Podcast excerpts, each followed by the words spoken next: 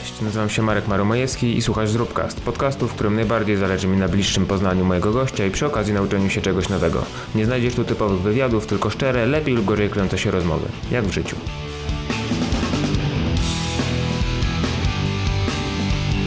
Dzisiaj moim gościem jest Maciek Małek, gaduła, wodzirej, konferencjer, czy też jak sam się określa, mikrofon atlet. Maciek, podobnie jak ja, jest mocno związany z crossfitem i to właśnie w tym kontekście go poznałem, jako konferencjera na zawodach crossfit, na których ja byłem sędzią głównym i kiedy mieliśmy okazję porozmawiać po raz pierwszy, to zaskoczyło. Zapaliśmy wspólne fale od razu, co ma przełożenie na długość tego podcastu, zdaję sobie sprawę z jego długości. Rozmawiamy o tak wielu rzeczach, że trudno jest wymienić wszystko. Spróbowałem to zrobić w opisie, gdzie możecie zerknąć, żeby sprawdzić trochę dokładniej co i jak, ale tematy się ze sobą przeplatają, znikają, żeby zaraz wrócić i dać nam szansę spojrzeć na nie z jednej strony, a poruszyliśmy bardzo szeroki wachlarz no, zagadnień. Ogólnie sporo rozmawiamy o crossficie jako zjawisku społecznym, ale jest też mm, to koniec końców tylko punkt wyjścia dla nas do czegoś szerszego.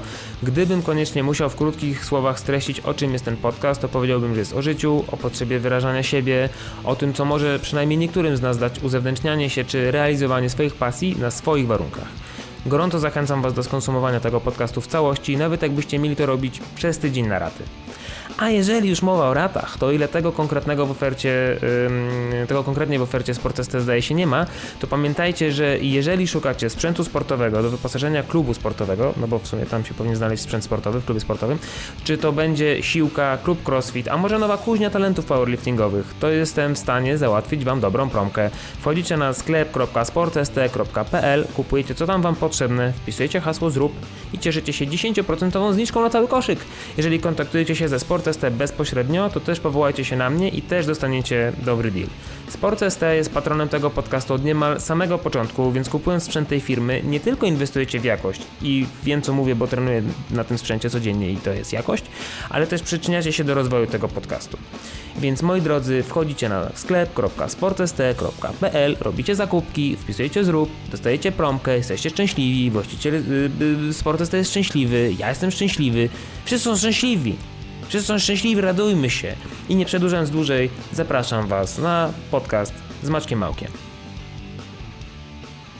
Zaczynamy, już nagrywam. To w razie czego jakbyś chciał, wiesz, coś niemiłego kimś powiedzieć. Co się mówi w Łodzi na zamiast na zdrowie? chin. Chin? Ale wiesz dlaczego? Nie. W Łodzi się mówi chin chin, bo to była, była kiedyś taka marka alkoholi, którą sponsorował. No, by- no jest nawet taka. Jest, tak. No No ale w każdym razie sponsorował to kiedyś, e, kiedyś tam jeden, drugi trzeci pan, który był odpowiedzialny za jakąś tam, nie wiem, mafię spirytusowo-paliwową i tak dalej. I tak jakoś jak ktoś mówił chin chin, to powiedzmy w latach 90., jak pamiętam w Łodzi, to wszyscy tak, to to jest tak, tak jak w tej Tak jakby reklamie. oczka puszczał, tak? jak w tej tak wiadomo, o co reklamie- chodzi. Wiesz o co chodzi, mordo? To- Wiem o co chodzi, tak. tak. A, to to tak. właśnie tak jak w tej reklamie z piwem bezalkoholowym. To było tak, Nie, to, chin chin. to w Warszawie się mówi po prostu na zdrowie. E, wiesz co, teraz to już się chyba w wielu językach mówi. Właśnie przywiózł mnie bardzo sympatyczny pan, który do mnie taką mieszanką polsko-angielsko-ukraińską mówił, więc. Wasylii, a bo Uber Dimitri. jechałeś. Dimitri, Tak. Ale bardzo prawie. fajny facet i w przeciągu tych pięciu minut opowiedział mi, że o wojnie na Ukrainie i tak dalej, więc mój dob... Tak powiem ci szczerze, taki dobry, dobry samopoczucie, dobry humor, taki I tak wysiadłeś z pociągu i od razu... plaskacz, tak? Od razu. No było trochę tak. Patrzcie, kurde, ja piję, y, ty pijesz czystą, a piję z kolą. Tak. Ja piję z kolą, bo mnie stać, ale też piję z kolą, bo jest teraz w sklepach Coca-Cola o smaku cynamonowym. I piję właśnie w tej chwili Wiesz co? A- z bruka... z- Wszyscy wie- wielbiciele whisky na świecie w tej chwili po prostu żygają, wiesz. Ale że piję powiedz im, że to... cynamonową. A bo mnie stać i jest zero. Jest cynamonowa, Tak. ale jest zero. To jest najważniejsze, bo jestem sportowcem, wiesz. Ja nie piję z cukrem. Wiesz co, u mnie w domu w ogóle się mało pijało takich kolorowych. Kolorowych? Jakichś, e, nie mówię o alkoholach, alkohole były zawsze. A tak, Przeźroczyste, kolorowe, ale tych domieszek różnych. W domu była bardziej A, Pepsi. okej. Moja Ania bardziej Pepsi e, a, niż Coca-Cola, więc wiesz, jakbyś tutaj, to jest tak, czy, czy lubisz psy, czy koty, nie? Mi się teraz Czy lubisz Pepsi, czy Coca-Colę? Ja No wczoraj, wczoraj wróci, wrzuciłem na Instagram y, ludziom możliwość zadania ci pytań. Tak, niestety to widziałem. Ty wiesz, ile kurwa pytań wpłynęło? Tak, bardzo się tego boję. Bardzo Chcemy od dużo, tego zacząć, tak? Ta, wiesz co, nie, bo akurat powiedziałeś, akurat zaczęliśmy o alkoholu, więc ja od razu, bo jedno pytanie padło. Dawaj. E, łycha z kolą czy ze Sprite'em? To pyta Aga Aszka, pyta. Aga Aszka, nie znam Agi. Łycha z kolą czy ze Sprite'em? Em, jeśli chodzi o zawody w Grudziądzu, to z kolą. A, a jakiej to Po zawodach gru, w Grudziądzu dostałem od sympatycznego kolegi e, w Shakerze Progenexa. Mówi, o stary, źle wyglądasz strasznie, łyknij. I ja tak, wiesz, taki, taki potężny chaos, bo faktycznie nagadałem się na tych zawodach swoją drogą. Petarda. Mhm. Dojdziemy do zawodów. I tam była, wiesz, jakaś pyszna łycha y, z kroplą coli. To bym powiedział, że z kolą. Na co dzień czysto, ale jeśli już mam coś dolewać, to Sprite'a. O, odpowiadam. Nie, myślałem, że powiesz, że czysto- Agnieszka ze Sprite'em. Agnieszka, okej. Wiesz co, my, my, myślę, że... Kimkolwiek jesteś. Myślę, że w ogóle tematy alkoholowe możemy od razu... Mhm. Jakby, jakby, Świetny plan, tak. bo Bizon, Znam, lubię. znasz. Bizona, Bizon zaproponował, żebyśmy nagrali lufa pytanie. O matko, Tylko który z nas to będzie ten, bonus. okej. No. Widziałeś to z bonusem? Nie, Nie widziałeś tego? Nie, nie, wiesz, nie. o to, nie, Nie. Nie wiesz o co mu chodzi? nie, to dobra. nie, to nie skumałem. Nie skumałeś, no widzisz. E, lufa pytanie. Nie- Jest jakiś e, kanał na YouTubie. Nie pamiętam jak się nazywa, nieważne. Uważam, że koleś wywiady tam z No. różnymi ludźmi kręci, tyle tylko, że takie trochę, to takie połączenie wywiadu i patostreamu troszeczkę dla mnie, zrozumiesz, nie? I y, jest coś takiego, co się nazywa lufa pytanie i to jest dokładnie to, co brzmi, Aha. czyli zadajesz pytanie, walisz lufę i ta druga osoba ci Okej. odpowiada. I był jeden odcinek z bonusem BGC. Okej. Gdzieś siedzieli w jakimś barze, wiesz, za barem i się tak najebał. Ale tak po No. prostu, wiesz, za, zaczął żygać pewno na siebie, O. na podłodze No, leżeć. tak, Ale pato. To bardzo fajne. E, Po, powiem, ale nie, powiem ci... Bizon pytał, tak. Bizon, Bizon nam to proponuje. Ale powiem ci, Wiesz co, że... ja nie wiem, jak oni się w zgierzu Poczekaj, bawią, jeż- no. Ale y, powiem ci, że ten odcinek, oglądałem tylko jeden, więcej nie oglądałem, ale ten konkretny odcinek Lufa Pytanie z bonusem BGC absolutnie polecam każdemu do obejrzenia. Jest przezabawny. Ciemne zakątki internetu Bardzo. to naprawdę To jest tak, lubię. jak, jak lubię. wpadniesz wieczorem w taką króliczą norę, z której nie wiesz jak wyjść, to Tak, właśnie tak, to jest to tak, miejsce, tak. w które możesz w pewnym Dig momencie deeper. trafić. Tak, dokładnie, dokładnie. To prawda, to prawda. Y, Czy znasz pana doktor Browar? O Jezu, Bo oczywiście. ta jedna osoba zadała Doktor raz, dwa, Browar. trzy, cztery, Ojej. pięć, sześć, osiem pytań. Doktor Browar. Y, Doktor Browar, mm, nie przez przypadek doktor, bo naprawdę doktor. E, Mój serdeczny kolega Mm. e, z, z klubu.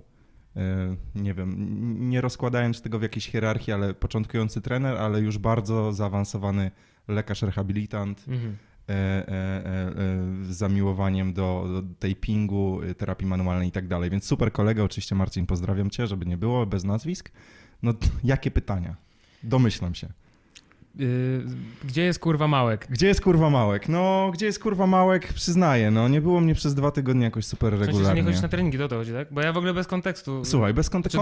Kontekst, jest taki, że y, mm, kontekst jest poważny i jest fajnym tematem na pewno do jakiejś rozmowy, ponieważ moja przygoda y, y, z crossfitem, tak zwanym, z fitnessem, crossfitnessem, nie zaczęła się w klubie afiliowanym.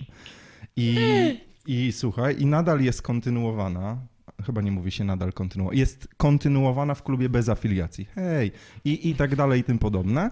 E, e, to stąd bez? też. A, nie, ty w Zatoce nie Nie, trenujesz? nie, nie. Ja w Zatoce jestem towarzysko A, raz okej, na jakiś rozumiem. czas. My, ma, my trenujemy w Kuźni i z racji, e, z racji braku afiliacji nazywamy to sobie tam crossfitnessem, nieważne. I, i 6.30 trenujemy, bo my trenujemy rano. Takie Chore pojeby. chore pojeby, mamy dzieci, rodziny, nie mamy po południu czasu, więc przez ostatnie dwa tygodnie ja miałem jakieś, jakieś obsranie w pracy straszne, no i pojawił się hashtag, gdzie jest kurwa małek, bo w przeciągu dwóch ostatnich tygodni to, nie wiem, więcej razy mnie nie było niż byłem. No i tam chłopaki się troszeczkę tam podbudowali, a że jesteśmy taką grupą bardziej zapaleńców niż jakichś tam atletów, no to tak, nie było mnie Marcin i, inni koledzy, przepraszam, ale za to moja lepsza połowa dzielnie reprezentowała nasz dom, więc, e, więc to jest fajne, bo my, my, my we dwoje trenujemy, jakoś godzimy te, te obowiązki. Czy, czy doktor Browar ma jakieś, em, jakiś fetysz na punkcie Wasyla? Bo dwa Tak. pytania są dotyczące... Oczywiście. Okej, to zadam od razu oba o naraz. Jezus. Pierwsze to jest, kto jest twoim idolem i dlaczego Wasyl? No, poczekaj, drugie od okej. razu, od razu drugie. Jak to jest być słabszym od Wasyla? Zacznę od tego drugiego. Jestem. Na pewno jestem słabszy od Wasyla. Jest w tym coś. Wszyscy są słabsi od Wasyla. Jest w tym coś pięknego, ale chyba chodzi o to, mam nadzieję, że Wasyl nas, nas słucha albo będzie słuchał. Zajęty jest. zajęty jest. No, przede wszystkim chodzi o tego, dlaczego moim idolem. Ponieważ ja mam swoje takie wielkie marzenie, że nagram słuchowisko.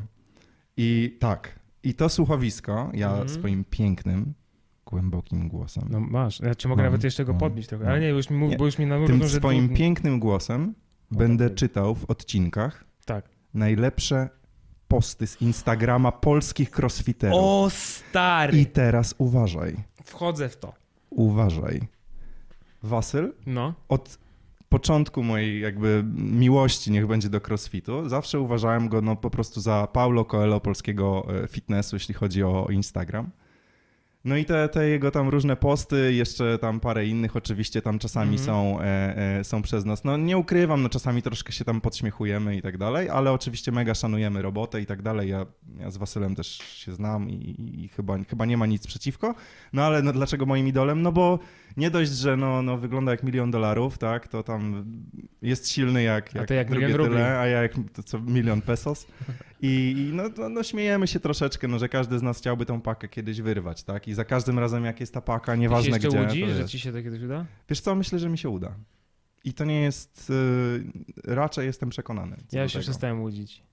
Wiesz co, mi się wydaje, że... Znaczy ja w ogóle nie mogę rwać teraz nic, w ogóle nawet wiesz, Wiesz 50 co, pytanie dodatkowe, pytanie Tak. dodatkowe. Ja mam taką teorię trochę o fitnessie i, i wielu... Hipotezę.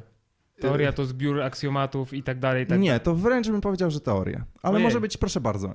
Okej, mam swoje takie zdanie na ten temat, O! że, mm, że the sport of fitness, Sport. the sport of fitness, O, to lepiej.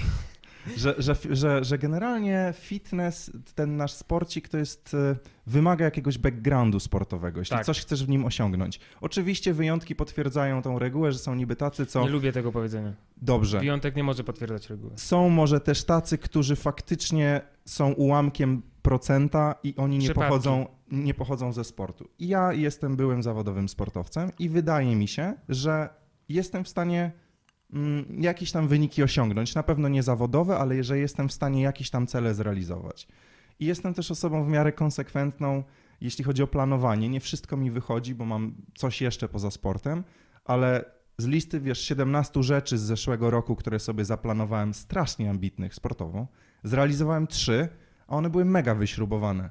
Wiesz, no jakieś tam, nie wiem, ilość powtórzeń gimnastycznych, jakieś Mhm. warunki ciężarowe, nie benchmarki crossfitowe, Mhm. tylko, nie wiem, czas na przebiegnie, y, nie wiem, 5 kilometrów poniżej tego czasu, y, Mhm. zarzucić tyle, y, Jakieś Ty- pojedyncze Jakieś, rzeczy takie. wiesz, wymyśl, wymyślałem sobie rzeczy, ileś na wiośle, ileś w biegu, jakiś sprint, i dużo rzeczy. 3 na 17 ktoś powie, nie, no fatalnie.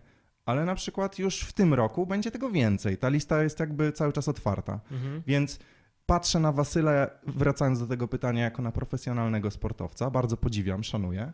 Ale jeśli chodzi o to, że wierzę, że wyrwę kiedyś pakę, tak, wydaje mi się, że jest to do zrobienia, bo jestem sportowcem, który byłym sportowcem. Co ty trenowałeś? Wiesz co, ja grałem w kosza. Mm. Ja najpierw trenowałem judo, a potem grałem w kosza. Jeszcze jaki tam mało lat pływałem, ale tego nie liczę. Y, Ale wszystko wiesz, w klubach, nie gdzieś tam w jakiejś tam pływalnia Mokra Kaczka albo y, wiesz, mały klubik koszykarza, tylko grałem w łódzkim klubie sportowym. Mhm. Tam doczłapałem się do jakiejś drugiej ligi i poszedłem na studia, olałem, ale całą młodość, całe dzieciństwo spędziłem uprawiając sport. E, My trenowaliśmy w Łodzi przy ulicy Pogonowskiego na Starym Polesiu. Nie, nie wiesz, gdzie to jest, ale może ktoś z Łodzi słucha. Tam kiedyś była Bizon, sta- no przecież stara... chcę się dowiedzieć, nie, Zgierza, czy- czy- chłopie. No, przepraszam. Sorry. Nie, chodzi o to, że tam kiedyś, tam kiedyś była stara hala ŁKS-u, koszykarska straszna i przez ścianę z tą halą była sekcja ciężarowa. I uwaga, właśnie jakby do tego dążę, że e, zresztą, zresztą trener Czesław, który teraz robi, Trener Czesław. tro, robi karierę, Nie, nie mógł się w- lepiej nazywać. wiesz co, no ma Nie, parę nie- mistrzyni Polski. Ale nie, poczekaj, E, nie, nie absolutnie nie, nie, ujmując, ale ale tak ja nie, znam właśnie- tej, os- nie znam tej tak osoby, właśnie ale, się nazywa ale poczekaj, jakby- jeżeli wyobrażam sobie trenera od podnoszenia ciężarów w Polsce, Tak. to ma na imię albo Czesław, albo Zdzisław, albo wiesz, po Tak. prostu... I tam trener Czesław, pasuje. trener Czesław i trener Marek, mm, kiedy my już byliśmy takimi podrostkami, 13-14 lat, uczyli nas, jakby pomagali nam w rozwoju tężyzny fizycznej, bo w koszykówce ja nigdy nie byłem wysoki, ale byli koledzy, którzy w wieku 14 lat mieli 1,95 m No. albo 2 metry, Mhm. albo więcej. No i wiadomo, patyczaki i tak dalej, więc oni nas tam uczyli techniki e, e, wyciskania na ławce, martwego ciągu. Nawet e, pojawiały się e, pajacyki, to się jakoś tam inaczej nazywało. Były fronty. Nie tam tak jak Tylko to na siłowniach. prawilnie. Normalnie podchodził trener, ja trzymałem sztangę pewnie w ten sposób, a on mi te łokcie podnosił do góry. Y, y, y, Pierwszy raz ktoś mnie za kaptury tutaj, wiesz, wyciągał i tak dalej, więc ja, ja to takie doświadczenie z tym sportem siłowym miałem grubo, grubo wcześniej. I, i, I już, long story short, jak już przyszedłem na ten crossfit, nagle się okazało, że po prostu jestem silny. I nie widać tego może po mnie, ale nigdy nie miałem problemów z siłą. E, Stąd też pytanie, czy będzie paka? No, będzie, tak? Myślę, że gdybym się e, Ile to masz lat? bardziej temu oddał 32. Myślę, że. Młodszy ode mnie? No oczywiście. Nie wyglądam? Nie. Myślę, że gdybym bardziej się temu oddał i wydaje mi się, że wielu tych, którzy z jakiegoś sportu przeszli do crossfitu, e, skoncentrowali się tak naprawdę tylko na tym, to wydaje mi się, że jest to do osiągnięcia. E, Można komentować, można dyskutować, ale background sportowy to jest podstawa. Nie, nie wierzę w historię takie odpucy buta do milionera. I to nawet nie chodzi o to, Czy no że... to zależy, kiedy ten pucybut, wiesz, no bo jeżeli ktoś nie trenował i zaczął trenować nagle, ale to nagle to jest w wieku lat 15, to jest inna historia Tak, dobra, niż jak sorry, ktoś zaczął tak. trenować nagle w Mówię- wieku lat 28 mówię- mówię trochę 30. tak o nas, tak, to prawda, że To bardziej skok- mówimy o starszych ludziach. Skok rozwojowy oczywiście, że są, jest mnóstwo przykładów ludzi, którzy zawodowo zaczęli uprawiać sport już w dorosłości z sukcesami. Tim Duncan, 18 lat, koszykarz, Nie wiem. Wielokrotny mistrz NBA. Nie w tym rzecz, ale jest, y, mm, wydaje mi się, że statystyczna korelacja jest bardzo ważna. I też ja obserwując te zawody, bo przecież spotykamy się tu też dlatego, żeby sobie trochę pogadać o, o zawodach o polskim crossficie. Ja też obserwu, obserwując te zawody, mam okazję pogadać z tymi ludźmi. Mhm. I to nie są jacyś tam chłopcy, wiesz, em, y, z Kastoramy, którzy tam całe życie podawali żarówki i nagle stwierdzili, że będą y, na poziomie powiedzmy polskim, wojewódzkim jakimiś tam zawodnikami crossfit, tylko to są ludzie, którzy są związani ze sportem. Jedyną osobą, słuchając chociażby mm, mm, twojego y, materiału y, na podcaście, czy, czy u Cypriana, czy rozmawiając z ludźmi, jedyną osobą, która nie ma jakiegoś stricte backgroundu sportowego, to jest Bronek. Mhm. I mm, jednocześnie on sam przecież w rozmowach mówi, że jakby pracował fizycznie, tak? Mhm. Najpierw u rodziców, gdzieś w gospodarstwie i tak dalej. Więc czy to był sport zawodowy, czy praca fizyczna, to wydaje mi się, że, Tak że to inaczej. jest. Mm, Inny że to przejaw jest tego samego... tak, tak, że Mhm. to, to jest wszechstronny sport. Jestem w stanie uwierzyć, yy, yy, patrzę po znajomych, którzy nagle wsta, wstają z biurka i, i mają świetne rezultaty w maratonie, czy nie wiem, w kajakarstwie, czy w MTB, nie wiem, ale w konkretnej dyscyplinie wymagającej konkretnego zestawu umiejętności, a nie, wiesz, wachlarza, pierdyliona skillów, to wydaje mi się, że to jest do zrobienia.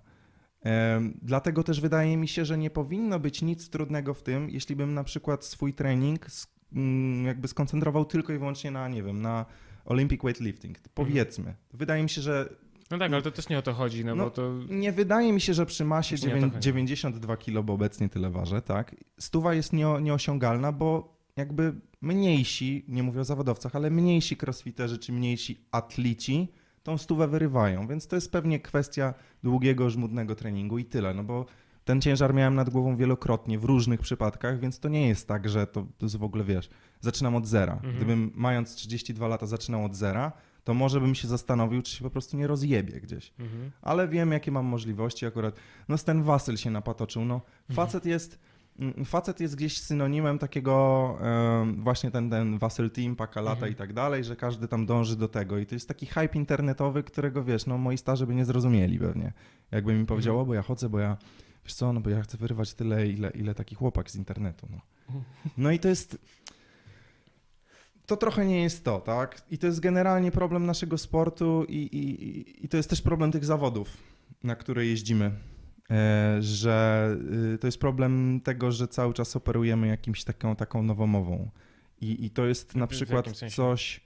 Mm, W jakim sensie nowomową? Wiesz co, nowomową taką, że nawet jak, e, nawet jak chłopaki e, z Training Labu e, Mhm. troszeczkę przekształcili ten cross, spolszczyli ten Mhm. crossfit. Mówię o programie, metodyce, o nauczaniu i tak dalej, to ten program w wielu przypadkach jest niezrozumiały, bo nagle jakieś, nie wiem, wspieranie ciągiem czy wskakiwanie na nie, nieruchomy obiekt, to nie wiem, Czy są in, jakieś inne nazwy są, są jakieś inne nazwy i dla wielu ludzi działa to dokładnie w ten sam sposób, kiedy idą, nie wiem, na zawody, czy przez przypadek y, y, coś zobaczą w internecie, jest napisane tym, tym naszym slangiem Mhm.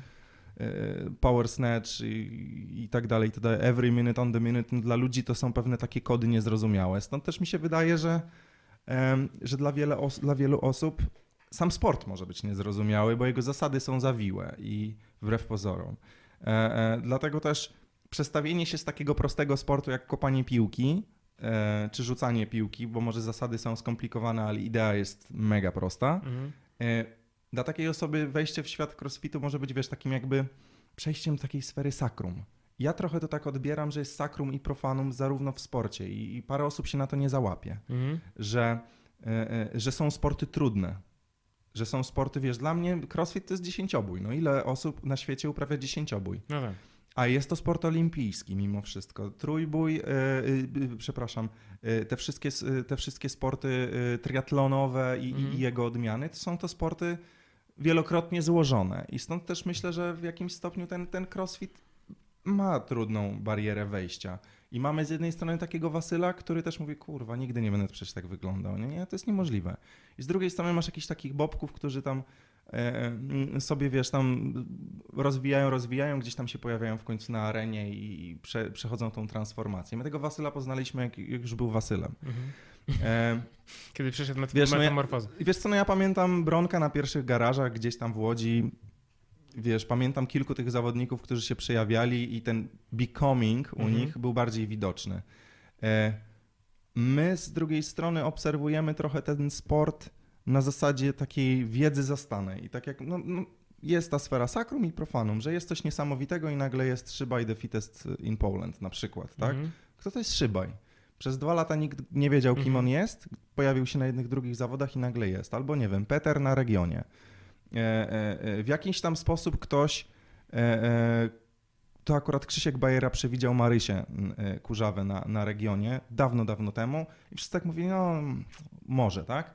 Ten becoming przez to, że my akurat byliśmy w Łodzi, zaobserwowaliśmy bardziej bądź mniej koledzy, Mhm. koleżanki z innych klubów, my akurat nie trenowaliśmy razem, nie w tym rzecz. Ale dla wielu ludzi odpalenie słowa crossfit w internecie to jest po prostu plaskacz, plask, plaskacz w ryja. No to jest abstrakcja To jest plaskacz w ryja. I dlatego takim samym plaskaczem w ryja jest, jest Wasyl.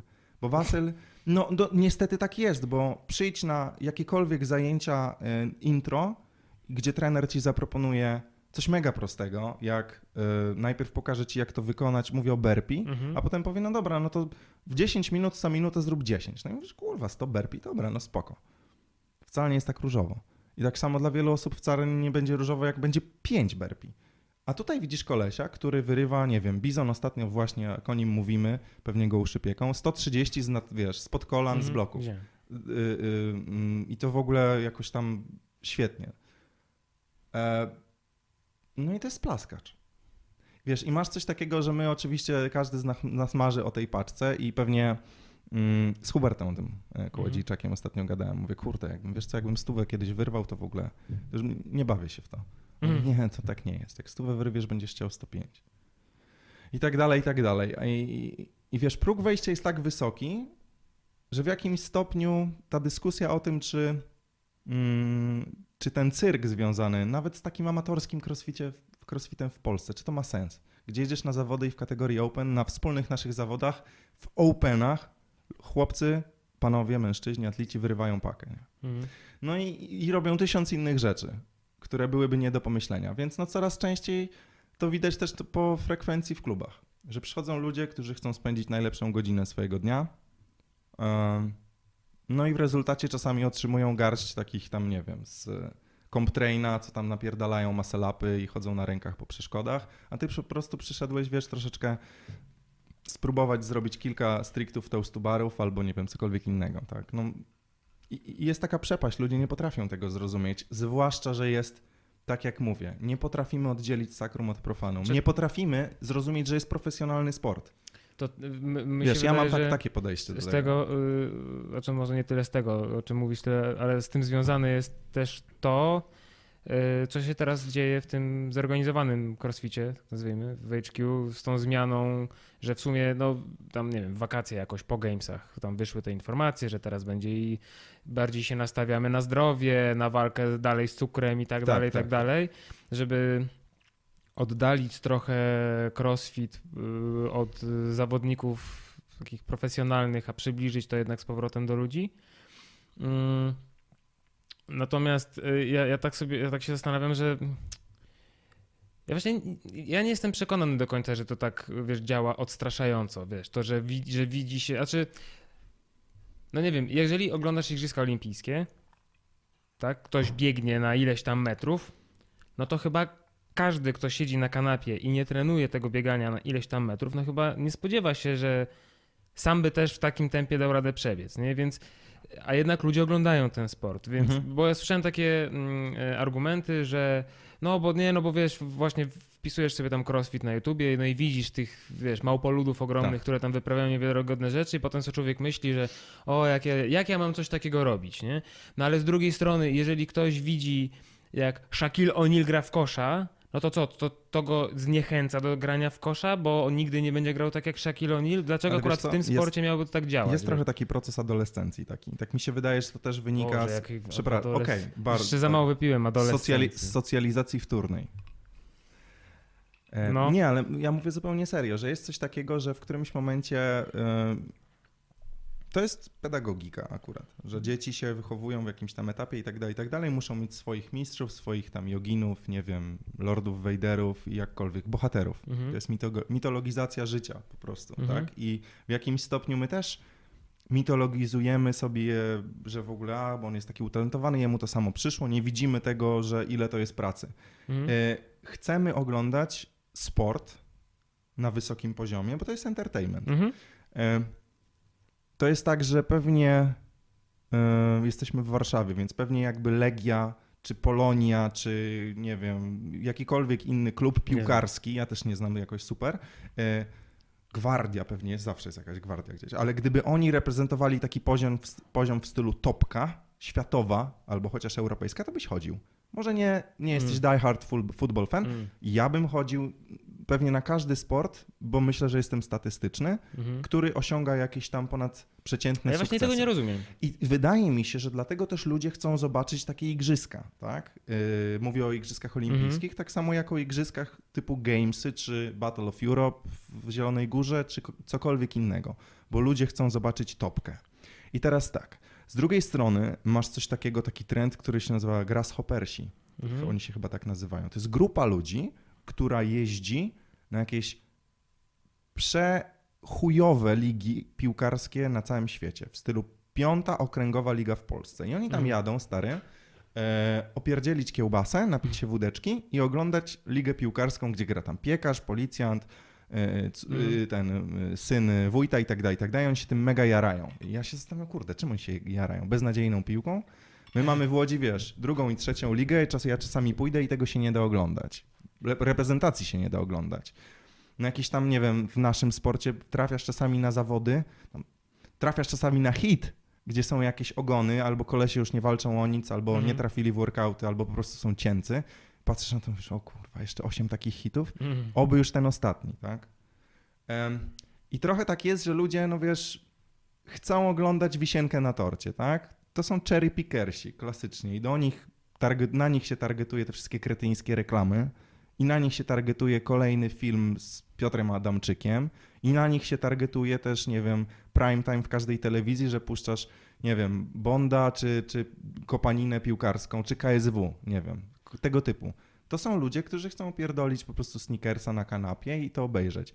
I tak, i i z jednej strony... Ale ty ludzi obrażasz, nawet ja tego nie robię. Ja obrażam? No. No wiesz co, może tak, obrażam, bo... Nie, dobrze, bo, bo podoba mi się. Wiesz co, osobiście, osobiście akurat uważam, że... Mm, A nie lubisz MMA? Bo o KSW powiedziałeś. MMA, bo ja nie, lubię, ja nie mówię MMA, tylko ja mówię MMA. nie, nie lubię. Nie lubisz? Wiesz co, mam... Bardzo szanuję judo, e, karate, Mhm. uwielbiam boks. Mhm. E, A to, to czym to się różni? No właśnie tym, że to są, że to nie jest, że są jakieś, jest jakaś granica między po prostu, nie wiem, są jakieś kategorie wagowe, jakieś jest to, kategorie jest to bardziej wagowe. jakoś ustawione dla Ale mnie. przecież w, w MMA też masz kategorię Bardzo lubię wagowe. zapasy, bardzo lubię zapasy. Co więcej, naprawdę, z ręką na sercu, nie przyznam się, że są dwie dyscypliny sportu, które śledziłem zanim były w Polsce popularne. No dawaj. trud, trudno powiedzieć, że były popularne. Uwielbiałem piłkę ręczną. Mhm. Nigdy nie grałem. Nigdy mnie nie interesowała, nadal mnie interesuje, no. Stary, oglądałem to jeszcze przed tym, jak siódmiak rzucił tam przez całe Nie wiem, o boisko. kim mówisz. Nieważne, Znaczy, wygraliśmy ale- jakiś medal. Ale wierzę, że było zajebiście. Tak, wygraliśmy jakiś medal. I podnoszenie ciężarów. A to akurat mi się zdarzało czasem oglądać, ale znaczy raczej nie jakieś tylko... imprezy, tylko olimpiada. Tak, tak, tak. Igrzyska no olimpijskie, prostu czasami petarda. Mistrzostwa Świata zdarzało mi się Nie, oglądać, tylko tak. igrzyska. Nie, chodzi mi jakby o to, że jest rodzaj podjary, tak? Mhm, Jak masz co mhm. 4 lata olimpiadę, to zdarza mi się oglądać nawet Wiesz, rowery. nie, nie mów olimpiada, bo zaraz jakaś y, ameba będzie pisała w komentarzu To są igrzyska olimpijskie. Olimpiada to jest czteroletni okres pomiędzy igrzyskami. bo wiesz, ja, ja też mówię olimpiada i często ten komentarz po prostu Ale to, to jest tak jak, wiesz co, jak y, kara więzienia i kara pozbawienia wolności. To jest coś takiego. Znaczy to tyle samo. No, znaczy wszyscy wiedzą co chodzi, więc... Znaczy, no okej, okej, neologizm. Pozdrawiam pa, panią Józefczyk od polskiego z liceum. Pozdrawiamy. Na pewno mnie ogląda. Hawaje się Myślisz? skończyło. No zawsze mi mówiła, jak się nie uczyłem, pani Małek. Hawaje się skończyło. Dobre powiedzenie. Dobre.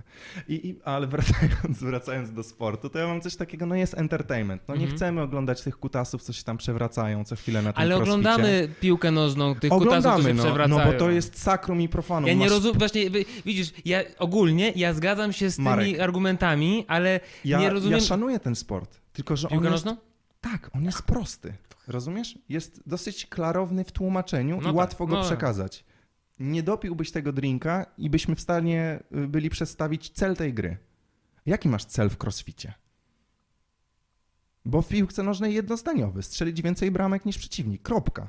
I, i cała reszta już naprawdę nie ma znaczenia. No to A w tutaj crossficie... wykazać się większą sprawnością fizyczną niż pozostali. No, co to znaczy większą sprawnością? Bo bramka to jest bramka, gol to jest No tak. gol, kosz to No jest tak. kosz. No i- Chodzi no o tak. rodzaj No. definicji. I wydaje mi się, że nic nie ujmując, bo piłka nożna potrafi być piękna, każdy sport potrafi być fenomenalny, tylko że próg wejścia jest gruby. Na samym początku już sama nazwa jest niepolska. Tak? Może trzeba było zostać. Ja jest, wiem, na, że jest, naz- jest nazwa. Jest, no- jest, Jest polska cross na- fitness? Jest, nie. Krzyż zdrów. krzyż zdrów. Y, Marku, no ja bym ci chciał powiedzieć, że jednak nie aprobuję tej Nie? nazwy. Nie, nie, nie. Wyjątkowo, wiesz co, ja mam dwa Krzyż zbocze... zdrów. Mam, Czy trudno wymówić, ale... Mam kilka zboczeń, jeśli chodzi o język polski. Jestem Mm. purystą językowym, staram się nim być. I, i, i zanim. y, Ale mówisz olimpiada zatem. No bo jestem, No i- jestem pedziem, jestem zwykłym pedziem. To nie ma nic wspólnego z językiem. Y, Zanim ta czerwona lampka tu się zaczęła świecić i sygnalizuje mi, że, że nagrywamy, y, wspomniałem ci, że pochodzę z aktorskiej rodziny. Tak. I, I taka jest prawda. I mm, gdzieś moja mama, e, e, moja mama aktorka, tata aktor, oni gdzieś tam przymykali oko, jak miałem truje z geografii, czy nie wiem, tam Z matematyki, czy tak? Coś? z matematyki tego typu, ale był, był, była zawsze trzy takie ważne rzeczy u mnie w domu, e, e, mianowicie język polski, język angielski i sport. W różnych kolejnościach to gdzieś tam się przejawiało, ale no, czwórka z polskiego to była zawsze słaba ocena, Mhm. za słaba. I, I w ten sam sposób podchodzę do języka. I moi rodzice byli raz na zawodach, jak jeszcze amatorsko sobie gdzieś tam startowałem, bardzo im się spodobało, ale oni nic nie zrozumieli z tych zawodów i zadali proste pytania. No czemu to wszystko jest po angielsku? I to, co ten, ten eksperyment, który y, twoi sąsiedzi, y, twoi trenerzy z laba y, zrobili, bardziej bądź mniej się przyjmuje i ja bym chciał, żeby się przyjął szerzej, mimo iż nie wszystko mi się w nim podoba, ale język, wiesz, język giętki, jak mawiał wieszcz, no musi być giętki, więc może trzeba jeszcze parę rzeczy tam podokręcać e, w tej machinie, żeby to się przyjęło. Ale to też jest jakaś tam bariera wejścia. My w jakimś korporacyjnym świecie, w którym żyjemy, operujemy tymi challenge'ami, deadline'ami, fuck-upami, KPI-ami non-stop, ale ja nie chcę tym operować w domu.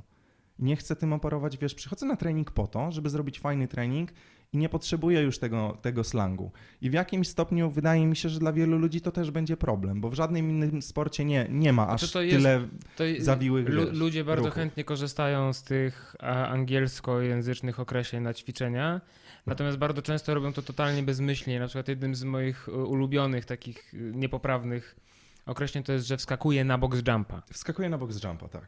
Ja w ogóle mam słabość do box Al, albo bo, bo albo tak, ja- jak wiesz, i, tam nie wiem, idziesz po piłkę lekarską, nie? I ktoś mówi do ciebie, "We- weź przyniósł mi wallbola. przynieś mi wallball. Przynieś mi wallbola, wskakuje na box. To są moje Tak, dwa ulubione. Tak, są tak, absolutnie, tak, tak. tak. Ja mam i, i- jakoś tam gdzieś, gdzieś czuję, że, że mm, ci moi rodzice właśnie tak mnie zawsze uczyli, żebym nie, nie nabywał tych nawyków. Dokładnie, fajnie. Wiesz, dokładnie to jest takie chamskie exactly. W ogóle nie istnieje w żadnym słowniku, a wszyscy mówią, nie, dokładnie. Jak się, i- ale jest słaba dzisiaj, bo dokładnie, dokładnie, exactly. Wiesz, to jest takie naciągane i ten nasz crossfit też taki strasznie, m- mnie osobiście nawet męczy, jak czytam te wszystkie posty po angielsku napisane z translatora przez niektórych naszych atletów.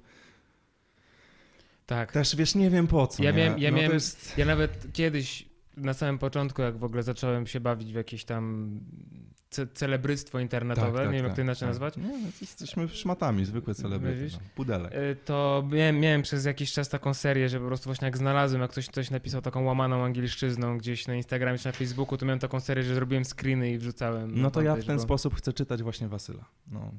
I mimo, że go lubię i szanuję, to, to Mo- Może chcesz próbkę zrobić teraz? boję się, wiesz? Się, bo to jest... Znaczy, ja przyznaję, ja po prostu chcę ciężki, ciężki hajs na tym a zrobić. Czy y, rozumiem, Nie, że chciałbyś też się tego przygotować? nie Nie, nie o to mi chodzi. Ja też lubię Wasyla bardzo. Ja, lubię, ja, naprawdę go bardzo lubię. Serio, no nie, nie żartuję Ale wiesz co, ja mam, ja mam na to pewien pomysł i na pewno, na pewno ci, ci go e, zaprezentuję, tak? W ogóle wiesz co, Wasyl Bo miał mam być... swój ulubiony Czekaj, post W ogóle też. Wasyl miał być gościem numer dwa tego Tak. podcastu. No.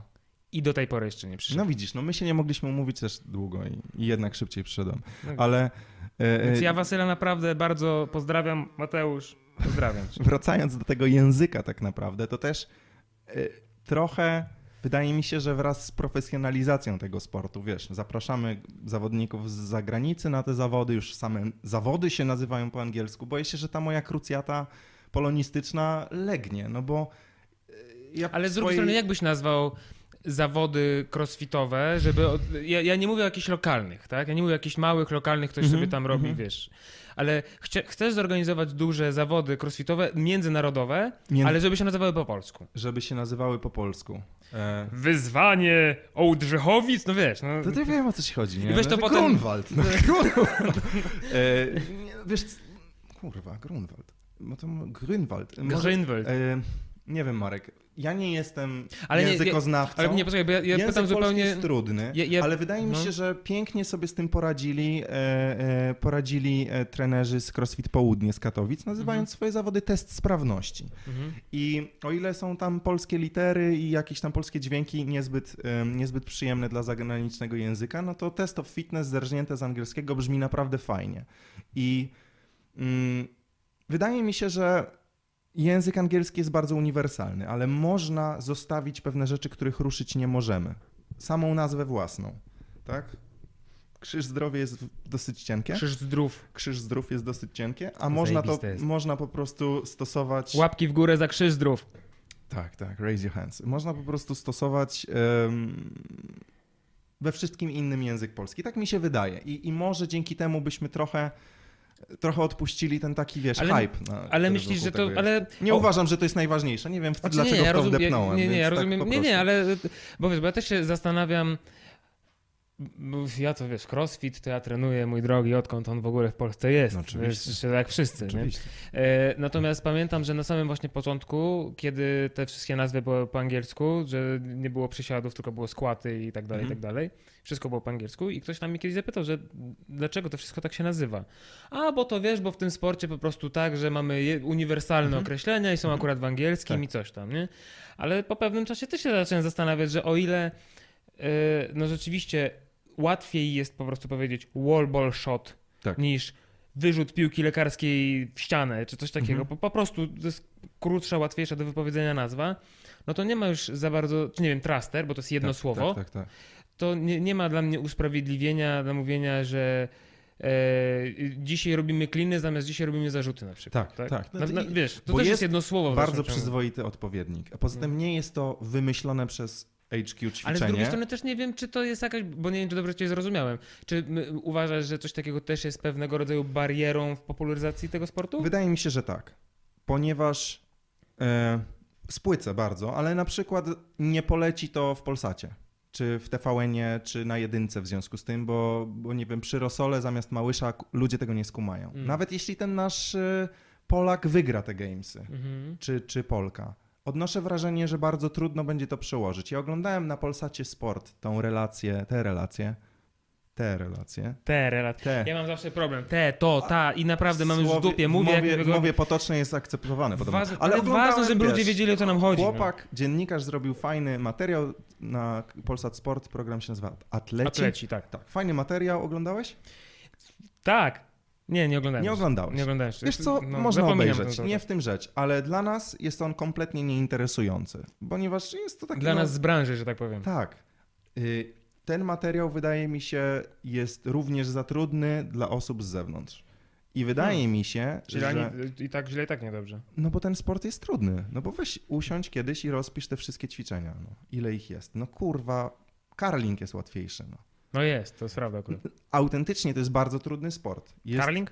Mówię o crossficie. A, jest bardzo rozumiem. trudny w sensie takiej metodologii. Nie, no tak, żeby go zrozumieć, Stary, jaki jest tłumaczysz cel standardy na każdych zawodach, jakbyś rozmawiał z ludźmi, którzy kurwa pierwszy raz robią te ćwiczenia. Przepraszam za ten, ale zawsze doprowadza mnie to do szału. Tak. I wracamy znowu do takiego punktu, że siada ci e, pan Marian z ciotką e, e, tam Krystyną Zb- Zbigniewą, nieważne, siadają przy tym kotlecie, miał być małysz, nie ma małysza, bo pada śnieg i akurat puścimy relację z crossfitu, nie? Mhm. No to wyobraź sobie Szaranowicza, który to wszystko tłumaczy. No tak. Masz clean, to jest zarzut. Clean and jerk to jest podrzut. Są to olimpijskie ćwiczenia. I handstand walk, powiedzmy w gimnastyce, też jest popularny. I, i jakieś wspieranie ciągiem to też są ćwiczenia, może nazwa niezbyt yy, yy, taka Zgrabna. zgrabna. ale powiedzmy, że nie wiem, wymyk ludzie kojarzą pewnie jeszcze, z, nasi rodzice pewnie na WF-ie to robili. Mhm. Tak? Chodzi tylko o to, że zrobiliśmy sobie, znaczy CrossFit sam sobie zrobił pewną barierę, która nie dość, że podkręca marketingowo elitarność tego sportu przez samą nazwę, Crossfit sobie tego nie zrobił. Pamiętaj, że Crossfit wyszedł ze Stanów, to jest ich język. Dla nich to jest bardziej zrozumiałe. ale mówię o słowie elite, kilkoma- Forging Elite Fitness, tak? Tym zwrocie, A, który tak. był ich takim, wiesz, reason to believe. No, mogli E, zrobić samo Forging Fitness i tyle. Możliwe. Nie? I, i sam, samo słowo elit i prawdopodobnie w związku z tym odwrócenie się od, od tych herosów na rzecz normalnych ludzi spowoduje, że parę osób może się przekona, no bo kilka osób się jednak zderzy ze ścianą o nazwie nigdy nie zrobię ale- albo nigdy ale nie zrobię czegoś. Dla mnie osobiście strasznie męczące to, bo to już akurat się zaczęło dziać zanim po Gamesach ostatnich e, wyszły te wszystkie informacje o zmianach. E, Dla mnie już jest troszeczkę męczące to, że na fanpage'u Gamesów w tej chwili są już tylko niepełnosprawni, przepraszam, osoby z niepełnosprawnościami, Hmm. ciężarne i seniorzy. Wiesz, że ja w ogóle tego nie śledzę? Ja, ju- ja już w tej chwili też nie. Powiem No ci, że to, jest, to może być ciekawostka z racji tego, Natomiast że... jest tylko to i walka z cukrem, Coca-Cola, A. Big Soda i wiesz, to jest wszystko, co tam się dzieje, cukrzyca, wiesz.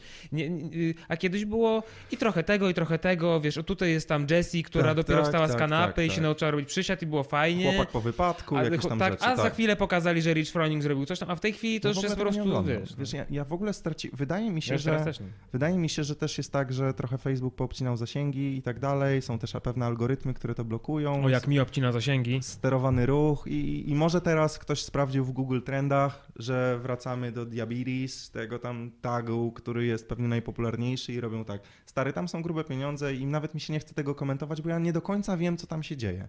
Mnie obecnie, i powiem, i mówię to z zupełną pełną odpowiedzialnością, taką duchową, interesuje CrossFit w Polsce. Bo, bo sobie myślę, że CrossFit w Polsce jest bardzo ciekawy, bo mieszka w tym kraju 30 tam, nie wiem, 7 milionów ludzi i bardzo wielu z tych, z tych chłopaków gdzieś zaczyna już wypływać na, na, na tych arenach międzynarodowych, a to, co cieszy najbardziej, to jest naprawdę duża ilość osób trenująca.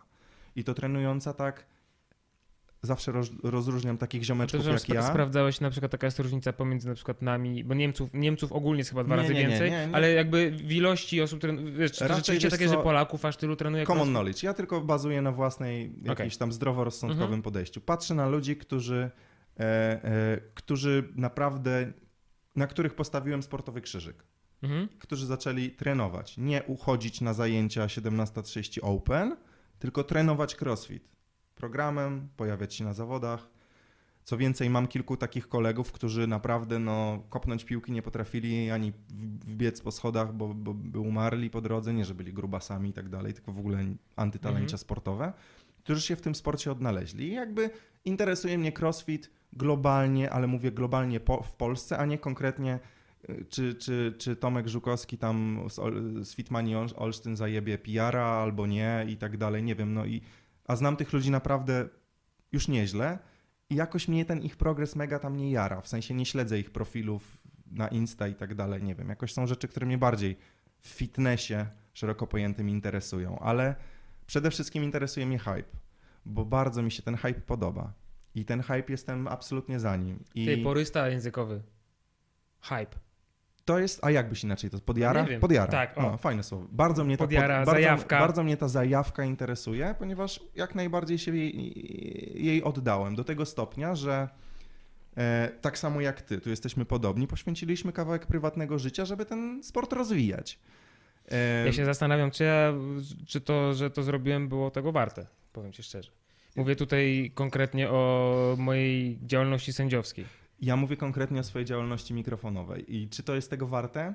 Wydaje mi się, że powinniśmy raczej zapytać naszych słuchaczy, czy też ludzi, którzy powiedzmy y, są u nas na zawodach, na Ja, się, których ja, się myślę, pojawiamy. ja myślę, że to troszeczkę jest walka z wiatrakami, bo na jedne zawody, takie jak Battle of Europe, które wyszły moim zdaniem, może jestem nieobiektywny, ale pod każdym względem wyszły bardzo dobrze. Tam nie było jakiejś wtopy, że jakaś żenada, coś. nie tam. Tak. tam po prostu wszystko poszło tak, jak powinno. To na jedne takie zawody przypada 20, 30, 40 innych, które próbują pozować na super zajebiste, a takie nie są. A ja uważam właśnie, że to jest ta słynna pycha.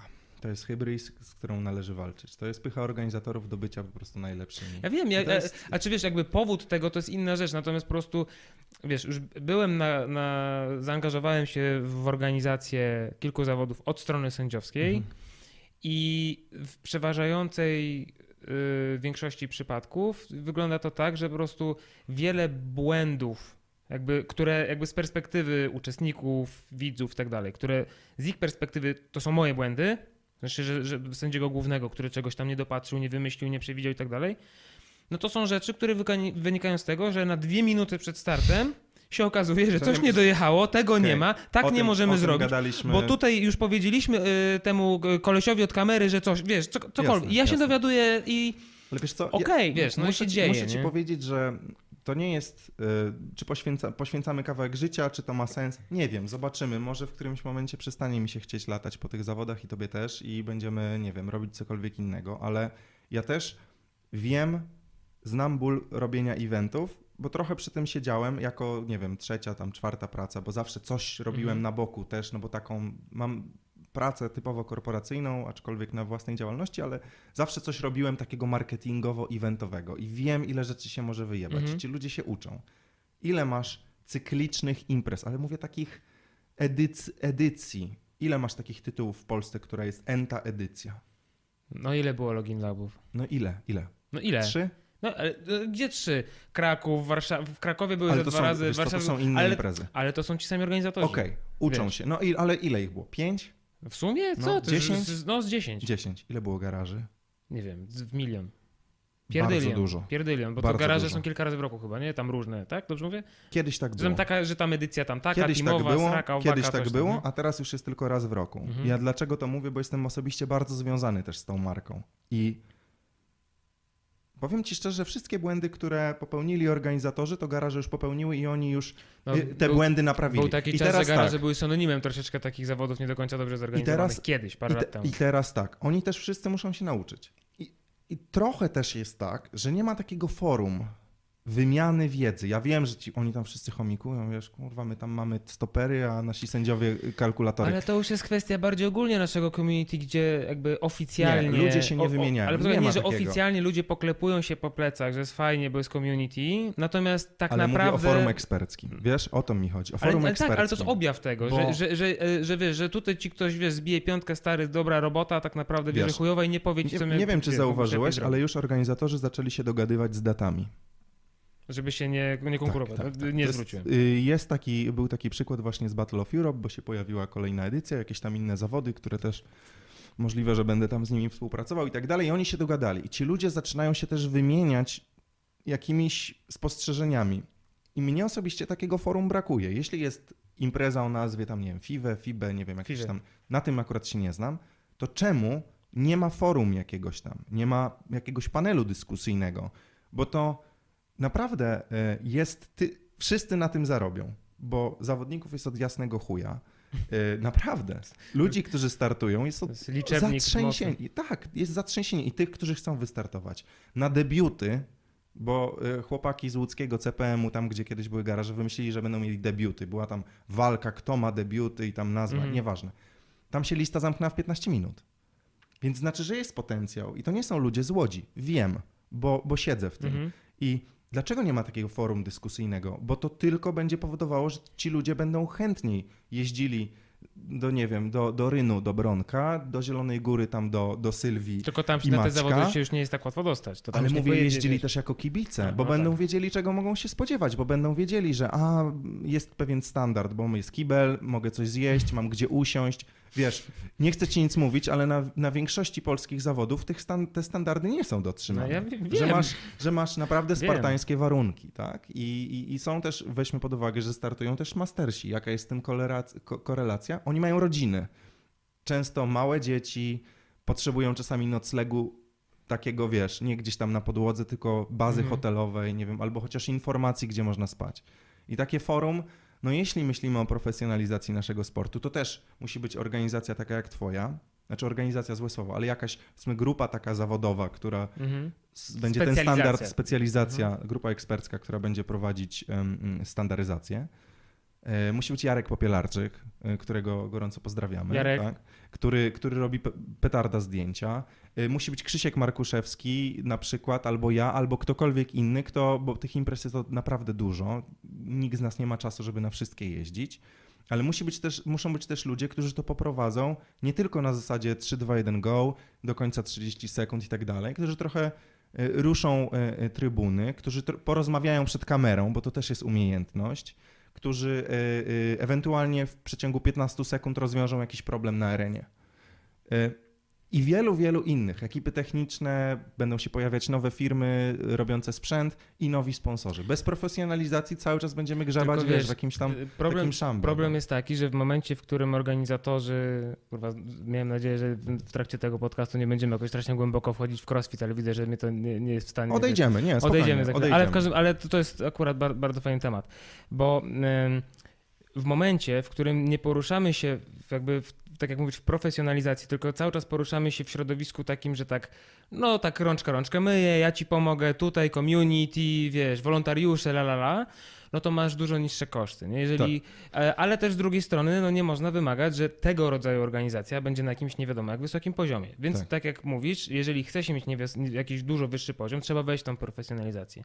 Natomiast profesjonalizacja wiąże się z tym, że jeżeli jest ktoś, kto załóżmy jest zajebiście ogarniętą osobą od sprzętu i to nie na zasadzie osobą sprzętu, że wie jak przenieść sztangę, no bo to każdy wie jak ją złapać i przenieść, tak? Natomiast osobą, która potrafi ogarnąć zespół, wie jak rozdzielić zadania, wie y, y, patrząc na harmonogram, że on ma tu dwie minuty, tu jedną, tu trzy i tutaj stoi to na Logistykę arenie, za chwilę mu ja co tak. innego, potrafi sam to zaplanować i tak dalej. I jeżeli jest to osoba, która rzeczywiście się w tym sprawdza, nie to, że, bo ja wielokrotnie byłem na zawodach, gdzie były osoby za to odpowiedzialne, natomiast nie były kompetentne w swoich zadaniach, w sensie Hmm. one nie wykonywały tego tak jak trzeba, za nie trzeba było wymyślać pewne rzeczy i tak, im tak, pomagać tak, po tak. prostu, tak? I ty często na pewno jako konferencjer i ja często jako sędzia, y, często trzeba było de facto czasami łapać sytuację za ryj i ją próbować troszeczkę nakierować w odpowiednim miejscu, wiesz, y, w odpowiednim kierunku. Natomiast w momencie, kiedy się chce tej profesjonalizacji, to trzeba się liczyć ze wzrostem kosztów, bo Tak, nie każdemu chce się jechać na drugi koniec Polski na dwa czy trzy dni czasem, Tak. bo nie wystarczy przyjechać w sobotę o 12. Nie, to już musi być piątek wieczorem, żeby coś tam, nie? Tak. Siedzieć 2-3 dni, żeby coś ogarniać od rana do wieczora. Okej, to nie jest praca w hucie czy w kopalni na przodku. Wiadomo, że są trudniejsze zajęcia, ale to nie jest Ale coś, co Marek, się chce ale za to- darmo robić, wiesz. to ale jest, nigdy, to prawda. to ale prawda. nigdy na to, znaczy może nie nigdy, ale przeważnie na takie rzeczy nie ma miejsca w budżecie. nie? Tak. Znaczy w tym budżecie Ale- z reguły nie ma na nic miejsca. Nie ma na tak nic miejsca, ale z czego to wynika teraz? Bo to jest, bo, bo jakby do tego to się sprowadza. A sprowadza się to do tego, że w tej chwili ten sport nie jest tak popularny, Mhm. jak nam żyjącym w pewnej crossfitowej y, bańce może się wydawać, bo Tak, nam się to wydaje popularne ze względu na to, że chodzimy do klubu, widzimy w kółko te same osoby, 100, 200, 300, zależy jak duży jest klub, y, znamy ludzi z innych klubów, jeździmy na Tak. zawody i nam się wydaje, że tego jest dużo, no bo jak wchodzisz na przykład na, na Battle of Europe, jedne z największych, jeżeli nie największe zawody w Polsce w tej chwili Mhm. i wchodzisz na tą arenę i to jest wielka arena, profesjonalna, nie tak. jakaś sala gimnastyczna, tylko normalna, wielka, profesjonalna arena, do czego ona? Piłki ręcznej? Kosza. Do kosza. Mm, wielofunkcyjna, No tak, no tak, ale y, y, ten... I ta arena piękna i ci zawodnicy, no, i wiesz, i, i, i, i i, to, to, I wydaje się, że no skala, wiesz, z kamerami biegają, 15 typów z kamerami, wiesz, no w ogóle cudawianki, nie? I wydaje Tak. Region, się... region, to w ogóle, no region. tak, tak, no w ogóle, o Jezus Maria, po prostu kurwa, olimpiada, no igrzyska olimpijskie. Igrzyska tak, olimpijskie. igrzyska olimpijskie, nie? Ale to nam się wydaje, będąc od środka, bo ja wiem o tych zawodach, ty wiesz o tych zawodach. Zdecydowana większość osób, która słucha tego podcastu też, bo jednak w dalszym ciągu z 90% osób słuchających tego podcastu to są osoby z jakimś tam sposób z crossfitem związane. Natomiast no moja mama też słyszała o tych zawodach, bo jej mówiłem, że jadę do Zielonej Góry, wiesz, Tak, ale to nie jest tak. na zasadzie, że to jest... Jak jest mecz na Legii, to nawet jak moja mama nie interesuje jej piłka nożna, to ona wie, że jest mecz na Legii. Tak, jasne. Nie? wiem, Wiesz, wiesz o chodzi. co Tak, chodzi, nie? jasne. To, to, nie, to, to nie jest zupełnie ta skala. A jeżeli nie ma skali, jeżeli nie ma kibiców, którym chce się z drugiego końca Polski przyjechać, kupić ten bilet, pooglądać i tak dalej, bo wolą sobie w międzyczasie na kanapie e, w domu odpalić Tym bardziej, że jest relacje. stream, no właśnie, wiesz, No to też właśnie, jest, no. działa... Y, ja osobiście nie jestem jakimś wielkim fanem streama. A ja Y, jestem wielkim. nie, n- możemy się spierać, ale coraz częściej myślę, że, mm, że ta globalizacja właśnie taka typowa, która jest na, w ogóle w dziedzinie sportu, powoduje, że, mm, że trochę siada frekwencja na niektórych sportach. No mówmy się, że są sporty typowo outdoorowe i jak pada deszcz, to ludziom się nie chce. Mhm. Trochę tak jest. I, I wiem, że są ludzie, którzy mega cenią sport na żywo. Ja mogę nawet iść na piłkę nożną oglądać, serio, bo, bo lubię sport na żywo. W telewizji, w życiu.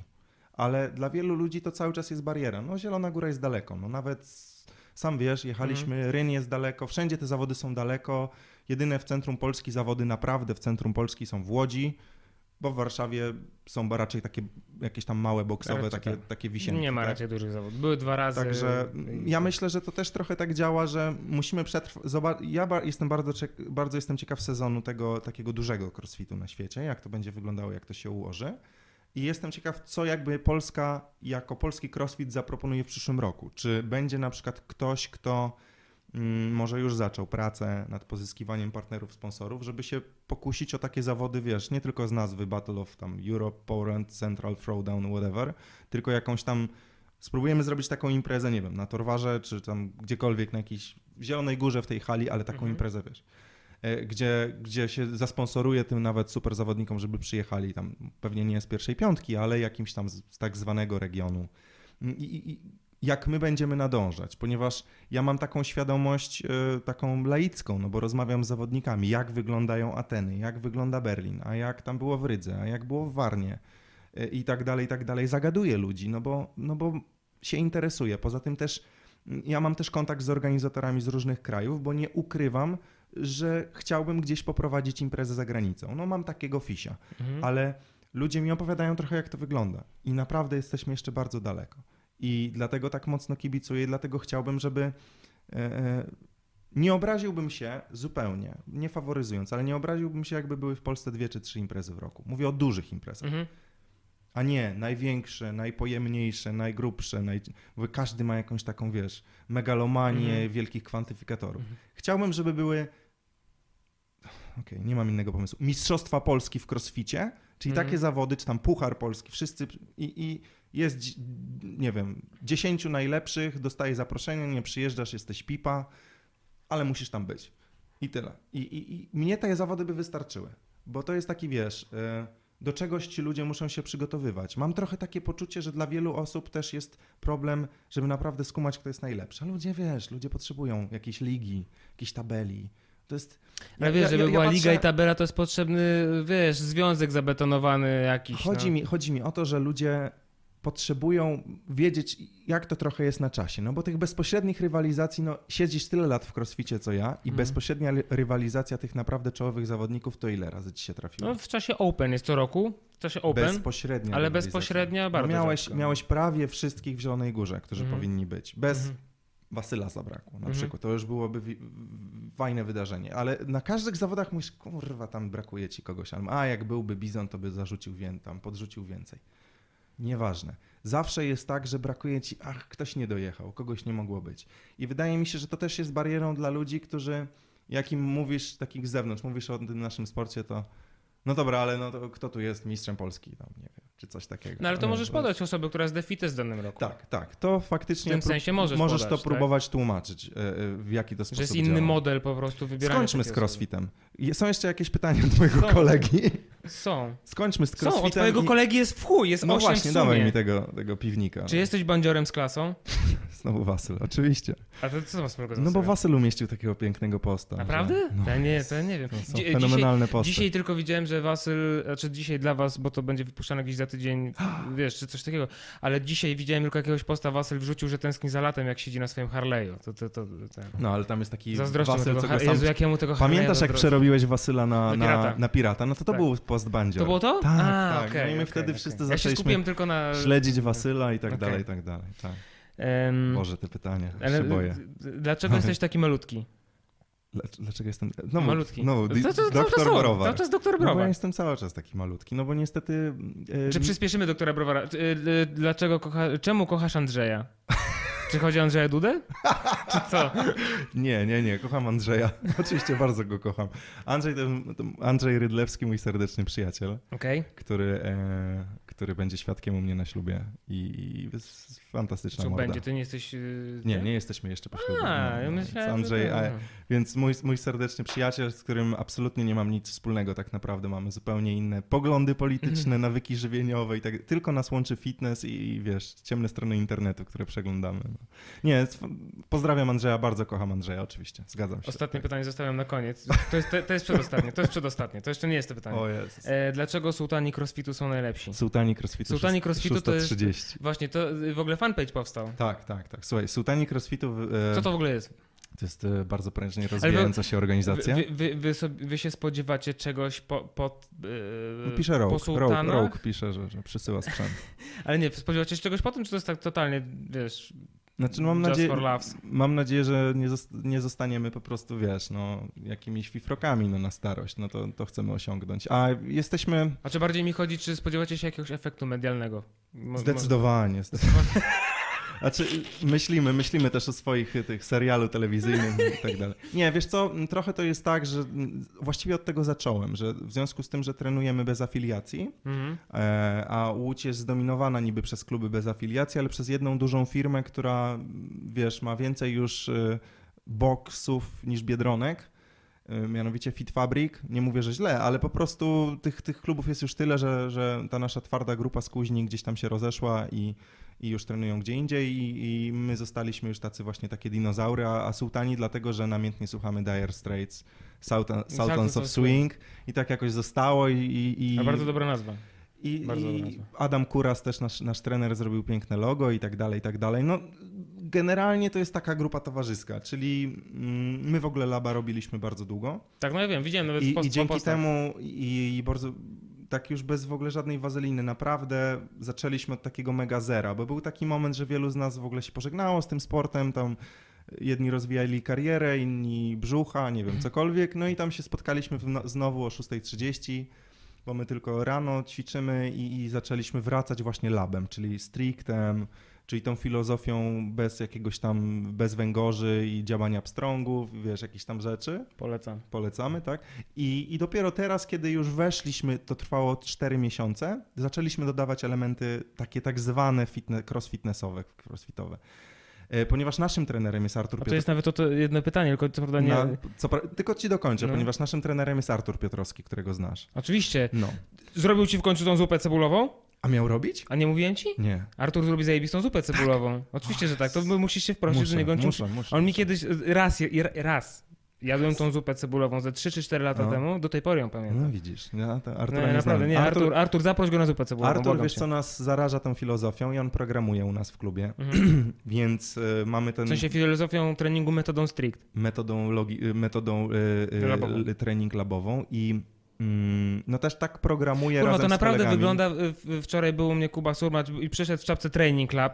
Wiesz, ty teraz mówisz, ja naprawdę, ja, i, to nie jest tak, że ja Znaczy, ja, ja ci powiem, wybieram ja gości. wprost. My zaczęliśmy robić lab, zanim y, się właśnie jakiś tam hype na to zrobił, bo był ten program Pro jeszcze w Mhm. doku. I był. moja serdeczna koleżanka Paulina Leduchowska, obecnie w Anglii pracująca też CrossFit Leamington, em, trenerka i, i, i Paulina kupiła tego Pro. Ten zestaw, ten to- zestaw ten- Pro i my się tam dzieliliśmy, robiliśmy tego, nieważne.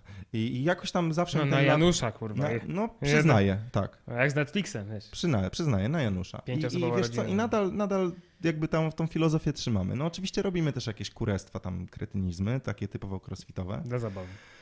E, Ale nie robię tego, co, co wielu trenerów wymyśla mm, w stylu, nie wiem, 100 thrusterów 70, every drop, nie wiem, tam 10 pompek i tak dalej. No bo są Mhm. tacy ludzie, co tak robią. No i to jest...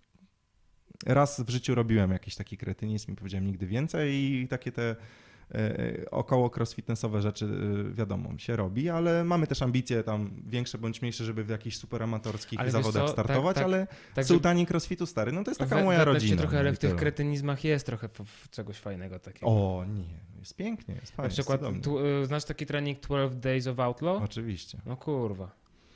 To jest taki trening, y, to może wytłumaczę, to jest taki trening, który się opiera na tym, że jest 12 różnych ćwiczeń Co? Nie no, i się robi go tak, że powiedzmy pierwszego ćwiczenia jest jedno powtórzenie, Tak, tak, drugiego tak. ćwiczenia są tam dwa, tam no trzy, i robisz taką I się, drabinkę. I się robi no. drabinkę, że najpierw No. się robi to jedno, potem to jedno i to drugie, potem Jedno, to jedno, drugie, drugie, trzecie, trzecie, jedno, jedno, drugie, trzecie. i tak się idzie do 12.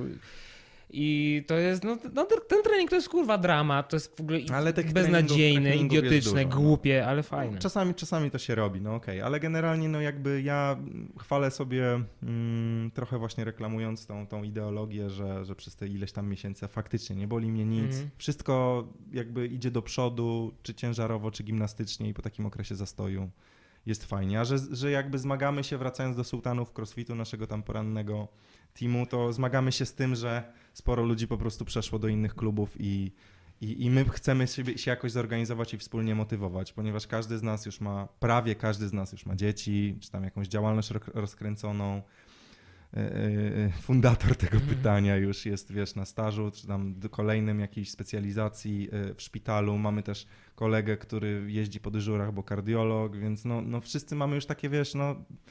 Ja kiedyś robiłem 10 sesji w tygodniu, Jezus. naprawdę. I robiliśmy te A 10 co, sesji... rano i wieczorem, czy Tak, dwie tak, dziennie? rano i wieczorem. Ja też I- tak robiłem. Dlatego nadgarstków teraz nie mogę korzystać. I, I wiele osób tak robiło i wielu moich kolegów nadal tak robi, czasami łączy w jedną, ale no Ale ludzie mają to na są- to czas. To, to, są, to są atlici? Yy, Nie wiem, czy to są atlici, Marek. Jezus, No, przepraszam cię. Nie wiem, czy to są atlici. To też jest pasja, tak? Każdy ma swoją. I Moją pasją jest Em, pizza. ja też lubię pizzę, ale powiem ci szczerze, też lubię przyjebać cardio. Naprawdę lubię przyjebać cardio. Ja się, no, ja się nauczyłem to lubić. I, I wiesz, ja to rozumiem, że są ludzie, którzy robią trening, bo chcą mieć program, tak? Mhm. W wielu klubach idziesz na te zajęcia i nie masz programu, bo się dowiadujesz w ostatniej chwili, ludzie się wkurwiają, bo nie wiem, bo coś im tam wypadnie. Albo, nie wiem, mają jakiś tam swój, swój, swój projekt na życie. I uważam, że w ogóle tak powinno być w sporcie. Ruszajmy z tego crossfitu. Dobrze, to mam teraz pytanie, które oderwie z nas od crossfitu. O, super. Ostatnie pytanie do doktora Browara. O Jezus. Ale wiesz co, to skocz po lód. y, Skoczysz po lód? Tak. Tutaj na ten? Tak. Dobra. A ty będziesz coś Ja, ja, ja, ja, im zajmie, ja im zajmę czas na chwilę. Jezus. No, Spokojnie. Więc moi drodzy, teraz będzie takie pytanie, że to jest możliwe, że to będzie. Znaczy w sumie nie, no. Może nie będzie ostatnie pytanie dzisiejszego wieczoru, bo możesz, wiesz, bo to jest, posłuchaj, pamiętaj, to nie jest moje pytanie, to twój kolega zadał. Tego się boję najbardziej. To twój kolega zadał to pytanie. Dziękuję ci bardzo. Weź tutaj Z2 jeszcze, wrzuć już na zapas. O, Jest coś tak mało? O! O Jezus. Prawie wyszło, dobra. Dobra, nalane. Znaczy nalane, boże, nasypane. W- Mi dużo nie trzeba, ja już jestem... Dobrze, mój drogi, uważaj. Ja, ty już sobie, tu sobie spokojnie siadaj, ja zadaję pytanie. Ostatnie pytanie doktora Browara. O Jezus. Czy przywiązanie do mikrofonu wzięło się z tego, że lubisz trzymać twardą pałkę przy ustach?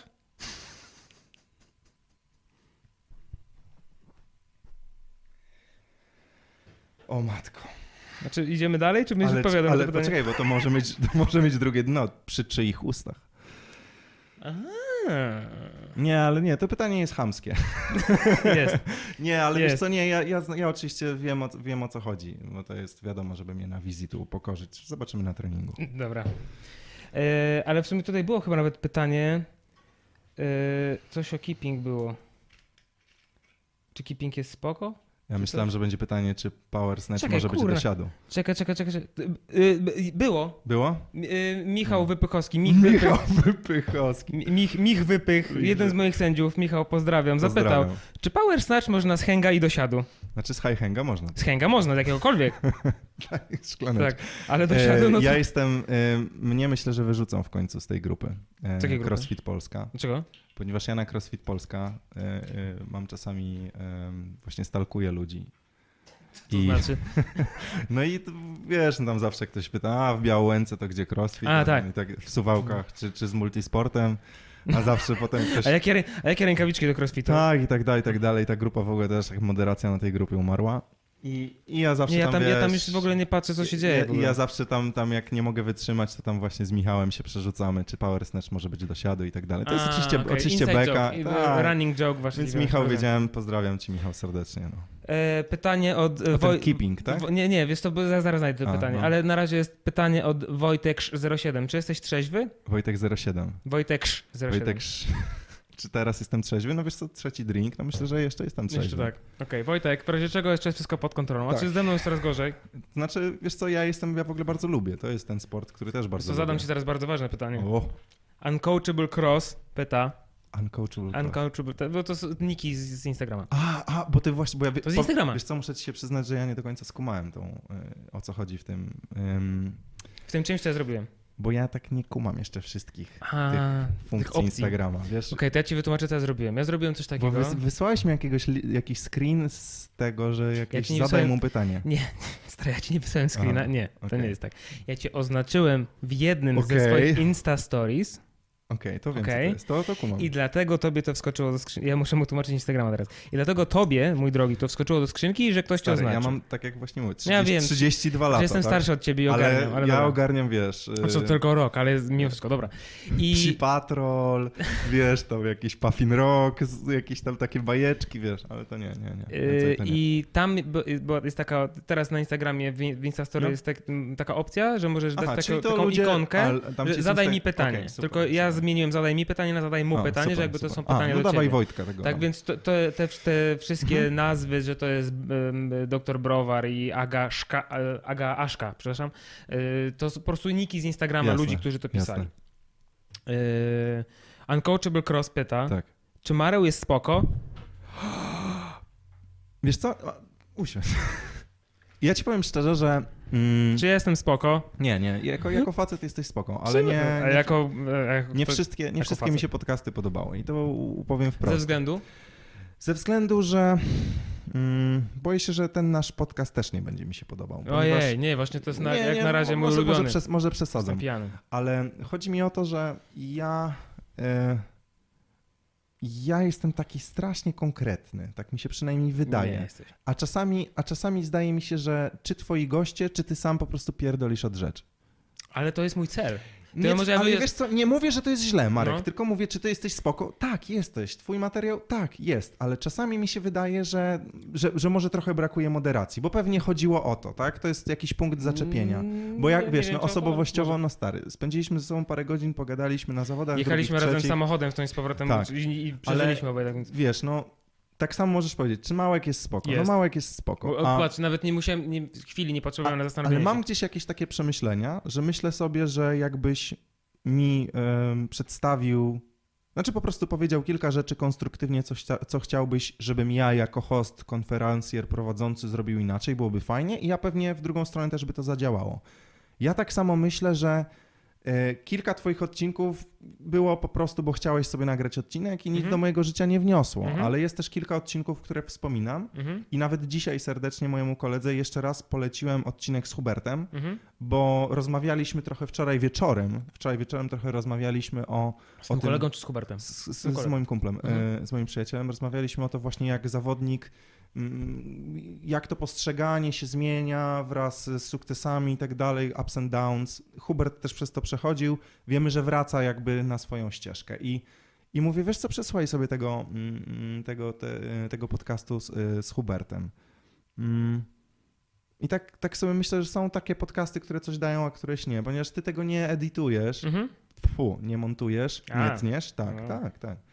Nie montujesz, nie Ale jak będziesz edytujesz, to już by było dobrze. Tak, tak, edytujesz jest dobre. Mm, to zdarzają się oczywiście różne kwiaty, nie wszystkie rozmowy są ultra ciekawe, ale mogę to powiedzieć Możesz. i uważam, że należy takie rzeczy mówić. I tam Możesz. widziałem, był jakiś hejt tam na poniedziałkowego Mareła u ciebie i po, pozwól, że tylko dokończę. Fajnie. Niech ludzie, ja bym chciał, żeby tych hejtów było jak najwięcej. Niech będzie, ale z- poczekaj, ale z drugiej strony, bo się też pojawiło, a musisz się nauczyć, że ludzie będą mówić. No dobrze, okej, Jezus, ale jak wiesz- ludzie będą mówić, to niech się nie spodziewają, że ja za każdym razem będę po prostu przyjmował te błoto Tak, na twarz. tak, tak, tak, I tak. ta, jak dobry chrześcijanin, tak, możesz mówić. Wiesz co, nie, kurwa, jeden ja z- mam tak samo wtedy Marek, prawo, jeden wiesz. z zawodników obraził się na mnie na zawodach, zwrócił mi uwagę, że źle powiedziałem jego nazwisko. Jezus. Miał rację. Było tych zawodników w Ale ciągu Polak, tych... czy jakiś tak, zagraniczny Polak? Polak. Polak. W ciągu całych tych zawodów było tych zawodników, nie wiem, 100, nie wiem, nieważne, nie Mhm, pamiętam. mhm, mhm. I następnym razem, jak powiedziałem, e, powiedziałem jego nazwisko poprawnie, skupiłem się i tak dalej, sobie pomyślałem, kurde, gość ma tak naprawdę w swoim życiu e, dwie bardzo, dwa bardzo ważne słowa, imię i nazwisko Mhm. i, i domyślam się, że mm, nie chciałby jakby ich przekręcać. Ja też zawsze tam kumple na mnie mówią Małecki, Małkiewicz i tak dalej, dla Beki sobie to robimy, A ty nie masz tak nazwisko? niestety. A może jakbym miał Małecki, to było łatwiej. Wodecki na przykład. Wodecki, ale mam coś takiego, że mm, podszedł ten koleś potem po, po tych zawodach do mnie i mówi, wiesz co, coś tam wszystkich powiedziałeś dobrze, mnie powiedziałeś źle. Ja mówię, nie wiem, tam Krzysio Kowalski, Zbyszek Malinowski, nie pamiętam nawet jak miał na nazwisko, bardzo przepraszam, ale mam też coś takiego, że bardzo brakuje mi konstruktywnej krytyki i bardzo mi brakuje konstruktywnego, konstruktywnej pochwały, feedbacku po prostu, jak to po angielsku się mówi, czyli jakiegoś, jakiejś informacji zwrotnej. I my, tak jak liżą się po jajach organizatorzy wszystkich zawodów z Mhm. zawodnikami i zawodnicy z organizatorami, tak trochę jest tak, że w twojej branży sędziowskiej wszyscy cię jebią, bo sędziowie są chujowi, zamiast, Zawsze, kon- zamiast konstruktywnie Wszyscy. to zjebać.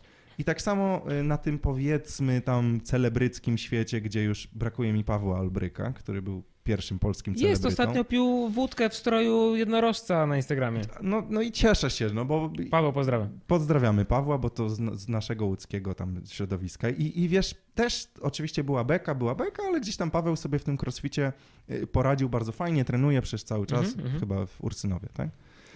Nie wiem. Nieważne, ale dążę do tego, że też w naszym świecie brakuje, jak gadałem z Cyprianem, to Cyprianowi powiedziałem, słuchaj, podoba mi się to, podoba mi się tamto, w Rynie, pamiętam, powiedziałem Cyprianowi, słuchaj, jeśli chcesz, żeby to było fajne, Ale to mówisz się teraz o jego naucz... podcastach, czy o... O podcastach tylko. Mhm, okej. E, Mówię Nie, nie, o tym też- celebryctwie. Nie, nie, nie, bo, ja te, bo też żeście teraz w, na Battle of Europe razem... A to już w ogóle, nie to już w ogóle. Wiesz, okej. gadaliśmy sobie wprost. Ja mówię, twoje podcasty są super, były takie, co słuchałem dwa razy, ale musisz nauczyć się mówić, tak? Bo jeśli ja, jeśli ty mnie opierdoliłeś gdzieś tam, że mówię 2004, na jakimś tak zawodach powiedziałem, to się poprawiam. Nie, I- I... tor, numer, num, tor numer trzeci. Tor, tor numer trzeci, no Zajebiste też. świetne, nie? I, ale trzeba to, trzeba to robić. Nieustannie, wiesz, gdzieś... Y, I zauważ, że od trzeciego czy czwartego odcinka, bo na pewno Cypriana słuchasz, Mhm. Cyprian bardzo się poprawił. Mhm. I ja tego samego będę oczekiwał od ciebie. I bardzo bym chciał, żebyś ty tego samego oczekiwał ode mnie.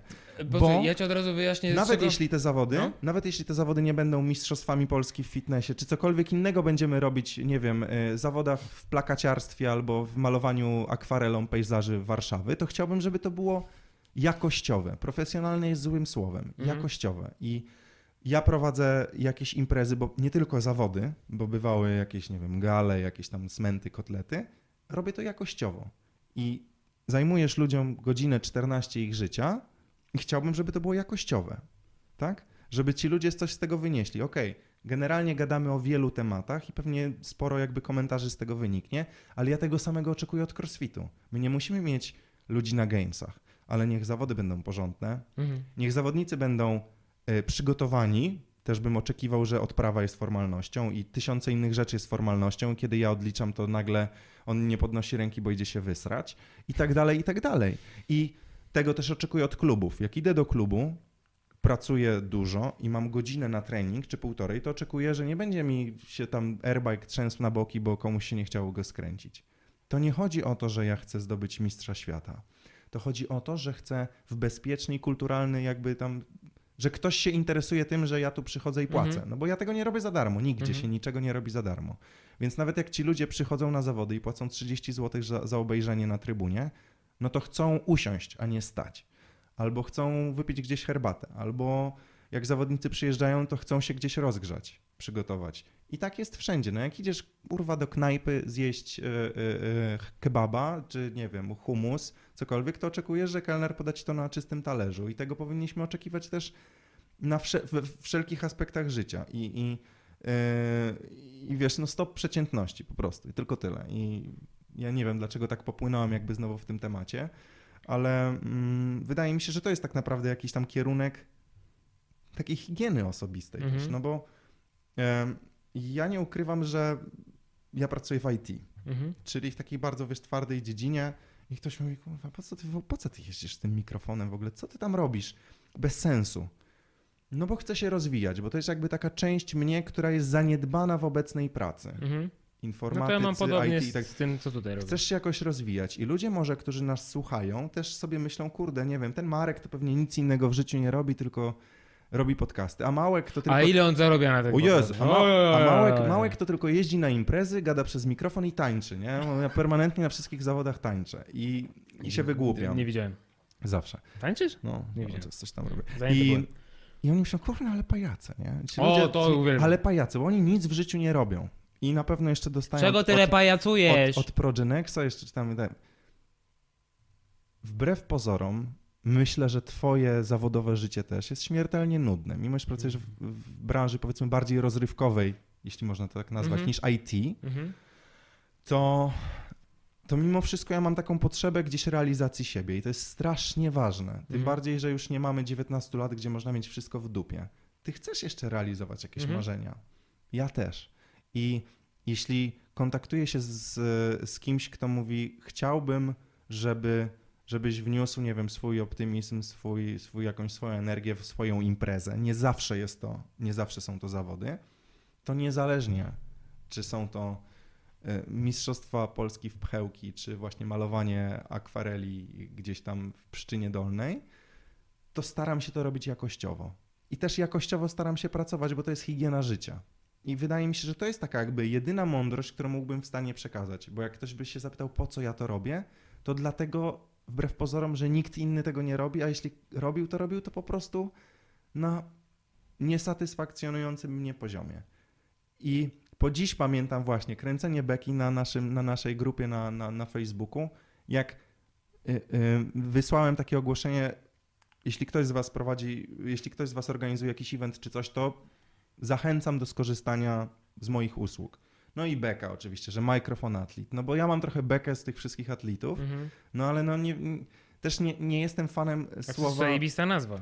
Microfonati. To jest... Mój serdeczny kolega ją wymyślił, w ogóle informatyk swoją drogą, więc nie spodziewałbym się aż takiej dużej Kreatywności. kreatywności, ale naprawdę wow, ale i i śmieszna i prawdziwa. Nie lubię słowa konferencjer, bo się kojarzy z jakimś Strasznie sucho. sucho. Sucho. Jeszcze gorzej wodzirej, aczkolwiek jest to Wodzi- śmieszne. Nie, wodzirej jest przynajmniej za, jest zabawny. A wiesz, że Wodzirej zanim zacząłem, bo w ogóle, a, e, moja zabawa w mikrofonowanie zaczęła się bardzo, bardzo dawno temu. Bardzo dawno temu. 8 lat temu? Mhm. Pierwszą imprezę prowadziłem. A, oczywiście, wiadomo, że na wesela jeździłem na studiach. Świetny pieniądz. Że, że prowadziłeś Tak, wesele. tak, tak. Mm. W ogóle się tego nie wstydzę i bardzo polecam. No, dlaczego? Wiesz, bo pracowałem w gastronomii na studiach. No, nie ukrywam, że mimo iż rodzice, aktorzy i tak dalej, to wszystko, o, małek w hajsie na pewno. Różnie było, wiesz? Naprawdę było różnie i musiałem, musiałem iść do pracy. Zaraz po, dzień po maturze poszedłem do pracy. Więc oczywiście byłem leciutko nietrzeźwy. Ale wiesz co, i pracowałem w gastronomii i te wodzirejstwo tak zwane i tak dalej. I oczywiście oglądałem Sztura, tak, no bo to film jest fenomenalny i oglądałem... Film wodzirej. Tak, film Mhm. Wodzirej. Oglądałem Zaklęte Rewiry i obsługiwałem Angielskiego Króla i kelnerów i wszystkie firmy o gastronomii i bardzo się tym jakby jarałem, w sensie Mhm. śmiałem. Mm, I gdzieś jakby ta umiejętność do prowadzenia eventów, ta chęć mi została i w którymś momencie nagle się okazało, że to jest mega fajne i bardzo mnie to kręci. I, i wolę to robić dobrze, niż patrzeć, jak ktoś to robi źle. Znaczy nie twierdzę, że źle, ale może wolę to robić troszeczkę lepiej, ponieważ mam takie skille, bo w domu moi rodzice mnie zawsze pilnowali, Mhm. żebym ładnie mówił i napatrzyłem się w teatrze, jak to wygląda. I trochę jest tak, że wydaje mi się, że gdyby dało się z tego żyć, to mógłbym to robić całe życie. Ale trochę się nie da, no bo Czy z wodzirejstwa się nie da żyć? chyba, Zapytaj Norbiego albo Krzysztofa Ibisza. wiesz co, to jest trochę tak, jakbym byś mi zadał pytanie, czy z aktorstwa da się żyć. No tak, no zależy komu. No, ten cherry pickers tam na górze, ci ta topka, topek na pewno tak, a No cała reszta myślę, że nie. I ja prowadząc takie imprezy wszystkie do worka wrzucam, ale kiedyś na studiach prowadziłem, wiesz, otwarcie sam, salonu samochodowego Mercedes w Łodzi, też otwierałem, a następnego dnia wesele prowadziłem gdzieś. Bo to nie w tym rzecz. Garnitur jest ten sam i jakby jakość prowadzenia też, tylko pytanie, jakie zabawy są po drodze. Ale w- wbrew pozorom to się nazywa hałturstwo i ludzie to, to jest bardzo brzydkie słowo. Ludzie mówią, że hałturzysz. Ja I tak samo, hałtura. a ja nie. Wiesz Nie czemu? lubisz? Bo to jest bardzo pejoratywne słowo i uważam, Jest, że ale- to się nazywa Marek Praca. Wiesz? Znaczy, Bo... wiesz, wiesz co, to jest pejoratywne, ale to jest troszeczkę tak, że Ale to jest tak, jesteś w stanie jakby, znaczy to jest, Ale to jest tak, że jeżeli ty takiego- hałturzysz, ale sam mówisz o tym, że hałturzysz, to jest jakby uświadomione przez ciebie, wiesz, no bo posłuchaj, czym innym jest prowadzenie, nie wiem, rozdawania Oscarów czy Złotych Globów, a czym innym otwarcia nowego McDonalda w Żywcu, na przykład, tak? Tak więc o ile... nie, nie, Nie? nie, zgadzam się. Nie, to jest praca. A praca No to- jest no moim tak, no zdaniem najwyższym dobrem. Y, Ja jestem bardzo utylitarny, podchodzę do pracy i jeśli ktoś mówi, że nie wiem, ja prowadzę te zawody czy jakieś imprezy dla zabawy, tak, ale to jest punkt tam drugi czy trzeci. Mhm. To jest zawsze praca. I to, czy prowadzisz tak samo profesjonalnie, bym otworzył y, y, nowego maka w żywcu, jakbym poprowadził to galę mi chodzi, Polonia. Nie o to mi chodzi. Ale y, wydaje mi się, czy to hałtura to jest potrzebne. Nie chodzi mi a- o stopień powagi podchodzenia do zadania, które jest do A wykonania. mnie chodzi nie o to, że to, jest, że to jest potrzebne. To też jest potrzebne. Ym, że jest potrzebne.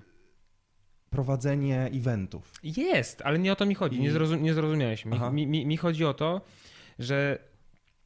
Znaczy, bo słowo hałtura może mieć zarówno negatywne znaczenie, jak i pozytywne. Zależy od tego, kto go używa i w Ale jakim robiłem kontekście. też losowania w supermarketach, takie wiesz, jak są, że, że tam ciotki wrzucają Posłuchaj, kupony. Słowo i, hałtura jest pozytywne w tym momencie, moim zdaniem, jest w tym momencie używane, y, jest y, pozytywne, y, kiedy wykonując tą hałturę, Hmm? wywiązujesz się jakby ze swojego zadania, czyli to, o czym mówisz, że nawet jeżeli to jest otwarcie supermarketu, losowanie nagród, whatever, ale podchodzisz do tego w sposób profesjonalny i robisz to dobrze, to to jest Wiesz, to, to nie jest nic złego, Nie. ale to też jest hałtura, na zasadzie, wiesz, no, znaczy, nie wiem, może to jest jakiś mój prywatny pogląd, ale Wydaje ja, mi ja, się, ja, ja, ja nie tak, odbieram że- tego słowa jednoznacznie źle. Ktoś sensie- chce powiedzieć hałtura, to chce powiedzieć jednorazowy, jednorazowa fucha. To trochę, trochę jest tak, że jeśli Mhm, masz może tak. angaż w serialu, bo to Mhm. aktorzy operują Tak. i dlaczego tak aktorzy nie lubią tego słowa? Jak to, a hałturzysz, bo dla aktora to jest tak. W Warszawie jest trochę inaczej, ale dla, dlaczego? Bo Warszawa ma serial film, Mhm, głównie. mhm, Znaczy głównie polski film i tak dalej skręcony w Warszawie. mhm. End of story. A w całej Polsce kultura to jest teatr telewizji, ewentualnie rzadko w oddziałach i, i generalnie teatr dramatyczny, lalkowy i tak dalej. Jak mówisz, że hałturzysz, to jakby wykorzystujesz swoje aktorskie umiejętności do nieszlachetnych celów. Mhm. Tak najczęściej to jest rozumiane i dlatego ja mam taką przykrywkę. I z drugiej strony, jeśli robię losowanie Forda K y, w tam w jakiejś galerii sklepowej, gdzie tam ciotki wrzucają kupony, ja tam zamerdam rączką i tak dalej, i tak dalej, to w jakimś stopniu można powiedzieć, to nie jest twoja praca, bo nie pracujesz na... To jest hałtura, tak? To jest praca tymczasowa i coś w Mhm. tym stylu. Można tak powiedzieć, ale wydaje mi się, że to, nie wiem, mnie takie rzeczy, ja nie traktuję tego jak hałtury, bo ja traktuję to po prostu jak pracę. I są Ale ludzie, czy, to, którzy... czy to są rzeczy, które sprawiają ci też przyjemność w jakimś stopniu? Ale mówisz o markecie? No Ten tak. konkre- tak, tak, tak, tak. Absolutnie, bo to jest... A z czym to e, się wiąże? To, to, czy to jest... Yy... Szykowałem... Czy to, jest czy to jest związane z tym, że. e, Czy to za- zabrzmi troszeczkę jakbym, nie wiem, y, może cię atakował, ale absolutnie tak nie jest, żebyś tego tak Mhm. nie zrozumiał. Czy to jest związane y, może trochę z tym, że jesteś w centrum uwagi, y, potrzebujesz tego? Em, na pewno tak, na pewno tak. Myślę, że mam takie, taką osobowość e, bardzo gwiazdorską. Mhm. Znaczy, wiem, wiem, ja, ja rozumiem, ale ja, chodzi. ja, ja Mhm. nie twierdzę, że to jest samo dobro. Mhm. Wydaje mi się, że mam na pewno cechy jakieś narcystyczno-snobistyczne. Um, umówmy się, żeby w jakiejkolwiek formie publicznie występować, czy to tak jak ja w internecie, a, Trzeba mieć- albo przed ludźmi żywymi gdzieś Trzeba tam. to lubić. to jest bardziej bądź potrzebne mniej, są, tak. pew, po, potrzebne są pewne potrzeby danej osoby, Tak. I, I to musi w tak. jakiś sposób, nawet jeżeli jest stresujące, to sprawiać przyjemność. W- Ostatnio, jak nawet rozmawialiśmy, mówiłem ci, że szykujesz pewien cykl szkoleń. Firma, dla której pracuję, no coś tam to pisałem, nieważne, że będę Mhm. miał jakieś szkolenia w Warszawie. No i, i jestem w trakcie tworzenia szkolenia z autoprezentacji, publicznych wystąpień, etc., etc. I tworzę Mhm. takie szkolenie dla firmy, w której pracuję. I współtworzę je z tymi ludźmi. I, I w takim stopniu, że jakby mm, zaprezentowałem swój, jakąś tam swoją macierz, jak ja chciałbym to poprowadzić, jak, o jakich tematach y, pomówić i co wy byście chcieli, y, co oni by chcieli się ode mnie dowiedzieć. I właśnie są takie same pytania. Tak? Jakie cechy charakteru trzeba mieć? Czy to polega, czy to opiera się na jakiejś twojej próżności, etc. Mm, Na pewno tak i na pewno jestem osobą próżną. I wydaje mi się, że w dzisiejszym świecie, jeśli ktoś powie, mając pierdylion zdjęć na Instagramie i tak dalej, nie mówię o tam wypinaniu dupy, tylko nawet takich jakiś tam, nie wiem, obiad, obiad, piwo, Mhm. obiad, ludzie są próżni. Y, Słowo troszeczkę jest bardziej pojemne niż kiedyś, że kiedyś miałeś próżnego tego, który tam, wiesz, lizał włosy godzinę przed, y, przed lustrem, a dzisiaj to większość z nas wychodząc już y, z domu jakoś tam się bardziej ubiera, nie wiem, no ja do szkoły jako małolat chodziłem pewnie w dresie do jakiegoś 16 roku życia, no. Tak mi się wydaje, nie pamiętam, ale dzisiaj trochę jest, jak patrzę na młodzież, trochę to też wygląda inaczej. Patrzę to, jak ja u pana Czesława na ciężarach trenowałem, to mieliśmy tylko buty sportowe, takie w miarę oryginalne, bo wtedy tylko to było, a reszta to były jakieś szmaty w ogóle. A na crossficie, te, wiesz, ludzie odjebani, generalnie outfit, outfit crossfitowy to jest około 1000 zł. Ale powiem tak ci, że to patrzę. zależy od klubu. Powiem ci, że tak, że tam, gdzie nie ma afiliacji, tego jest mniej. Ale generalnie nawet ale jak tak patrzysz jest. na zwykłą siłownię, tak? No Mhm. ja, No tak, ja no zawodowo u, uprawiając sport zawodowo miałem mniej sprzętu niż ludzie, którzy sobie tam na ławeczce czy tam na suwnicy Smitha robią, wiesz, jakieś tam repy. Na portalu na przyrostów. portalu przyrostów. Wracając do mojego właśnie, nawet jak mi się przypomina ten, ten, te czasy zawodowego uprawiania sportu, to my nie mieliśmy ciepłej wody w klubie. Była zakręcana dla juniorów. Tylko ciepłą wodę mieli, Dlaczego? Bo za- bo klub był bardzo biedny. Ciepła woda była tylko dla piłkarzy Okej. i dla li- ligowców z tych wyższych lig. Więc wiesz, no my też mieliśmy, kończył się trening, 30 sekund później było wyłączone światło, były takie oszczędności. No i w takich realiach ja żyłem. I, i, i jak sobie myślę właśnie, no, jak sobie myślę y, od razu jakby przeskakując do tego, czy jesteś showmanem. Dzisiaj to pewnie zabrzmi, w, wiesz, jakby w perspektywie Ale premiery. żebyś mnie, żebyś mnie źle nie zrozumiał, dla mnie, bo, bo są osoby, które tego rodzaju pytania albo określenia, że wiesz, że ktoś się popisuje, oj, pardon, że ktoś się popisuje, że jest showmanem, Ja, się, jakby to- popis- to- ja się to- popisuję to jest, i jestem to, showmanem, to jest, to jest, pewno. y, to jest y, wiesz, pe- pejoratywne, a dla mnie to nie, jest... Nie, nie, nie, zupełnie nie. Dla Ja, się, ja bo- się popisuję i jestem Ja showmanem. wiem, Na pewno. y, bo ja wiem, że ja się popisuję, Tak. ja wiem, że zachowuję się w taki sposób, żeby zwrócić na siebie uwagę, natomiast to, że ty, znaczy nie mówię ty, tylko teraz mówię o jakiejś tam wirtualnej osobie, to, że ty nie czujesz takiej potrzeby i że dla ciebie to jest dziwne, to nie znaczy, że nie ma osób, które tego chcą. Ponieważ gdyby nie było takich osób, to nie byłoby piosenkarzy, aktorów, nie wiem, komików, artystów ogólnie, szeroko rozumiaru. Tak, tak. Ja nie jestem artystą, bo jakby w tym kierunku nie poszedłem, chociaż y, jakby sięgając pamięcią wstecz, to pamiętam, że niejednokrotnie czy jacyś nauczyciele, czy nie wiem, członkowie rodziny Wciskali cię na akademię. wci, wciskali mnie gdzieś tam, żeby Norma. mam, że, że Tak. Ciotkę mam z Ukrainy, Tak, tak, tak. do Hollywoodu cię trzeba Hollywood. wysłać, wiesz, do Hollywoodu cię Tak, trzeba tak, wysłać, nie? Ale tak było. Ym, więc ja mam jakiś w sobie pierwiastek tego, no z czegoś się wzięło, że tak parę lat temu założyłem kanał na YouTubie, zacząłem, wiesz, nagrywać się przed meblościanką, kurwa, u Mhm, siebie w domu i gadać do mikrofonu jakieś pierdoły. Z czegoś się wzięło to, że teraz prowadzę podcast, y, wiesz, w, w, w którym prowadzę rozmowy na tam różne tematy, no przeważnie kręcące się wokół crossfitu, bo jakoś to po prostu jeszcze Tak wynikło wyszło. z tego, to wynikło z tego po prostu poprzedniego, no bo założyłem kanał na YouTubie, który miał w założeniu być e, dotyczący, dotyczyć crossfitu i to jest jakby przedłużenie tego i tak jakby powoli teraz Nie, ale próbuję z tego... ładnie, ładnie nam się udaje bardzo. tak, bardzo nam się udaje, cały czas wracamy do tego crossfitu. Nie, nie, ale jest, jest, jest konstruktywnie. Ale wiesz to chciałem też y, wrócić troszeczkę do tego, co powiedziałeś, bo ja- ja zdaję sobie sprawę z tego, co powiedziałeś, że mam takie mm, podcasty, które są konkretniejsze, w których jest jakaś wiedza, jest jakiś sens, jest jakiś ogólny wątek, jest coś bardzo konkretnego i fajnego, jakaś myśl przewodnia, tak, tak to nazwijmy.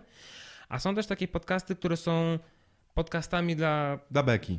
znaczy, na, to- nawet, nie, nawet nie dla beki, tylko rzeczywiście ja, to jest całkowicie świadome z mojej strony, że i przede wszystkim to jest podcast numer 24 albo 5, jakoś coś takiego. Jeszcze mało. Coś takiego, naprawdę mało. No. Ja się naprawdę tego uczę. Ja mam straszny duży problem jeszcze, bo ja gadać umiem. I to i tak super, że ty lubisz gadać, to ja sobie mogę raz posiedzieć, nie? to Tak, ty sobie tak, pogadasz, tak, nie? tak. Ale przeważnie to jest tak, że ja po prostu widzę, e, wiesz, u swojego rozmówcy taki moment, że to jak ja bym się zamknął, i przestał odzywać, ale nie, z tobą teraz, jak, jak ja bym się zamknął i przestał odzywać, Ja bym ty to nawet- poprowadził? y, to byś to wiesz, to byś gadał jeszcze ze dwie godziny Ja i myślę, wiesz, że- nie miałbyś z tym problemu, nie? Ale są tacy, te, takie osoby, które przychodzą do mnie i ja po prostu y, jakby, no nie wiem, podświadomie czuję, że będzie taki, za chwilę będzie taki moment, gdzie ta osoba po prostu powie, co miała do powiedzenia, skończy i będzie się na mnie patrzeć, nie? I wiesz, ja czasami troszeczkę, wiesz, przesadzam z tym, że próbuję mm, jakby tą rozmowę, ponieważ, no tak jak powiedziałeś, ja, nie, ja tego nie montuję w żaden sposób, Nie, bo, nie, taki, nie. bo, bo takie mam założenie. Taka jest idea. Taka jest idea, że wiesz, to jest, to jest moja idea, że to ma być możliwie najbardziej zbliżone do naturalnej, zwykłej rozmowy, a nie wywiad, że ja ci wiesz, zadaję pytanie, Mhm. co? ty odpowiadasz. Ale w, w każdym razie, y, już tak skracając, e, z czego wynika to, że jedne podcasty są takie, a, a, a inne są inne. Ja po prostu lubię gadać sam, ale lubię gadać też z ludźmi. I są takie osoby, które ja zapraszając z góry wiem, że to będzie właśnie jakaś bardzo konkretna, czy merytoryczna, czy nawet nie merytoryczna, ale jakaś taka, tak jak ty powiedziałeś, te podcasty, których się powiedzmy wraca, tak? Żeby Tak, sobie tak, posłuchać, tak, czy coś, tak, że tak. coś, coś wartościowego doniosły. Też... A niektóre są tylko po to, że ja po prostu lubię daną osobę albo chcę poznać daną Jasne, osobę i jasne, sobie po prostu no, z nią pogadać, no, nie? Bo ja też wychodzę, twórczość. bo ja też wychodzę z założenia, że y, podcasty moje i Cypriana różnią się, a czy ja jeszcze z Cyprianem nie miałem okazji o tym, y, wiesz, tak jeden na jeden pogadać, chociaż dzwoniliśmy się, już obiecał, że dzwoniliśmy się, y, Słusznie. y, że w tym roku sobie pogadamy. Musicie. E, Natomiast ja wychodzę z takiego założenia, że jakby ja tak to odbieram, może się mylę, natomiast ja tak to odbieram, że te jego podcasty w założeniu są jakby mm, po to, żeby dać gość, y, że- że jest jakiś gość, który ma jakąś historię Mhm. i żeby ten gość e, opowiedział jakieś bardzo konkretne rzeczy dotyczące jego życia. To czy- się czy- nazywa czy- wywiad przeżyć. biograficzny. Coś, coś tak, tak, tak, coś takiego. Wiesz Natomiast co, no- moje podcasty to są bardziej czasozapychacze. Ja się nie łudzę, że ja, wiesz, tworzę coś niesamowicie wartościowego, że ludzie Tego to wiesz. przesłuchają. Ale posłuchaj, tak może być. Tak Mhm. może być. Ja nie Mhm. mówię, że to jest niemożliwe. Natomiast moim założeniem nie jest Mhm. Jakby, y, y, wiesz, odgórnie tworzenie kontentu, który będzie ludziom odmieniał życie. Ja, ja, y, ten, w ogóle cały ten podcast powstał po to, żebym miał przyczynek do tego, żeby Mhm. kogoś zaprosić na fajną rozmowę. Bo posłuchaj, jakby tu nie było tych mikrofonów i nie było tej kamery i byś nie wiedział, że my nagrywamy podcast, ja bym do ciebie dał znać, ty weź przyjedź do Warszawy na kawę, pogadamy. No byś mnie kurwa olał, rozumiesz? akurat może ja nie jestem mo- super no, to- przykładem. No, tak, ja, ale, wie, wiesz, ale wiesz, co mi, wiesz, co mi chodzi, ja mam, ja to mam jest przy okazji. przykład, Ja mam e, okazję pogadać z, z kimś fajnie pogadać, mhm. nagram to i ktoś, jak jeżeli będzie chciał, to z tego przy okazji skorzysta.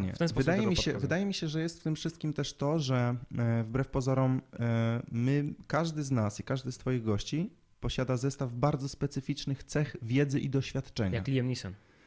Może, jak znajdę, very. znajdę Twoją córkę. Tak, wiem. I will find you and I will E, kill you. Chodzi mi, chodzi mi tylko o to, że wydaje mi się, że wbrew pozorom mm, jedynym problemem tych takich naszych rozmów i tych podcastów jest interakcyjność z ludźmi, którzy mogą zadawać pytania. Oczywiście śmieszne są pytania, które się pojawiają, ale wbrew pozorom każdy twój gość i ty w szczególności posiadasz zestaw pewnych bardzo szczególnych cech. I czy w biznesie, czy w życiu codziennym, czy w branży entertainment, powiedzmy, że siedzimy Mhm. w branży entertainment, są to Y, y, Jest to wiedza, doświadczenie i umiejętności unikalne, naprawdę unikalne, bo ludzi, którzy są w stanie sprawnie w języku polskim z dykcją, intonacją Z dykcją powiedzieć- powiedzieć zdanie wielokrotnie złożone, tych ludzi jest garstka. A ludzi, którzy potrafią nawet o sobie mówić w sposób interesujący, to już jest w ogóle, wiesz, Interesujący Y, to raz, ale otwarty. Prawdziwy. też. Nie, nie, Wiesz nie co? mówić o, wyobra- o swoim wyobrażeniu bym- siebie, tylko o sobie rzeczywiście. Wiesz. N- a, o sobie, tak. ale ja bym nawet, ja bardzo lubię czasami na YouTubie oglądać takich storytellerów, ludzi, którzy na przykład opowiadają historie y, zmyślone, wszyscy wiedzą, że są zmyślone, ale opowiadają je w taki sposób, że ludzie są zachwyceni. Ja dlatego uwielbiam stand-up. Em, trochę mniej, ale ja dlatego uwielbiam słuchowiska. Y, To jest w ogóle sztuka już wymarła praktycznie. Mhm. Słuchowiska, m, czytane z reguły przez aktorów, różnią się tym od y, powieści, którą czyta na przykład w radio jeden aktor, że są interpretacje. To jest Mhm. taki teatr radia. Zresztą Mhm. polskie radio miało kiedyś swój teatr świętej pamięci. Mhm. Piękna rzecz. Mój tata kiedyś zresztą nagrał wszystkie odcinki Dyzmy. Ja, bym, ja muszę to zdobyć, bo to w Radio Łódź, to leciało w całej Polsce, w Radio, Radio Łódź było akurat studio, leciało to w polskim radio w całej Polsce. No, no fantastyczna rzecz, jednoosobowa, ale nakręcił takich słuchowisk setki. Ale że to twój tata yy, tak, tak, mój ojciec, Mhm. również Maciej. I Tak, tak, tak, tak. oryginalnie. Oryginalnie. I wiesz co, chodzi mi tylko o to, że ja na przykład żałuję, że w takich podcastach nie mamy możliwości, nie mamy możliwości pogadania e, z ludźmi, którzy by chcieli się czegoś dowiedzieć o, wbrew pozorom, pasji, którą tworzymy. Bo jak masz możliwość porozmawiania z doktorem Dwornikiem, świetny, nomen Mhm. omen, świetny podcast, fenomenalny facet oczywiście, to jest to unikalna wiedza Mhm. bo strzelam. W Łodzi do tak- tego typu specjalisty umawiasz się w kolejce, czekasz albo płacisz za wizytę prywatną i masz 15 minut i tak dalej. A ty dajesz, dajesz stary na tacy tam półtorej godziny wywiadu z gościem, który mówi po prostu jak się nie rozjebać. Mhm. I w ten sam sposób e, ja mam takie, takie spostrzeżenie, że jakbyś gdzieś zapytał o jakiś cel, może nie cel to jest zły, ale jakiś pomysł, który chciałbym kiedyś komuś sprzedać, że przychodzi do mnie, ponieważ sam jestem menegierem, to jakby przyszedł do mnie właśnie jakiś tam prezes, dyrektor, menadżer i powiedział, wiesz co Maciek, słuchaj, bo ja jestem świetnym, moja tam firma ma świetne obroty i tak dalej, super zyski, ale ja nie umiem do tych ludzi mówić. Powiedz mi, co mam zrobić, tak? To byłby mój jakiś największy osobisty sukces, ponieważ ja nie jestem jakimś tam coachem, mówcą motywacyjnym, ani jakimś innym behawiorystą, jakimś kutafonem, wiesz, co po prostu robi z igły widły. Ja jestem kolesiem, który umie do, do ludzi mówić. Pewnie mijam się z powołaniem i może mógłbym to robić zawodowo, tak um, uczyć ludzi, ale tak bym chciał, żeby na przykład taki pod, podcast szedł, bo my możemy sobie marudzić na zawody. Ja w, w ogóle, pod, ile my już nagrywamy, godzina 3.40, ty powinieneś swój podcast założyć, ja tyle ci chcę nie powiedzieć. Wiesz co, no może powinienem. Nie wiem, a może po prostu powinniśmy się, wiesz, spotykać częściej i rozmawiać Chętnie. branżowo. Nie. E, W sensie branżowo, nie crossfitowo, ale mówię A, tak. wiesz. O Jezu, jak Ja mam, chętnie. ja mam jakąś, jakieś takie poczucie, że... mm, Jebać crossfit. Jebać crossfit, tak. Ja mam takie poczucie, że mm, jest mnóstwo wiedzy, którą można się podzielić i ta wiedza leży. Ja na przykład zacząłem słuchać Toma Foxleya, Nie znam człowieka.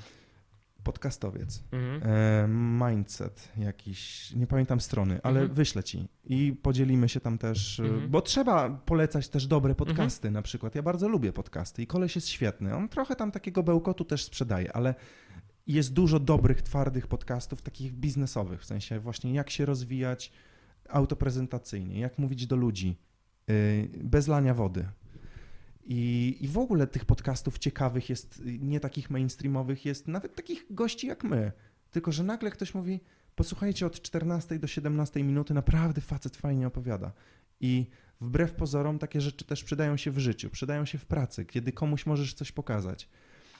Y, y, Wbrew pozorom takie, takie najbardziej wyświechtane teksty motywacyjne w stylu, nie wiem, tam Jobs, te prezentacje produktów z Amazona, czy tam, nie wiem, chociażby wystąpienia Kennedy'ego i tak dalej, to jest właśnie to, że ludzie chcą zasięgnąć jakiejś inspiracji z jakiejś wiedzy. Po co ludzie czytają felietony? Z reguły felietony są tak naprawdę o niczym dużym. Niczym i bardzo subiektywne. Są Takie bardzo- powinny być. Są bardzo być subiektywne, felietonem. no wiesz, no i tak samo powinien być podcast, tylko jak jest jaka, jeśli jest jakaś wartość dodana, bo e, jeśli e, po raz kolejny spotkasz się z Bartkiem Mackiem, którego Mhm. bardzo szanuję, mimo iż nie znam osobiście, to sami musicie się zastanowić, o czym chcecie mówić, bo może o czymkolwiek innym niż fitness, tak? Mhm. Albo, tak sobie strzeliłem, ale Mhm. No, masz, masz mam- rację. nie? większość moich znajomych, 90% to są ludzie z klubu. I mój przyjaciel Andrzej, z którym y, mam najbliższy kontakt, jest y, dyrektorem Ten, o sprzedaży. którym było pytanie. Tak, jest dyrektorem, ten, którego kocham. Jest dyrektorem sprzedaży w bardzo małej firmie. Jest młodym facetem, który bardzo szybko, dosyć wysoko zaszedł. Y, Widzę, że ma dużo z tym problemów. Mhm. Jestem trochę od niego starszy, przerobiłem te problemy niestety w korporacjach, gdzieś tam mnie przeżuli i wypluli. I dużo też rozmawiamy o takich rzeczach. Dużo też rozmawiamy o rzeczach, że brak jest y, fachowej inspiracji, fachowej, nie y, jakiejś tam Kasi z Instagrama, czy tam Zosi, która pokazuje cycki, tylko takiej inspiracji biznesowej i nie takich tłuków, wiesz, co sprzedają swoje spotkania, wiesz, jak garnki Ceptera. Tylko ja bym na przykład oczekiwał, fajnie, że są pytania i tak dalej, ale wydaje mi się, że bardzo też się spłyca ta nasza ta celebryckość, wiesz? Bo wydaje mi się, że mamy bardzo dużo rzeczy do zaoferowania. I wydaje mi się, że ta wiedza nie z prowadzenia czy sędziowania zawodów, tylko ta wiedza z pracy z ludźmi. Mhm. Bo, mm, bo mamy dużo, dużo doświadczeń, stary, naprawdę dużo doświadczeń, które tylko i wyłącznie są afirmowane przez tą fasadowość, którą pokazujemy. Marek pajac, a Małek tańczy, nie? Czy cokolwiek takiego. I ludzie, ludzie gdzieś tam wkładają cię do takiego worka, a wbrew pozorom e, no, narzędzie przekazu, jakim jest rozmowa. Zarówno ty, jak i ja mamy opanowane do takiej perfekcji, że mógłbyś poprowadzić, stary, wiesz, no, no ludzi na barykadę, no. I ludzie za to płacą ciężkie pieniądze. I nie chodzi o to, że oczywiście mogą przelewać je mnie, ale brakuje mi tego i dlatego ci wspomniałem o tym panelu. Wracając, do, niechętnie wracając do naszego sportu, brakuje mi tej wymiany wiedzy, wymiany doświadczeń. Brakuje mi konstruktywnej krytyki, zarówno pod moim adresem, jak i pod kątem pracy, w której jestem tej od poniedziałku do piątku, jak i te zawody, które prowadzę. Bo wszyscy mamy dość gówna. Mieszkamy w, w kraju, w którym bywa różnie, pogoda nie zawsze jest jak w Kalifornii, Teraz chyba pada, bo coś stukam. nie zawsze jest jak w Kalifornii, więc mamy powody, żeby być lekko wkurwieni. I dlatego chcemy, żeby rzeczy, które da się łatwo naprawić, można było naprawić. I ja lubię takie rozmowy, twoje, z twoimi gośćmi, czy Cypriana z jego gośćmi, czy rozmowy, które mamy w samochodzie po zawodach, Mhm. czy rozmowy, które możemy mieć, wiesz, przy drinku y, na placu Trzech Krzyży. Obojętnie. Lubię rozmowy, z których coś wynika, jest jakaś wartość dodana. W ogóle mam... Niestety w którymś momencie zacząłem się interesować i zawodowo zajmować analizą biznesową. I w którymś momencie ktoś mnie zapytał, no dobra, jak to robisz? No i tam przejrzałem kilka książek, nic mi się nie podobało. Mhm. I jest taka metodologia, nie pamiętam gościa, bo to nie ma znaczenia, że musisz mieć cel, e, muszą być do tego, ten cel musi być smart, tak, czyli tam mierzalny, bla, bla, bla. To jest taki korpo slang. Mhm. No i musisz mieć do tego jakieś strategie, to musi być, wiesz, reason to believe i te inne angielskie nazwy. Ale że to musi być jakaś konstrukcja. I jeśli chcesz utrzymywać z kimś kontakt albo wpływać na ten kontakt, no to musi być z tego jakiś efekt. Taki trash talk, wiesz, śmiesznie się ogląda właśnie z Michaelem Jordanem te firmy na YouTube, on tam zawsze coś tam, jakąś chamską przytyczkę mówił. Ale generalnie my spłyciliśmy relacje międzyludzkie tylko do takiego gównianego, wiesz, jakiegoś pierdu pierdu. Twoje niektóre podcasty też takie trochę są. Nasza rozmowa też w którymś momencie jest, śmiejemy się z Wasyla i tak dalej. Ale Nie, ja się nie śmiałem z Wasyla. ja się Chyba ty. I, i, I dzisiaj, dzisiaj się spotykamy i nagle się okazuje, że mamy, że rozmawiamy o profesjonalizacji event, eventów w Polsce. Rozmawiamy o tym, ile Wiesz, jesteś w ale- stanie Posłuchaj, wycisnąć e, z autoprezentacji. W, w przypadku y, y, mojego konkretnie podcastu, to jak one wyglądają wynika z tego... Co, że co, za długo Ale już? my długo gadamy, panie. Co się przejmujesz? To, to, to nie jest telewizja polska, że my tutaj reklamy nas zaraz odetną. Możemy gadać, wiesz, ile nam się będzie, że nie podobało.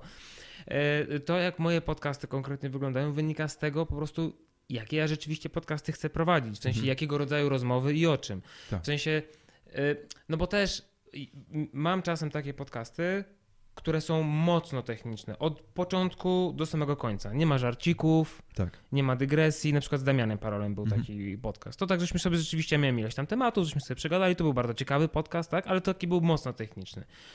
I to jest fajne. I jak raz na jakiś czas coś takiego zrobię, to jest dla mnie ok, jeżeli jest jakiś bardzo konkretny temat, który mnie interesuje, który chcę pogłębić, który sam chcę się dowiedzieć i, i dać też ludziom okazję do tego, żeby to zrobić.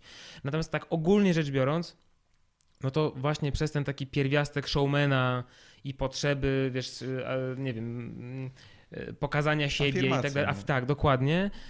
Ja po prostu chcę się tak na dobrą sprawę na koniec dnia po prostu dobrze bawić. Że wiesz, że w momencie, kiedy na, moje ulubione podcasty, takie totalnie subiektywnie, nie na zasadzie, że one są wartościowe, merytorycznie albo nie, to jakby jest zupełnie inna kwestia. Ale moje ulubione podcasty to są te, po których po prostu, wiesz, wyłączam nagrywanie i sobie myślę, kurwa, zajebiście się bawiłem. Tak. To był zajebiście fajny, Tak. to był fajnie spędzony wieczór. I wyobraź sobie, że w momencie, kiedy ty tak twierdzisz w życiu prywatnym, to nie są momenty, kiedy byłeś na wykładzie, jakkolwiek by on nie był ciekawy i ile by ci fajnych, y, wiesz, doświadczeń nie dał, tylko to był moment, kiedy byłeś gdzieś ze znajomymi, była fajna rozmowa, zabawna, ktoś A- się zżygał, było, było, było super. Mhm. I ja sporo takich podcastów też słucham, w sensie, tak, tak. bo fajnie jest posłuchać czegoś bardzo y, wartościowego merytorycznie, natomiast raz na jakiś czas fajnie jest też posłuchać może nie odmurzającego, wiesz, no bo też mam nadzieję, że nie gadamy tak, że to jest totalnie odmurzające. Nie, nie, wydaje mi się, że jest okej. Utrzymaliśmy No, poziom. Wydaje mi się, Ale że wiesz, jest jeszcze jeden kieliszek i zaczniemy, No, wiesz, teologii ja, mi się skończyło, zaraz będę dolewał. E, Ale, ale wiesz, że, że, że ja słucham i jednego mi się. Dziękuję bardzo. Y, Ja dlatego, ja w kółko gadam o tym biednym Joe Roganie. Po prostu już ludzi, Ale lu- dobry ludziom, się pewnie żygać chce, ale to jest mój. Jeżeli chodzi o właśnie prowadzenie podcastu. Z 300 odcinków, 500, półtora tysiąca Półtora. No. tysiąca. On po 1300 któryś odcinek jest w tej chwili. On, Marek, ale ja muszę ci ale przerwać w ważnym nie, momencie. Nie, tylko, tylko powiem No. tyle. On jest moim. Nie, nie, nie, nie, nie wstydzę się użyć tego model się role nazywa, model, no. idolem. No. Mówmy po polsku Idol. idolem e, pod, tym, pod, pod kątem, jak prowadzić podcast. W sensie on, on zaczął w ogóle podcasty nagrywać. On jest chyba radiowcem w ogóle. Nie, on jest stand-uperem, on jest, komi- on jest komikiem. Ale, e, ale miał też swój program radiowy, Audycje miał jakąś No, audycję. E, e, grał w serialu komediowym, już nie pamiętam tytułu tego serialu, e, obyty jest jakby z tego typu rzeczami, natomiast podcast, kiedy zaczął nagrywać, to on zaczął nagrywać, bo usłyszał, że coś takiego jest, okej, fajnie, spróbuję i zapraszał tylko swoich kumpli, też innych komików, po prostu sobie siadali i gadali o pierdo, po prostu o totalnych pierdo, to nie było, nie było misji w tym żadnej, robili to tylko dla zabawy. Zadam ci nie? proste pytanie. No. Teraz ja. Tak, Jak myślisz, skąd się wzięły podcasty? Nie odnosisz wrażenia, że z potrzeby, lekko podumarło radio? tak, z potrzeby, Jakiego, jakiej rozgłośni radiowej słuchasz? e, wiesz co, Radio Campus w Warszawie. Świetne radio. świetne Swoją radio. drogą, jak pracowałem... Fajna muzyka, jak, mieszkałem a jak już ktoś gada, to fajnie gada. Radio, No. Jak mieszkałem w Wawie, to, to było jedyne radio. I, I w Łodzi nie mam takiego radia tak naprawdę. E, Czasami radia Łódź, wiesz, i tak dalej. Ale wynika to z tego, że Piję kiedyś, z kolą, bo mnie stać. kiedyś było taka tradycja takich jakichś rozmów, wiesz? Były takie panele dyskusyjne Wiesz co, ale ja właśnie. się spotkałem, z, podać ten swój ten, Yy, ja się spotkałem z taką, ym, wiele osób mi to mówiło, że Dziękuję. nawet moich, wiesz, jakichś tam bliskich znajomych, że no fajnie, fajnie Marek, że nagrywasz te podcasty, ale ja ich nie słucham. Yy, I to jest dla mnie też okej, no bez przesady, tak? Ale no wiesz, bo ja nie lubię gadających głów. No bo to są gadające głowy to tak dosłownie. Od dwóch godzin siedzimy i wiesz, i, i mówimy cały Ale czas. wiesz, nie? że ludzie to robią na co dzień, ludzie też gadają. No to my- właśnie, do mnie do końca taki argument nie dociera, bo z jednej strony ta sama osoba, która mówi mi, że nie lubi gadających głów, z drugiej strony spędza ze mną dwie godziny na tym, że ze mną rozmawia, nie? Wiesz, co jest najgorsze Wiesz, nie- w podcastach? A w radiu, przepraszam, tylko tylko to, to, o czym ty powiedziałeś, że w radiu tego zaczyna brakować, Nie że, ma w ogóle. że a jak już ze sobą gadają, To się napierdalają Jezus, politycy. jakie to jest kurwa, ale posłuchaj, jak niektóre te audycje poranne, mówię, no, e, Campus to jest jedyna stacja, w której słucham, bo tam są Antyradio. osoby, osoby, które wiesz, jak ze sobą rozmawiają, to jest takie, że nie udają zabawne. To jest jedna z naj, dla mnie z najbardziej denerwujących rzeczy na świecie. Osoby, które nie są zabawne, a myślą, że są. To my. Nie, my jesteśmy zabawni. Ja przynajmniej. Ale e, w radiu jest strasznie dużo takich tych, tych, tych disc jockeyów, No którzy są po prostu strasznie su, Ale- susi, wiesz. No, wiesz co, wydaje mi się, że my czerpiemy z zagranicy właściwie wszystko, bo gdzie pojedziesz za granicę, to radio jest bardzo słabe. Nie wiem, nie słuchałem w Niemczech. No ja sporo, A po za mało rozumiem. sporo za granicą pracuję i, i w radio jest po prostu, nawet muzycznie jest słabe. Ale wiesz, ja to, nie mówię, że rozumiem, bo nie rozumiem, ale po prostu Mhm. nic tam nie ma. Są reklamy, jingle i ale to jest kwestia tego, wiesz, no... no budżetu. No, No Jedna tak, no bo wiesz, no, Winamp, kiedyś to się na Winampie Tak, przewijało. wiesz, na, na, najpierw się z prasy przesuwało, wiesz, na radio, potem z radia na telewizję, teraz z telewizji na tam digital szeroko pojęte i tak dalej, wiesz, no gdzieś te pieniądze migrują, tak więc, żeby czasopisma i radia mogły się w jakiś sposób ratować i dalej funkcjonować teraz, no to muszą się dostosowywać do tego, wiesz, no jak to Ja się, mam- no to ale- kiedy się słucha radia? W tej chwili już tylko w samochodzie, no kto słucha radia, kurwa, siedząc w domu? Bardzo rzadko się to zdarza. Okej, nie, ja nie mówię, że nie ma No. takich osób, bo Ja. moja żona na przykład Ja. też. I U wiesz, mnie w domu się słuchało trójki programu Trzeciego Polskiego Tak, Radia też, jeszcze z no. trzy lata temu, od rana do nocy. Nie? Ja stary po nocach Kydryńskiego słuchałem. Ja, pot, ja bardzo lubiłem, jak gdzieś wieczorem A, by- jechałem a- na trasie, to właśnie trójka, bo wieczorem Mhm. jakieś fajne audycje były, jakieś ja fajne rozmowy. Stara Wieża Sony, puszczałem Kydryńskiego wieczorem, wiesz, i, i Jana Ptaszyna Wróblewskiego, bo ja akurat jazzu bardzo lubiłem. Ale dla, Super, zadałem jesteś zadanie... pretensjonalny naprawdę. Strasznie, nie? Pedzio. E, Zadałem, zadałem No ci to nie ma pytanie... nic wspólnego z twoją orientacją seksualną, po prostu jesteś pretensjonalny, no tyle, no. Problem podcastów jest taki, że jest coś takiego jak, um, jak dla mnie są dwie zmienne. Mhm. Jest gra wstępna i, profesjon- i, i wbrew pozorom profesjonalny gość. Jak dzisiaj wyglądają rozmowy przy mikrofonie? Mhm. Rozmowy, bo mówimy o rodzaju dziennikarstwa. Masz profesjonalnego dziennikarza i profesjonalnego gościa po drugiej stronie. Z reguły. Mhm. Jeśli nie jest on profesjonalny, to starasz się z danej branży zabierać profesjonalnego. Jak to ma być geolog, to, to szukasz najbardziej wygadanego, a Mhm. nie pierwszego z brzegu. Tak. Politycy profesjonalni, a oni z reguły są. Mhm. E, gra wstępna, oni mają to za sobą, bo oni nie potrzebują gry wstępnej. Nie musisz lubić swojego rozmówcy, ani w ogóle nie musisz mieć z nim relacji. A w podcaście najczęściej tak jest, że ci ludzie mają jakąś relację, jakąkolwiek. Zaprosiłem cię tu, czemu? Bo chciałem, Mhm. bo mnie interesuje, co robisz, albo chuj mnie obchodzi, co robisz, ale chcę, żebyś to powiedział. A tam jest biznes, jest biznes. Nie Mhm. przyjaźnisz się z gościem, który do twojego biura przywozi mineralkę. Mhm. Możesz być dla niego miły, ale nie nagrasz z nim podcastu, bo cię to nie interesuje. I tak samo dziennikarz, e, dziennikarz radiowy czy telewizyjny przeprowadza N takich wywiadów. Mhm. W podcaście masz grę wstępną. Fajnie to rozkręciliśmy na początku pytaniami, ale weszliśmy dosyć głęboko. Podcast dla mnie jest przyszłością i mówisz, że ja mógłbym mieć swój podcast. Uważam, że powinieneś. Myślę, że Łapki w górę za podcast Ma- Maćka Małka. Okej, no może mógłbym. Mój e, serdeczny kolega, zresztą e, pojawiający się na pewno gdzieś tam na Twoich postach, gdzieś e, na Facebooku czy Instagramie, jego żona teraz będzie rozkręcać Kto? mm, ten, ten, ten Marcin, który zadawał te pytania. E, Jego żona Okej. będzie teraz nagrywać, nie wiem czy to ma być, ma mieć formę słuchowiska czy podcastu, Mhm. o fizyce i astronomii, ponieważ to jest jej pasja. Sztos. I z drugiej strony ktoś mógłby powiedzieć, no dobrze, no ale po co to ma być? No właśnie po to, że nikt się nigdy tego nie uczył. Że mój ojciec, sędziwy już pan, jakbyś mu dał lunetę, to by powiedział wszystkie gwiazdy, bo się zna na astronomii na przykład. Ja z fizyki byłem lepszy niż z matmy, więc może, może takie rzeczy są potrzebne. Radio jest straszne. Dzisiaj podcasty są jakimś ratunkiem, są też y, jakimś takim światłem y, y, w tunelu dla ludzi, którzy gdzieś są odcięci od, od rzeczywistości. W takim sensie, że masz celebrytę tam, nie wiem, jakiegoś super aktora, nie wiem, sportowca i dopiero po tej grze wstępnej, haha, to tam wiesz i tak dalej, Mhm. to już musimy kończyć bez reklamy. W podcaście jedziesz, tak? Świetny podcast z Kubicą. Kolejny nagle fenomen, tak?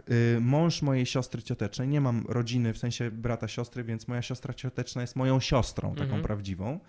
Jej mąż od x lat mnie męczy Kubicą, więc ja o Kubicy wiedziałem wszystko, męczy. Informuję Mhm. i jakieś podcasty mi wrzucał. I pierwszy podcast, Z Kubicą jest jakiś podcast? pierwszy podcast, jaki w życiu słyszałem, był z Kubicą. Co ty gadasz w ogóle? Oczywiście po angielsku, tak? Ale to było stary, nie wiem, 10 lat temu. Ja A mówię- to ja muszę poszukać. I, ja klikam na tym Mi YouTubie, się, mi się zawsze Kubica kojarzył jako osoba, która właśnie jakby stroni klikam na tym tak, wiesz- YouTubie, godzina 27. Mówię, Patryk, posrało cię. Przecież nie ma opcji, żebym ja tego przesłuchał. Rewelacja. Rewelacja. I mówię, kurczę, super. I zacząłem wtedy ślizgać się po jakiś tam... Z reguły to było Adrian Wojnarowski, ten e, dziennikarz NBA w Stanach. Może. Nieważne. Nie, Nieważne. moja pasja, tak? Tak. NBA, NBA, em, tak zwane mini, mini media, małe media, Mhm. tak? I teraz na przykład mój serdeczny kolega otwiera portal, ym, jakiś tam kanał dystrybucji informacji i wiedzy o jakimś młodym koszykarzu w Stanach. Okej. Ma swoją grupę odbiorców, jest to bardzo ciekawe, jestem zajarany. Ty masz swoją grupę odbiorców, jest to ciekawe, jesteś zajarany. Nie są nam potrzebne globalne media, których nie chcesz oglądać. To są media, którą ludzie może niekoniecznie z racji naszej szpetnej urody chcą oglądać, Ej, ale chcą słuchać. I, I teraz tylko pytanie, czy chcesz być w worku y, Topics General, czy tam, nie wiem, jakiś na przykład sport? nie, ale ku- kumam co ci chodzi. Em, no. Ja osobiście nie mam w domu telewizji. Mam telewizor i mam Netflixa. Ja też. Gadaliśmy chwilę o Netflixie, tak? Przed, przed, y, przed spotkaniem naszym. I nie cierpię z tego powodu, że Też nie mam telewizji. Aczkolwiek moi rodzice są aktorami i moja mama jest czynna zawodowo. Moja mama się pojawia w telewizji. Mhm. I no i no wiesz, no grała w dużych filmach, grała w serialach, tak, tak ktoś tam, o, bo twoja mama jest w telewizji. Ja mówię, okej, super, ale fajnie. Wiesz, no i, i, i to dla mnie jest chleb powszedni. Em, a z drugiej strony to jest takie, no, no nie wiem, no, ja namawiam mojego ojca, który em, w ogóle moja mama dostała ostatnio jakiś medal, ale taki super O- Od. Andrzeja? Od Adriana? Tak. Adri- pozorom Adrian, nie tam? tak. Wbrew pozorom od Adriana, e, bo to jest... Dlaczego em, wbrew pozoru? no bo on tego nie wręcza, ale to jest medal A, państwowy. kumam, tak? rozumiem. E, I mój ojciec oczywiście tych medali takich zasłużonych, to jest Gloria Artis, zasłużony dla kultury. To jest najwyższy medal w kulturze. Mhm, mhm, Naprawdę. mhm. Nie, I- no, I mój ojciec, coś. mój ojciec ma taką wiedzę, doświadczenie, nagrał tyle słuchowisk, podkładał głosy, wystąpił w ponad chyba 150 przedstawieniach teatralnych, w iluś filmach. Ja mówię, chłopie, póki ty jeszcze jesteś na chodzie, ty zrób coś z tym. Napisz książkę, nagraj, wy, napiszmy 10 tematów i przekażmy to ludziom. W Mhm. sensie napiszmy temat, a ja z tobą porozmawiam. Mhm. Przekażmy coś młodym aktorom, a jeśli nie młodym aktorom, to młodym ludziom entertainment. Jeśli nie tym, to po prostu wszystkim. E, Tego mi trochę brakuje, wiesz, dlatego zrezygnowałem z telewizji. Kiedyś nam się wszystkim wydawało, że jak masz 150 kanałów, to masz Discovery i coś tam. To jest w ogóle mega się rozwiniesz. Nic się nie rozwiniesz. Dzisiaj bardziej się rozwiniesz właśnie jak odpalisz Toma Foxleya, albo nawet Joe Rogana, albo, nie wiem, bardzo lubię kanał Athletic Development na Mhm. YouTubie y, y, tego serdecznego Alexa, kolegi, y, taki Alex. No możliwe. On chyba z, z Wrocławia jest. Wiesz, więcej się rozwiniesz w jakichś takich kategoriach, które są jakieś skonkretyzowane. Nawet jak czytasz jakąś książkę, to coraz chętniej mimo wszystko się czyta książki, wywiady rzeki. Mhm. Nie odnosisz takiego wrażenia, że jest, jakby mi ktoś powiedział, przeczytaj biografię ileś lat temu, mówię, chłopie, posrało? A dzisiaj... Ale nie wiem, czy to jest kwestia dzisiaj- wieku naszego, że my jesteśmy Nie, teraz starsi, że to się nie. zmienia Nie, nie, Ja, trend. widzę, ja widzę ludzi gdzieś tam na ulicy że, czytających że jest jakiś jakieś... brak po prostu takiej długiej rozmowy. No. Mówiliśmy o tym. Jest brak po prostu ikonizacji. Brakuje ikon. Brakuje punktów odniesienia dla Mi się ludzi. wydaje, że to nie tyle ikon, co po prostu jest tak spłycona debata na jakikolwiek temat w tej chwili, że wszystko musi się ograniczyć, wiesz, do nagłówka, Dlatego do potrzebujemy- dwóch minut, do Muszę wrócić do sportu, dlatego potrzebujemy jakiegoś tego mistrza świata, tak? mistrza Polski. Dlatego, wiesz, jak mówimy o Szybaju, to chętnie mówimy, że to jest the, the fittest in Poland. Bo mu, musi być jakieś reason to believe. No, ty jako człowiek pracujący w branży wiesz, co to znaczy. Musi być, ci ludzie muszą to jakoś wiedzieć. I, i, i my w jakimś stopniu też jesteśmy przekaźnikami mm, jakiejś takiej właśnie wiedzy, tego właśnie sakrum i profanum, o którym mówiłem. No bo on, nikt nie kuma, co my robimy, tak? I, I to my jakąś swoją autoprezentacją jesteśmy w stanie to przekazać, niezależnie jaka to jest branża. Wydaje mi się, że spotyka się dzisiaj bardzo nietypowa sytuacja. Mhm. Znowu wrócę do naszego sportu, ale niekoniecznie będę o nim mówił. Niekoniecznie będę o nim mówił, bo zdarza się taka sytuacja, że rozmawia ze sobą dwóch kolesi, którzy e, są transmiterami, czyli którzy łączą jedną strefę z drugą. Jakichś tam kibiców od sportowców, e, nie wiem, tam pracowników od dyrektorów, czy trenerów od tam szkolących się, tak? Że Mhm. rozmawiają ludzie, którzy przekazują naprawdę szczątkową wiedzę, taką doświ- doświadczalną. I jeśli była śmieszna lista pytań od moich kumpli, fajnie, ale ja bym sobie życzył, żeby kiedyś ktoś na przykład mi powiedział: OK, masz tremę w ogóle? Masz tremę? Robiąc podcast? Nie, ja robię podcast nie. A ja dzisiaj miałem, Tak? bo wbrew pozorom pierwszy raz w życiu mówię do mikrofonu nie trzymając go. To to jest bardzo specyficzne, tak? A, I zupełnie inne doświadczenie Że wiesz, że masz jaki... Ja jako dziecko nagrywałem mnóstwo reklam w radio, Mhm. bo rodzice pracowali w radio, no to był potrzebny chłopiec, który sprawnie coś przeczyta na szybko, tak, bo ktoś tam Mhm. nawalił. I tak się nagle okazało, że ja robiłem reklamy w Radio Łódź, w TVP3 nagrywałem jakieś tam głosy, nieważne. Ale ja miałem jeden podstawowy problem. Ja muszę trzymać mikrofon. I to, co chciałem powiedzieć wcześniej, no bo Freddie Mercury, no całe moje życie Freddie, i dzisiaj to wszyscy, o ja, ja zawsze słuchałem Frediego, bo jest ta z premiera Bohemy.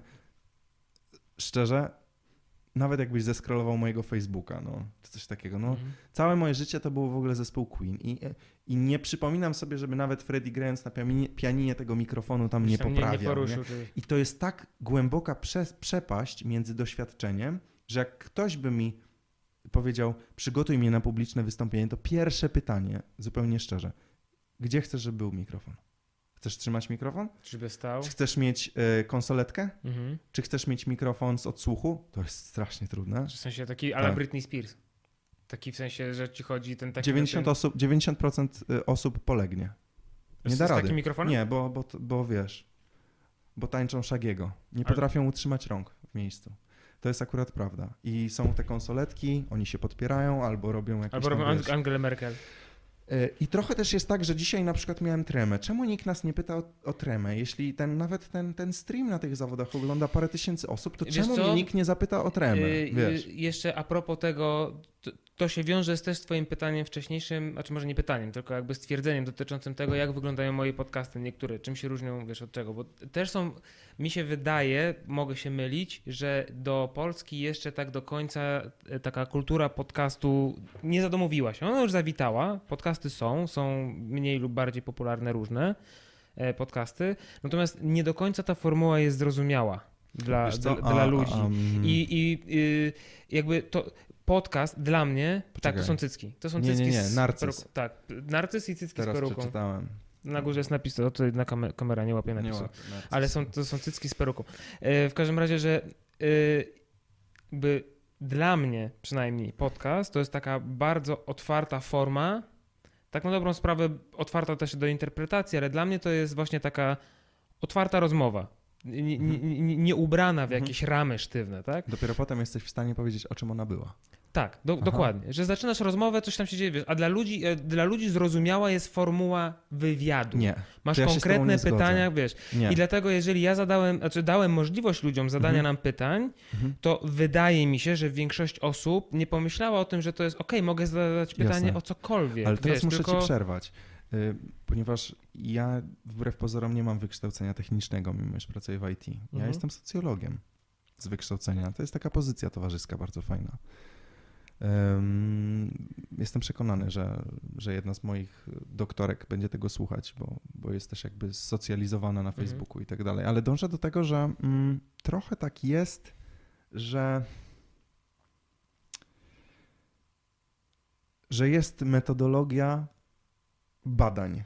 Mhm. Muszę, muszę tak od tyłu zacząć, Mhm. że są badania, które rozmowy z ludźmi, dlatego użyłem kie- takiego sformułowania jak wywiad biograficzny, wywiad biograficzny. I to jest taka metoda, która pozwala ludziom mówić.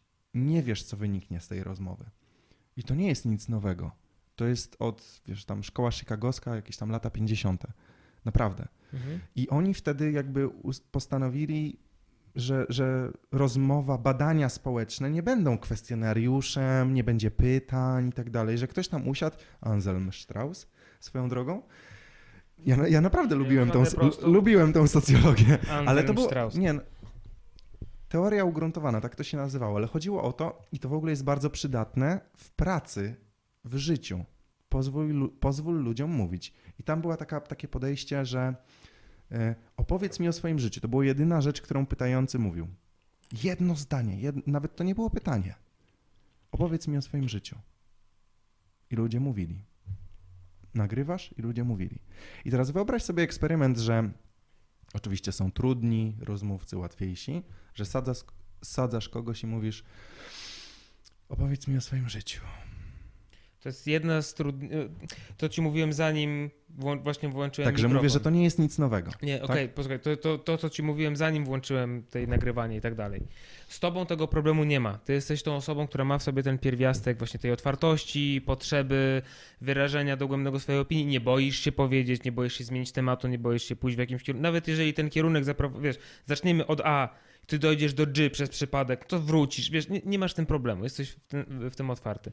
Natomiast to jest właśnie problem, który ja mam czasami z niektórymi rozmówcami, że widzę ewidentnie, że do momentu, kiedy powiem OK, włączyłem nagrywanie i od momentu, kiedy powiem OK, wyłączyłem nagrywanie, to, jest, to są dwie różne rozmowy. W sensie to, co jest po środku, kiedy ten mikrofon jest włączony, nagrywanie jest włączone, to są dwie zupełnie różne rozmowy. Że ktoś ze mną, otw- wiesz, rozmawia otwarcie i jest w stanie się szczerze wypowiadać na swój temat, na temat, nie wiem, jakikolwiek, natomiast w momencie, kiedy wie, że jest nagrywany, to z tego Okej. takie, wiesz, Okej, Marek, a jakie masz do mnie pytania? ja do ciebie? No. Jezus, sobie coś zapisałem. Nie, ale tak szczerze, zapisałeś coś? Nie, jakieś takie pierdoły, bo myślałem, że nie, wiedziałem, wiesz, nie wiedziałem jak się No nasza właśnie o to rozmowa chodzi, potoczy. Właśnie o to chodzi, tak? Że, że, że Wiesz jest coś co? takiego, że No. nawet jak... Ja nie jestem fanem zorganizowanych wywiadów. Ja też W takim nie. sensie, że... Ja e, też nie. Ja, miałem, ja, ja bardzo miałem- dużo, wiesz, miałem epizod pracy w mediach. I to była w ogóle fatalna sytuacja. W ogóle nie umiałem się w tym odnaleźć, bo... w, ale w radiu, w telewizji, w, W prasie. W prasie. W prasie Mhm, w mhm. internecie, ale nie umiałem się odnaleźć w takiej ramie, że masz Zajebiste pytanie. Nienawidzę. Wiesz, masz coś takiego, że rozmawiasz z człowiekiem, bo ja jestem socjologiem z wykształcenia i mnie tam nauczyli, że masz podejść do gościa, my robiliśmy badania z kloszardami na studiach, Sztos. no, i, i masz podejść do gościa i powiedzieć, proszę mi powiedzieć o swoim życiu. I to jest wymóg metodologiczny, nie możesz mu podpowiadać. Mhm. Żeby badanie było jakby uznane, to musisz mu powiedzieć mówić. Chuja mówią, wiesz. Mhm. Trzeba było paczkę papierosów jakąś tam dać, wiesz, jakieś tam... To były niesamowite badania. Świetne w ogóle materiały, w ogóle Historię. niesamowite historie. Nieważne, czy są zmyślone, czy nie, bo to chodzi o to, że kogoś słuchasz. I, i ja ci zaczepnie zadaję pytanie, czy masz jakąś listę? Bo może masz, bo może jest coś super ciekawego w tym, co ja robię, w sensie, nie wiem, czy od strony prywatnej, czy tam Microphone Athlete, wiesz, cokolwiek, czy jest coś takiego super ciekawego, czym możesz mi pomóc yy, podzielić się. Szczerze, szczerze nie, nie mam, Bo- nie mam, a czy wiesz, Ale miałem, miałem strony- kilka, kilka pierdółek, wiesz, jakichś zapisanych, na zasadzie, okej, w momencie, kiedy się urwie temat i nie będziemy wiedzieli o czym Aha, mówić, to tak, zarzucę temacik, Ile masz w rwaniu? No. Y, y, Ktoś tam pytał. Y, by- Było takie pytanie. Tak? To powiem, czekaj, dawaj. Czekaj, czekaj, czekaj Dawaj, powiem to- od kogo, tylko powiem od kogo pytanie jest, żeby było... Zróbmy te czekaj, pytania. że- Żeby bo było takie pytanie, nie, poczekaj, poczekaj, ym, Bo potem będą, wiesz, obrażenia. cholera, nie mogę teraz znać, ale było takie pytanie, ile ma w rwaniu? Cholera, nie mogę My naprawdę znaleźć. to sprawdzamy, wiesz, ludzie to oglądają. Ale jest pytanie, y, K. Malana, krap- kropka Malana pyta ulubiony kebab w Łodzi. O, fajne pytanie. Fajne, fajne, fajne. Dużo kebabów w Łodzi? Jest sporo mm, i ta jest, to jest trochę w Łodzi, to jest zawsze ale żeśmy, wszystko... tak żeśmy poważnie gadali teraz o kebabach, ale dobra, niech Nie, będzie, taki miał krótki przerwy. Kurde, no jedzenie jest poważne, ja ci zaraz taką poważną formułę wysunę. Miałem zajebisty. Hu, y, Hubert ci to po, Tak, potwierdzi. tak. Jak, bo jak u mnie tutaj był, to jeszcze ten kebab istniał. Zajebisty kebab miałem tutaj zaraz obok, jak nagrywamy. No, no. Al Atlas kebab. I któregoś razu nagrywałem z, z kimś podcast, przyjechałem tutaj wcześniej, żebyś tam prostawiać, bla bla bla i tak dalej. I tak, a dobra, jeszcze mam czas zjeść. Idę, stary, a tam nie to, że zamknęli, zrównali z ziemią budę. Po prostu zaorane. Po prostu nie było nawet tej budy. Dramat. Nie, niektórzy płaczą do dziś. Kurwa, trauma. Słuchaj, ale wiesz co, ja się śmieję, bo Łódź to jest zawsze, Ełka Widzew, tam, nie wiem, Mhm. coś tam, są zawsze takie tylko dipolowe, tak? W, Mhm. prawo, w, lewo, w lewo, w prawo. No to w Łodzi jest ten Zahir Kebab i Berlin. I tak jakieś no-name. Ja jem tylko w Berlinie. Także odpowiadam na pytanie, jem w Berlin Kebab, wiadomo. Ale przez to, że pracowałem dużo w Niemczech, no to tam się Okej, nauczyłem. wracając do twojego pytania trochę poważniejszego dotyczącego, czy mam do ciebie jakieś pytanie, to nie, nie mam, naprawdę. I to nie tylko, że do ciebie, tylko w ogóle, znaczy Ale bo, bo, bo Trochę kolejne, inaczej- kolejne no. trudne słowo, prekonceptualizacja. Jezus Czy doszła Maria. tutaj, przeszła jakaś prekonceptualizacja? No bo Preko- czego, czego się spodziewałaś po tej rozmowie Wiesz co, spodziewałem się... Bo ja ci, ja ci zadałem pytanie dawno temu. no, Po, co, po co mnie zapraszasz na, tego, na, na, na, na to spotkanie? powiem ci, tak, to, to jest... Yy, I to nie, do, nie, nie dotyczy tylko podcastu z tobą, tylko w ogóle podcastów, które nagrywam. To jest coś, co ja, ponieważ to jest tam dwudziesty któryś dopiero, tak, czyli ja dopiero tak na dobrą sprawę się rozkręcam w tym wszystkim. Ja troszeczkę jeszcze szukam koncepcji w tych podcastach, więc na chwilę obecną koncepcja jest taka, że po prostu chcę zaprosić osoby albo osoby, z którymi po prostu chcę porozmawiać, niezależnie od tego, jaki będzie temat, Jasne. bo po prostu kogoś znam, lubię albo chcę poznać, albo jest jakiś temat konkretny, o którym chcę porozmawiać i wtedy, no może, może nie co, tyle, że osoba jest pozorom nieważna, się bałem, że nie? będziemy gadać cały czas właśnie o, o fitnessie, wiesz? Bo, Ja bo... bym bardzo tego nie. Ja, ja naprawdę, może. Ja, znaczy ja się nie chcę od crossfitu czy od fitnessu i tak dalej odcinać na zasadzie, że to, teraz Nie, to nie, mam w nie, dupie, nie. że to. Wiesz co, to jest- No wiadomo, że to będzie wracać w jakiś Ale wiesz co, sposób, bo to to jest jest, bardzo ważna część mojego życia, natomiast nie chcę się do tego ograniczać. No uważam, że jest tyle ciekawych rzeczy do rozmawiania, tak, wiesz. y, Więc y, odpowiadając bezpośrednio na twoje pytanie, czego się spodziewałem po tym, że przyjedziesz tutaj do mnie, że uda się cie, y, ciebie zaprosić i porozmawiać, no to właśnie w zasadzie na dobrą sprawę tego, co jest teraz, że po Tak. prostu będziemy sobie skakać po tematach, przyjemnie, fajnie rozmawiać, tu pogadamy o tym, tu o tamtym. Nie wiem, szczerze, nie mam bladego pojęcia, na ile taka forma i taka rozmowa jest ciekawa dla słuchaczy. Wiem, wiem. wiem, że ona jest ciekawa dla mnie, bo też wychodzę z założenia i to powtarzam wielokrotnie, wiem, że brzmi jak zdarta płyta, ale to też po to, żeby no nie wiem, uświadomić ludziom, bo też czasami ludzie do mnie tam, nie wiem, piszą, że tam, a po to, że gadał o tym czy o tamtym. Ja już mam jedną pracę. Tak, tak. Mam tak, jedną pracę, do której chodzę i muszę w określony sposób określone rzeczy robić. A tu możemy To jest mój obowiązek. A to jest moje hobby. To jest masz- tak jak wiesz, dlaczego akurat sklejam modele kurwa czołgów, a nie statków? No bo Tak. kurwa czołgi są zajebiste. No oczywiście, że są. Bo są. No ja, ja wiesz, nawet miałem tutaj taką leciutką rozmowę w domu na ten temat. Sklejanie modeli? Czy No czołgów? sklejałem modele trzy dni temu dosłownie. Naprawdę? Tak, ale Kurde. samolot sklejałem. Dostałem w prezencie i sklejałem samolot, No a teraz obser- ja- obserwuję ja czołgi. najwi- Poza tym gram w czołgi. Wiesz co, To jest moja jedyna słabość ja za mało lata strasznie się wkręciłem w sklejanie modeli. Strasznie. I naprawdę...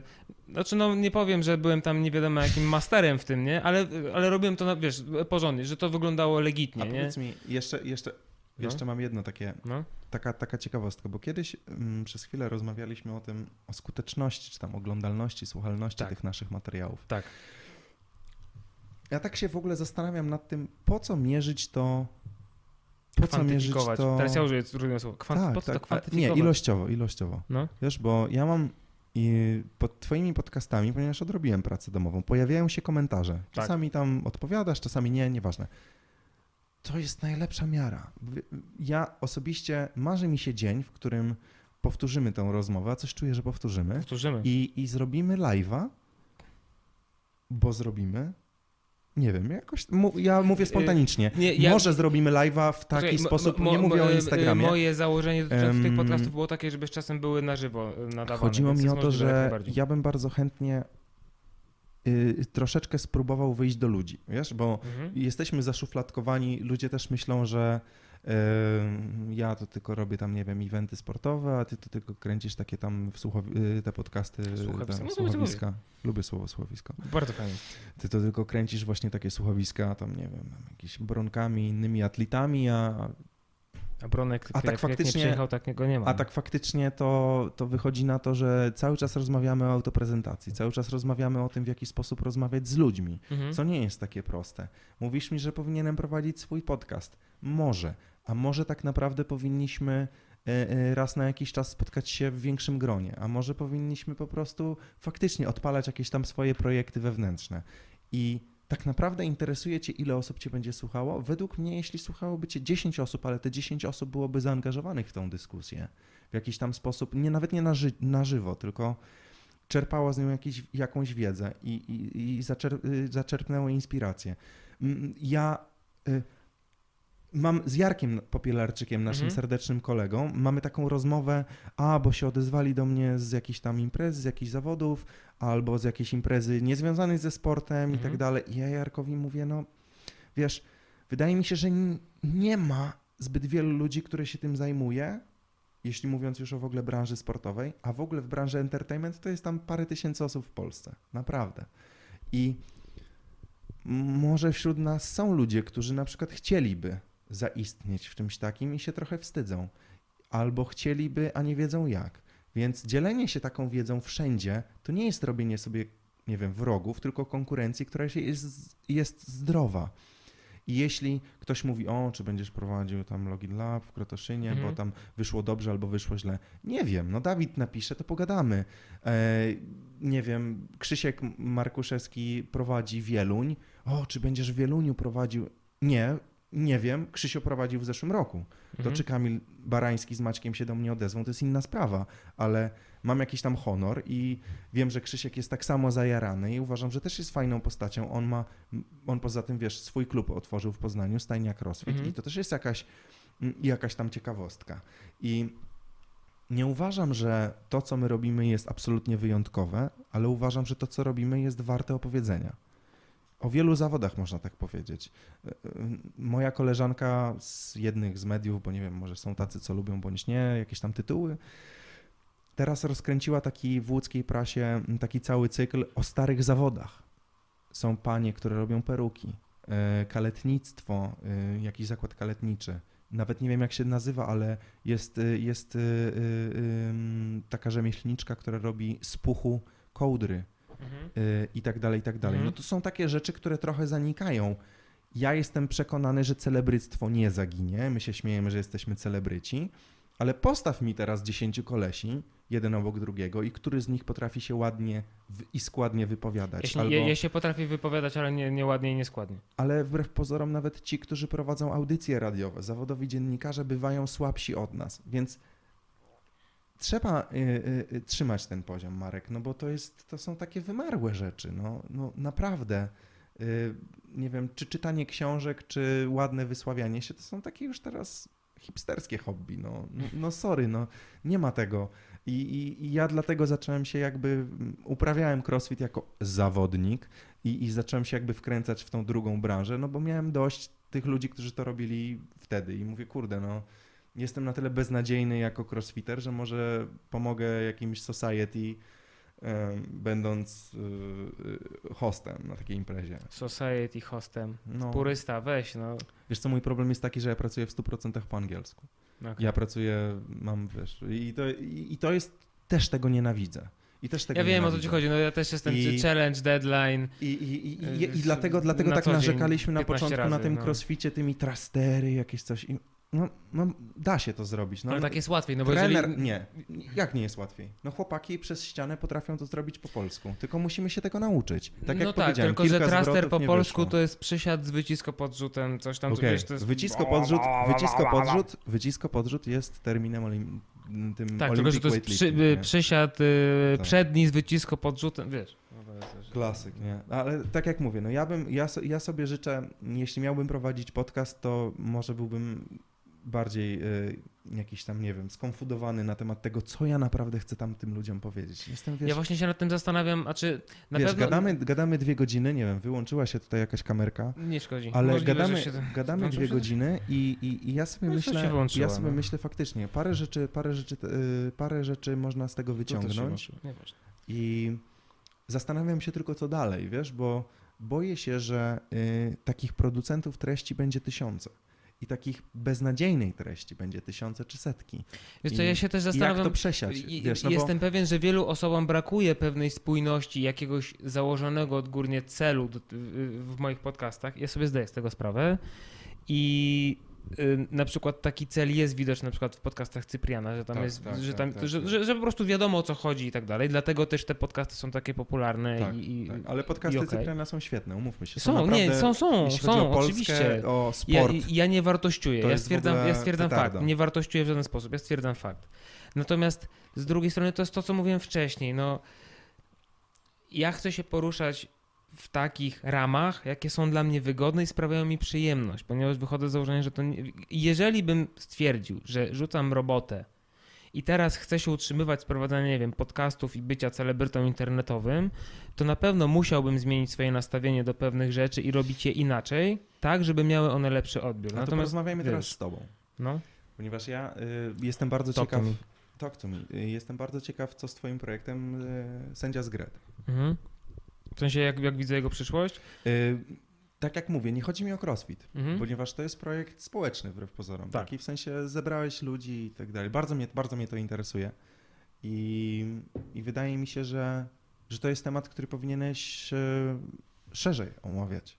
To jest temat, który gdzieś w jakimś stopniu jest, jest ciekawy. Po prostu, bo, bo w, jeśli już dotykamy naszego sportu, to nasz sport jest naprawdę ciekawy, jeśli chodzi o community. Serio. Naprawdę. Jeśli masz być taki super obiektywny, no to może na takich właśnie gamesach, to jest jakieś widowiskowe, no z flaki z olejem, 8 hitów takich samych, nie?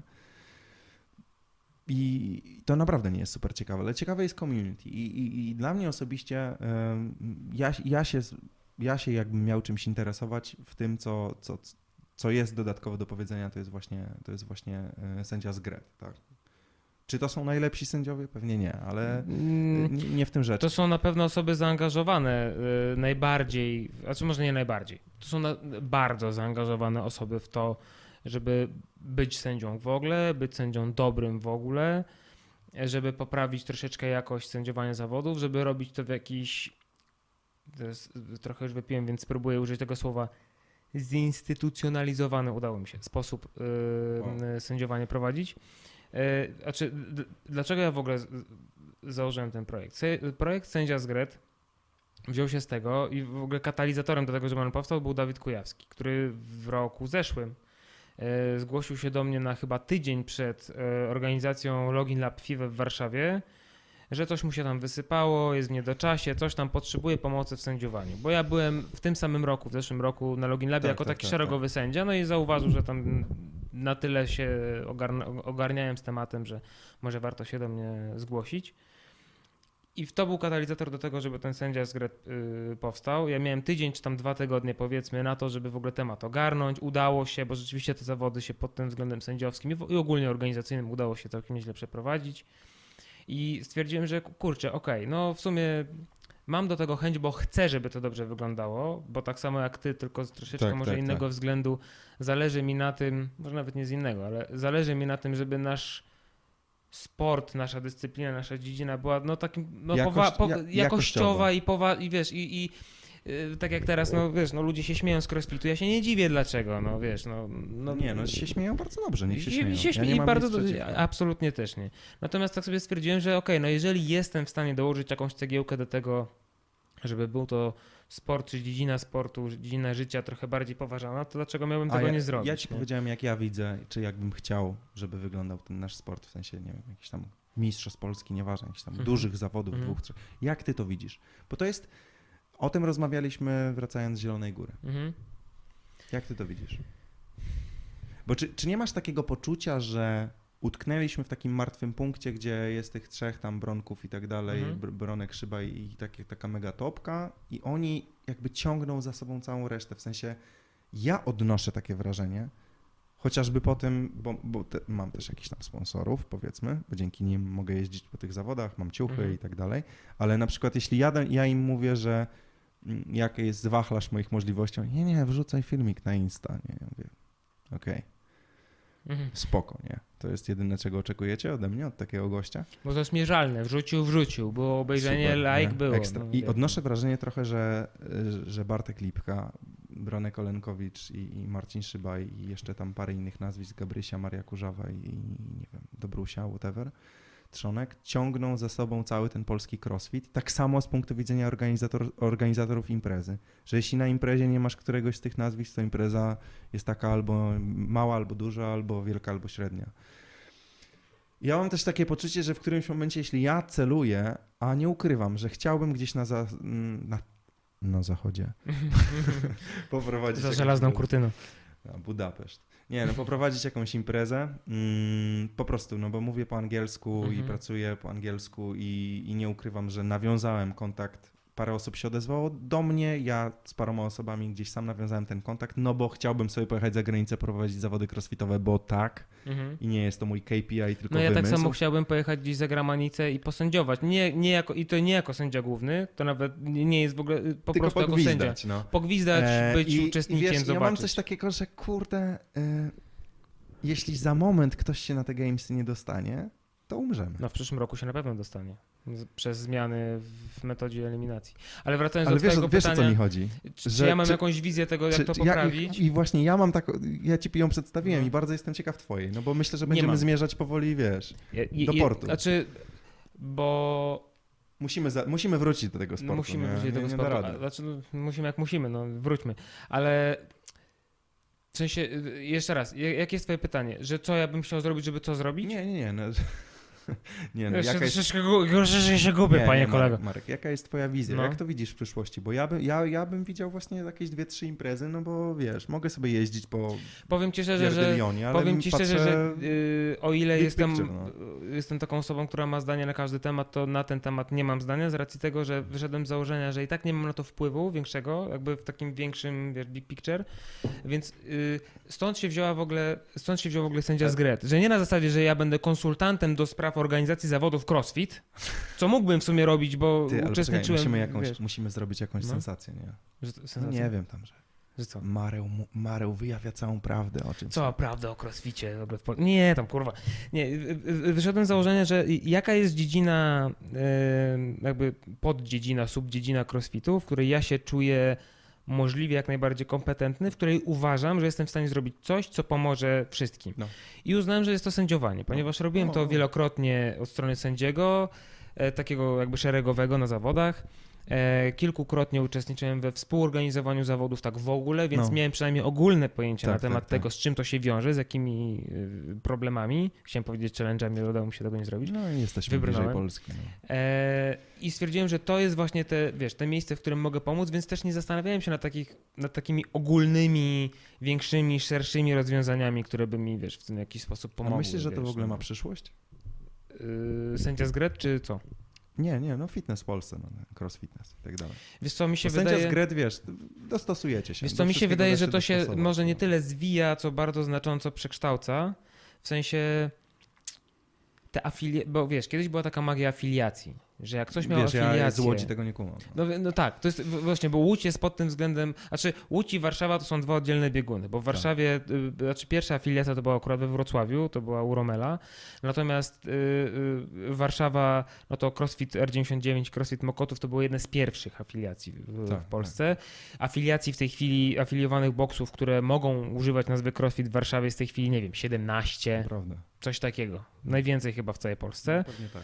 E, natomiast w Łodzi zawsze było tak, że nie było w ogóle afiliacji. Znaczy tam się pojawiała, z nich było CrossFit Łódź, teraz już to nie jest CrossFit Łódź. Jest, Było CrossFit kilka, Zatoka jest kilka. chyba jedyną w tej chwili miejscówką, która ma rzeczywiście afiliację i tak z mi tego, się wydaje. Co wiem, tak. Tak mi się wydaje, nie Tak, jestem tak, pewien, tak, bo też nie tak. śledzę tego Tak. jakoś. Z drugiej, nie wiadomo strony, jak, z drugiej nie? strony klubów, gdzie można prowadzić ten... Tak, Tak, no czy gdzie jest cross training, cross cage, On- czy jakkolwiek to Znaczy, tam ktoś wygląda sobie to tak nazwie. samo po Tak, prostu, no ale umówmy no, się, że to jest tylko tak, i wyłącznie tak. kwestia tego, czy ktoś tak, jest- może jest sporo. prawnie używać nazwy Tak. I crossfit. w całej Polsce też, ale nie? czy nie odnosisz wrażenia, że naprawdę mówimy o czymś, co jest mniej popularne niż, nie wiem, no... Mój ko- kolega zawsze tam gdzieś tam wchodzi w jakieś dyskusje ze mną, że, że jazda konna jest bardziej popularna pewnie, czy tam tenis niż, niż crossfit. Bardzo no. możliwe. Czy tenis na pewno? Na pewno. Ale to jest też to, o czym mówiłem wcześniej, wiesz, że my żyjemy w pewnego rodzaju bańce. No wiesz, mówimy tutaj, jeżeli znalazł się, y, wiesz, w ogóle dwie i pół godziny już gadamy, Wow. tak więc jeżeli ktoś dotrwał do tego momentu, pozdrawiamy bardzo serdecznie. Pozdrawiam naszych y, partnerów, Pozdrawiamy sponsorów. naszych- Tak, pozdrawiamy. Sprawdźcie, że to nagraliśmy. Sportst, sklep.sportst.pl, pozdrawiam. E, y, więc wiesz, my żyjemy w pewnego rodzaju bańce. Wiesz, strasznie dziwna sytuacja taka, że ja ogólnie jakby w skali kraju 30 tych prawie 9 czy 8 milionów Polaków jestem osobą całkowicie anonimową, tak jak każda inna osoba na ulicy. Natomiast w momencie, w którym ja się pojawiam na jakichś zawodach crossfit, to ja już nie jestem osobą anonimową. I są takie sytuacje, Rola, tak zwana rola. że ludzie do mnie podchodzą i chcą sobie zrobić ze mną zdjęcie, co jest strasznie dziwne. Tak, tak, tak. E, tak. i- jakby ja tego, wiesz, jakby nie hejtuję.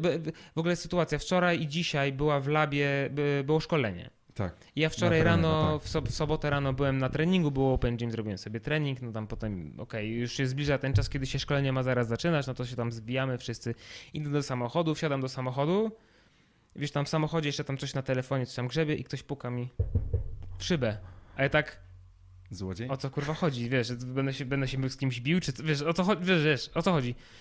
I, I wiesz, i stoi koleś i się patrzy na mnie i się uśmiecha, nie? Ja tak, wiesz, otwieram te drzwi, tak, czy ja dobrze robię, czy, czy, ja- czy ja dobrze robię, czy ja źle robię. I, się i co się okazuje, że to koleś, który idzie na szkolenie, Tak, zobaczycie. e. Bartek chyba, jeżeli dobrze pamiętam, Bartek, pozdrawiam, Bartku. tak mi się Tak. wydaje, że Bartek. Na pewno e, nas ogląda. Tak, no, bardzo możliwe, O? to, jak najbardziej. O? Który idzie na to szkolenie do labu, e, wiesz, e, rozpoznał mnie, wiesz, jak do Tak. samochodu, że cześć, oglądam twoje podcasty, w ogóle fajnie, super, wiesz, tak. a ja w tej, w tej chwili, wow, wiesz, dzięki, nie, to jest... Ja miałem taką sytuację, siedziałem, z, to, to była absolutnie najbardziej abstrakcyjna sytuacja w moim życiu. Bo jeżeli ja jestem na zawodach jakichś tam crossfitowych, no to jestem w stanie zrozumieć, że znajdzie się ta jedna, dwie osoby, które mnie gdzieś tam kojarzą Tak, i tak, tak, dalej tak. i będą chciały, może niekoniecznie robić, zrobić sobie zdjęcie, ale przynajmniej Pogadać. piątkę, pogadać, Pogadać, chwilę, cokolwiek, jasne. nie? Stary, siedzę w Warszawie, to było jakieś, no na początku tego roku, czyli to już prawie rok temu było, siedzę sobie w Warszawie, w, w Green Nero Coffee ze znajomymi, po prostu siedzimy, pijemy kawę, jemy Jasne, ciastka, jasne. nie? I siedzi obok nas jakiś koleś z jakąś typiarą, siedzą sobie we dwójkę i widzę, że ten koleś się co chwilę na naszą stronę patrzy, ale wiesz, nie wiem o co chodzi, wiesz, no, się. są czasami takie Tak. sytuacje, że Jasne. wiesz, nie wiem o co Twoja chodzi. twarz I brzmi w pewnym momencie widzę, ten koleś się zbiera do wyjścia, bierze swoją kurtkę, bierze tam jakiś plecak, coś tam, wiesz, szykuje się do wyjścia i wiesz, i podbija do mnie, klepie mnie. I wiesz, i sorry, przepraszam, czy mógłbym na chwilę pogadać? I tak, i, i wszyscy... W ogóle o co chodzi, nie? Ja tak też, też ja, ja do tej pory, wiesz, w takich sytuacjach też tak za bardzo nie kumam, wiesz, o co może chodzić, Tak. nie? I to się okazało, a bo wiesz, bo cię tam, wiesz, oglądam Tak, w tak. internecie, tam, wiesz, fajnie robisz tego, podoba mi, bla, bla, bla. I wiesz, ja w szoku, wszyscy w szoku, barmanka w szoku, wszyscy kurwa w szoku, wiesz, ja nie wiem, co się dzieje. To są dla mnie całkowicie abstrakcyjne sytuacje. zdecydowanie. Natomiast to jest raz na miliard sytuacja, Ale więc wiesz co, Marek? ale wra- wracając do tego, co mówiłem, No. mówiłem wcześniej. Ja żyję w bańce. Tak. I taka sytuacja, wiesz, w kawiarni to mi się zdarzyła jeden raz w życiu. Poza No to- tym to może mi się ona zdarzyć na stricte zawodach crossfitowych, a tak poza tym to jestem całkowicie To anonimowy. widzisz, jestem to- szeroko to znany ja w bardzo jestem. wąskim To towarzystwie. ja nie jestem. Z prostej przyczyny, bo wychowałem się w środowisku, gdzie moja mama po dziś dzień jest mega rozpoznawalną osobą. Nie jest aktorką, warszawską aktorką z pierwszych, pierwszych stron gazet, tylko gdziekolwiek nie pojedzie, to pokolenie twoich rodziców ją zna. Hmm. Bo, bo, bo grała w wielu filmach i tak dalej, i tak dalej. Więc ja jestem przyzwyczajony do sytuacji, że nie ze mną, ale ktoś zaczepia moją mamę i to jest dla mnie takie mega normalne.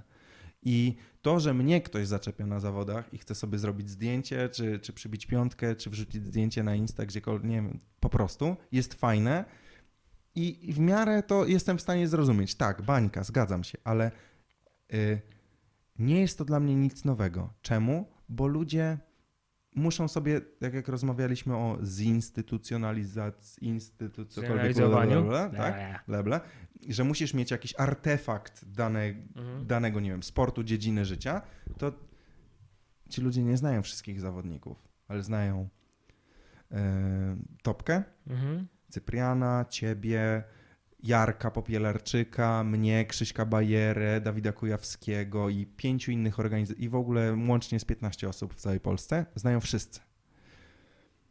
Mam nadzieję, że my dalszy- jesteśmy w czołówce, Ale tych, w dalszym ciągu, ale posłuchaj, Nie, ale no, w dalszym ciągu to- to... jest 15 tysięcy osób. Tak, tak. Ile tak, to nie jest procent tak, nawet. Tak, tak. Nie, Wiesz, no to jest... musimy pamiętać o tym, że wiesz, że Ale ma to swój urok, wiesz? To, ma to no swój ma, urok, ma, to ponieważ... jest nisza, to jest totalna nisza w dalszym ciągu, tylko że po prostu właśnie o to mi chodzi, że czasami nam się zaczyna wydawać, nam mówię tutaj o tym community szeroko pojętym, że my już nie Coś wiadomo jak, znaczymy. i, tak, że nie Mhm. wiadomo jak zawojowaliśmy Dlatego świat, ja bardzo wiesz. chętnie opowiem o modelach biznesowych i jakichś takich rzeczach, o rzeczach, które mogą się komuś przydać, bo cały czas wydaje mi się, że jak byliśmy w Ptaku y, w Nadarzynie na tych zawodach Garage Games, czy już nie Łódź Garage Games, tylko tam Garage zwykły Garage mhm. Games, Krzysztof to Bajera organizuje sprawnie, to na naszych zawodach było tam, nie wiem, 200 zawodników, czy 100 i iluś tam kibiców, a obok była, był Kuczaj ze swoim występem w jest Kuczaj. leginsach, jakiś celebryta, zapamiętałem Kuczaj przez Q, Mhm. jakiś celebryta internetowy, który tam robił tam pół przysiady Mhm. i on zgromadził 1200 osób na wspólnym treningu. Więc dążę do tego, że naprawdę wiem, że nie mamy żadnego znaczenia, dlatego chętnie, chętnie We podzielę are się worthless. chętnie podzielę się jakby taką merytoryczną wiedzą, właśnie nie merytoryczną, doświadczalną wiedzą, jak mówić, czy, czy jak poprowadzić jakby dyskusję z ludźmi i czy jak zarządzać grupę, grupą totalnie przypadkowych osób. Wiesz co, to są fajne Wiesz- tematy, tylko że wiesz, y, bo wydaje mi się, że chcąc nie chcąc cały czas kręcimy się wokół tego, dlaczego akurat tak mój podcast wygląda, nie inaczej.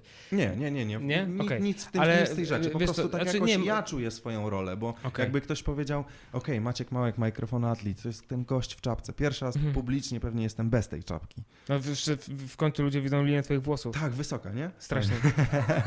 Więc y, wiesz, czapkę dostaję od, od, od mojego serdecznego kolegi, który, który ma biznes hawciarski. A czy nie masz własnej czapki i od niego Nie, dostajesz? wszystko dostaję od niego. Okej. Y, ale chodzi mi tylko o to, że to jest takie, wiesz, no, ludzie mają okazję porozmawiać z nami na zawodach i fajnie, że rozmawiają, dziękują, robią sobie zdjęcia, ale naprawdę mamy dużo ciekawsze doświadczenia, nawet związane z tymi zawodami, niż, jest, niż jesteśmy w stanie przekazać. I znowu wracam do tego forum dyskusyjnego, Mhm. eksperckiego. Czemu 3 na 5 zawodów, na których jesteśmy, jest przeciętnych?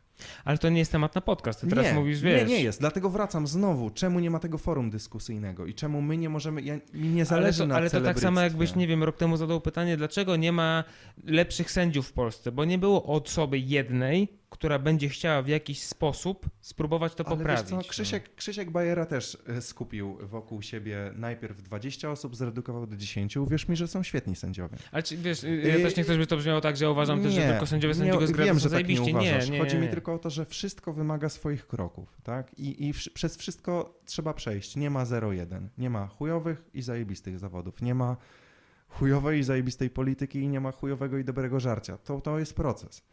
I, i, I ja wbrew pozorom uważam, że, że świat jest właśnie tak stworzony, że ja bym chciał tylko, żeby był ktoś lepszy. Sorry, tak pytałeś, czy jestem próżny? Jestem. Chciałbym, żeby był ktoś lepszy niż ja. W tym fachu, konkretnie w dziedzinie crossfit. Na pewno jest pierdylion lepszych kolesi, którzy Mhm. z mikrofonem rozmawiają, ale ja bym chciał spotkać się na arenie z kolesiem, który jest autentycznie lepszy ode mnie, który yy, no ten tłum, tłum 200 osób Mhm. powiedzmy, 100 osób na zawodach jest w stanie udźwignąć tak jak robię to ja. A wiem, że udźwignę dwa razy więcej albo trzy, bo z innych aren mam doświadczenie i chcę mieć też taką rywalizację. Tak samo życzę ci takiej rywalizacji z mikrofonem, yy, yy, jeśli chodzi o podcast. Powiem Bo ci to szczerze, też- że nie ma w tej chwili rywalizacji, bo ponieważ, y, y, wiesz, je- jeżeli chodzi Z o kim się crossfit porównywać, w Polsce, tak? No. jeżeli chodzi o crossfit w Polsce, to tylko jestem ja i Cyprian, gdzie Cyprian idzie bardzo szeroko sportowo, Bardzo. to nie jest tylko crossfit. Tak, to, tak, tak, y, tak, tak. Oczywiście przychodzą tam osoby, czy trenerzy, czy, czy, czy zawodnicy i, i, i tam u niego są gośćmi. Natomiast jestem ja i on, a więcej, no nic. Więc, a Tak. ponieważ formy, w jakich my to robimy, on ma bardziej taką zinstytucjonalizowaną, a ja mam bardzo chaotyczną, ale to wynika z, z tego, że po prostu w taki sposób mi jest Tak. wygodniej i w taki sposób bardziej lubię, to nie jesteśmy dla siebie w żaden Nie, sposób nie. konkurencją, No uzupełniamy nawet się w jakiś Nie sposób. da się tego wiesz. nawet porównać. No. A wracając Więc, więc do... ja jestem, ale jeszcze tylko do tego, co ty powiedziałeś, jestem jak najbardziej, otw- ja bym, ty nawet sobie nie wyobrażasz, jak ja bym strasznie chciał, żeby oprócz mnie było jeszcze dwóch, trzech No to świadczy, podcasterów. Jak, jak malutkie środowisko jest. podcasterów, którzy też by robili, może nie tylko o samym crossficie, ale też takim około crossfit, wiesz, że też mamy i crossfiterów i też przyjdzie, nie wiem, fizyk jądrowy, nieważne, ale takie osoby, z którymi ja bym miał wspólny temat, z którymi, wiesz, yy, z podcasterami, z którymi ja, ja bym mógł nawet, wiesz, wpaść w gościnę, oni do Tak, mnie, tak, cokolwiek, tak, ale nie ma tak. tego, po prostu. co, no. powiem ci, że... Ludzie mm, mogą mieć do mnie pretensje, a dlaczego ty akurat nagrywasz takie podcasty? Bo takie mi kurwa pasują. Wiesz co, Marek, pytałem Wiesz. cię o tą funkcję jakąś na Instagramie, zadaj pytanie. Ja tego w ogóle nie kumam, bo ja na przykład bardzo lubię YouTube'a i tam YouTube jest strasznie prostym narzędziem. I ja na YouTubie sporo oglądam rzeczy różnych. I ostatnio oglądałem kulturystów. Mhm. Nie wiem czemu. Prawdopodobnie, bo y, Bo oglądałem masz kompleksy. też, ale oglądałem ten dokument Roniego Colemana na Netflixie. Tak, i, tak, tak, tak, zajebisty. No i oglądałem potem coś, coś, coś klikałem na YouTubie i Mhm. wiadomo rekomendacje. I oglądałem jakiegoś gościa y, polskiego, tam kulturystę, coś tam, coś tam, coś tam, coś tam. I on miał tam, nie wiem, 150 tysięcy wyświetleń i w ogóle tam pierdylion komentarzy i tak dalej. I, I mówię, no dobra, no obejrzę to całe. No skoro i tyle osób zobaczyło. Tak, oczywiście nie było co oglądać. I on tam robił jakieś zakupy w Lidlu, a potem w Biedronce, Okej. wiesz, jakiś taki, jakiś tam, wiesz. I sobie pomyślałem, kurde, ale bym chciał, żebyśmy mieli możliwość... em, Coś jeszcze? nie, nie, nie, dziękuję. Żebyśmy mieli możliwość takiej merytorycznej rozmowy. I wbrew pozorom, fakt, że jesteśmy na mar- mastershocie, że to jest jedno ujęcie, nie jest to y, z jakoś pocięte, ale jest tam kilka, nawet jak to przesłuchasz, nie wiem, czy słuchasz swo- swoich podcastów. Rzadko. Nie jestem w stanie siebie słuchać, bo No, gadam, no, gadam ja, pierdoły ja, ja w ogóle, nie dziwię, że ludzie ja, tego też, nie ja też nie lubię swojego głosu w mikrofonie, wbrew to nie, to, to nie o to A chodzi. ja nie lubię. Ja już się do tego przyzwyczaiłem, już tyle tego, tego Ale wydaje mi się, tylko, że- że ja po że- prostu gadam pierdoły, wiesz. że coś jesteśmy w stanie z tego wyciągnąć. A tam koleś pokazuje pierś z kurczaka i paprykę. I trwa to stary godzinę, nie? I on robi zakupy, potem robi ten śmieszny I trening. wyobraź sobie ludzi, którzy to oglądają, siedzą, siedzą i pies kurczaka, zapisują sobie Tak. papryk, pół, pół, Pół, papryki, nie pół, cała, pół. pół, papryki, No. I my, my oczywiście gadamy o różnych rzeczach. Sporo mówimy o tym niepopularnym sporcie, ale mówimy dużo takich evergreenów, kolejne amerykańskie słowo, ale takich po prostu jan, januszowych, popularnych rzeczy, Mhm. że z ludźmi trzeba rozmawiać. Mhm. że nie spotkalibyśmy się na takiej rozmowie, gdyby powiedzmy nie zaiskrzyło w, mm, w rozmowie z, tam po, po jakichś zawodach. Mhm. Nie spotkałbyś się z dwornikiem, doktorem Marcinem, Michałem, Michałem, przepraszam, z doktorem, on się nie e, obraził, to jest bardzo gdyby, równy człowiek. gdyby nie ten sport, Mhm. Tak, a jest fantastycznym gościem, mhm. bardzo. I, to, i, i, I- też prywatnie, bardzo o, super. I właśnie super dlatego, dlatego ja, Kocham cię, czuję, Michał. ja, ja czuję, że Marcinem mówiłem, bo mój, mój e, doktor jest Marcin. Pomyliło mi się. Chodziło mi o Nie to, że się. gdyby, Jesteśmy- gdyby nie to, Jesteśmy że... pijani, możemy, na, możemy teraz zwalić nie wszystko jestem. na to. Ja jestem. Jeszcze. Ja jestem. Ale gdyby nie to, że rozmawiamy z ludźmi, to byśmy nie znaleźli tej głębi. Ja myślę, że wbrew pozorom, gdybyśmy, ym, ja może twoja powierzchowność, ta, ta z przodu, ta Mhm. fasadowa i moja, spowodowałaby pewnie, że ja myślę, no pewnie tak pajac, jak wszyscy piszą, Mareł Oczywiście, pajac, a. Małek, Małek tańczy, nie? Albo cokolwiek innego. I to powinno skłonić do refleksji, że y, m- my możemy sobie śmiać tam paka lata, Wasyl, że to wszystko jest proste i że ja chcę Wasyla nagrywać, wiesz, w melorecytacji. To może być mega śmieszne, ale wbrew pozorom, jeśli Wasyl się zdecyduje tu przyjść, to jestem przekonany, że to będzie świetna rozmowa, bo na pewno doświadczenie, zależy. Doświadczenie co, treningowe... To, za, to zależy, bo będzie- jest, bo, bo ja miałem okazję z, z Mateuszem e, ze dwa razy w życiu porozmawiać tak, wiesz, tak, tak Okej, po jest prostu. trudny. Tak, Ja nie, nie, nie, nie, nie, nie, właśnie nie. jest trudne. Ale nie, ja Trudno miałem, wyciągnąć z niego cokolwiek. Posłuchaj, ja miałem okazję z nim porozmawiać tak, wiesz, bez kamer, mikrofon, tak po prostu. Wiesz, stoimy we dwóch, rozmawiamy. Super się z nim rozmawiało, naprawdę, ekstra. Bardzo fajny e, chłopak, nie? Gabrysia migała? To samo. Gabrysia też się E, e, przed poczekaj, mikrofonem daj mi, zacina. Daj, daj, mi, daj, mi, daj, daj, No daj mi skończyć to. Że y, tylko, że ponieważ, tak mi się wydaje, że ponieważ no wiesz, no on już ma tych followersów ileś, on ma pewne jakby cele swoje marketingowe, swoich sponsorów i tak dalej, musi być pewnego rodzaju osobą, więc pewnego, rzeczy, pewnego rodzaju rzeczy po prostu nie wypada mu za bardzo mówić, nie? Więc to jest właśnie to, z czym ja się borykam dosyć często, że w momencie, kiedy włączam mikrofon, to nagle mam, do, ja, wiesz, ja siedzę i nagle mam do czynienia z inną osobą No przed mikrofonem. Wracamy do punktu wyjścia. A Gabrysia jest nazywa... super sympatyczna, bardzo fajna Tak dziewczyna. samo uważam, ale wracamy do tego samego punktu wyjścia, który się nazywa profesjonalizacja, czy jakościzacja. Wysoka jakość to jest to, że rozmawiasz z rozmówcą wysokiej jakości, który jest przyzwyczajony. Tych wywiadów trzeba by zrobić N. Tak. Oni też się muszą do tego przyzwyczaić. są rzadko ludzie- to robią, rzadko mają Są okazję. ludzie, tak. y, którzy wymagają, y, znowu angielskie słowo, dry runów, czyli Mhm. testów na sucho po prostu. Czyli... Wiesz co, mi się ogólnie marzy bardzo takie coś, że na przykład zapraszam sobie tutaj y, przykład po prostu pierwszy z brzegu, Mhm. Bartek Lipka na Mhm. Ale nie rozmawiam z nim w ogóle o crossficie. Jedno słowo nie pada na ten temat. Nie, Nie, ja Rozmawiamy o filmach na Netflixie, o tym, czy lubi Piratów z Karaibów Tak, tak, y, tak. i kurwa, czy jazda konno jest spoko, czy, wiesz, cokolwiek. Po prostu, wiesz, totalnie niezwiązane z tym, czym on się zajmuje. wiesz, jaki jest problem? Natomiast wiesz, y, problem, wiesz, jaki jest mój taki? Ja, ja nie mówię, że tak będzie, natomiast ja się obawiam, że osoby będące zawodowymi sportowcami w swojej wąskiej dziedzinie, no nie mają za dużo do powiedzenia ponad, wiesz, że nie mają czasu na to, Tak. żeby mieć. I to wiesz. niestety też raz, nie jest ich wina. Dokładnie, jest dokładnie, tak, wina, tak, tak. Mhm. Ponieważ jest taka nie, niesprawiedliwa korelacja, która mówi, że, że sportowiec to zawsze jest piłkarz i że piłkarz to zawsze jest głąb. To jest niesprawiedliwe. Mhm. W ogóle w jakichkolwiek dyscyplinie, ale to jest niestety znowu fachowo redukcja dysonansu pozna, poznawczego. Jezus Maria. Ale tak to się Marek A weź mi nazywa. to przetłumacz. Redukcja dysonansu to jest po prostu ułatwianie sobie w życiu. Nie możesz tak powiedzieć od razu? Mm, No ale tak to się nazywa. Jak Okej. sobie to sprawdzisz na Wikipedii, to okazuje Sprawdzę. się, że mm, świat jest Posłuchaj, strasznie ja prosty. tylko udaję inteligentnego. Nie, ale naprawdę, no. ja, ja chyba nawet nie jestem, ponieważ jestem po prostu w miarę oczytany. Ale wydaje mi się, że trochę jest tak, że ludzie sobie ułatwiają pewną drogę, że my bardzo spłycamy pewne rzeczy i na Mhm. tym polega ten mechanizm, że zakładamy, że jeśli ktoś spędza 8 godzin na siłowni, to jest tępy, albo palę papierosy, bo lubię, więc mi nie szkodzą, no bo lubię, bo jeśli Mhm. lubię, to mam dobre samopoczucie, więc będę żył dłużej, bo mam dobre samopoczucie. Mhm. I to jest ten dysonans. I trochę tak jest ze sportowcami. I my też musimy w naszym społeczeństwie polskim tych spo- sportowców trochę ucywilizować, bo kiedyś byli bardziej na wyciągnięcie ręki, mówię o czasach tam, nie wiem, zamierzchłych, gdzie sportowiec był, pracował tam nie wiem, w zakładzie pracy i tam był, wiesz, jak była Legia, to był wojskowy Mhm, i tam cokolwiek. Potem byli ci sportowcy tacy nieosiągalni, co nagle zaczęli zarabiać 40 razy więcej niż przeciętny człowiek albo 100.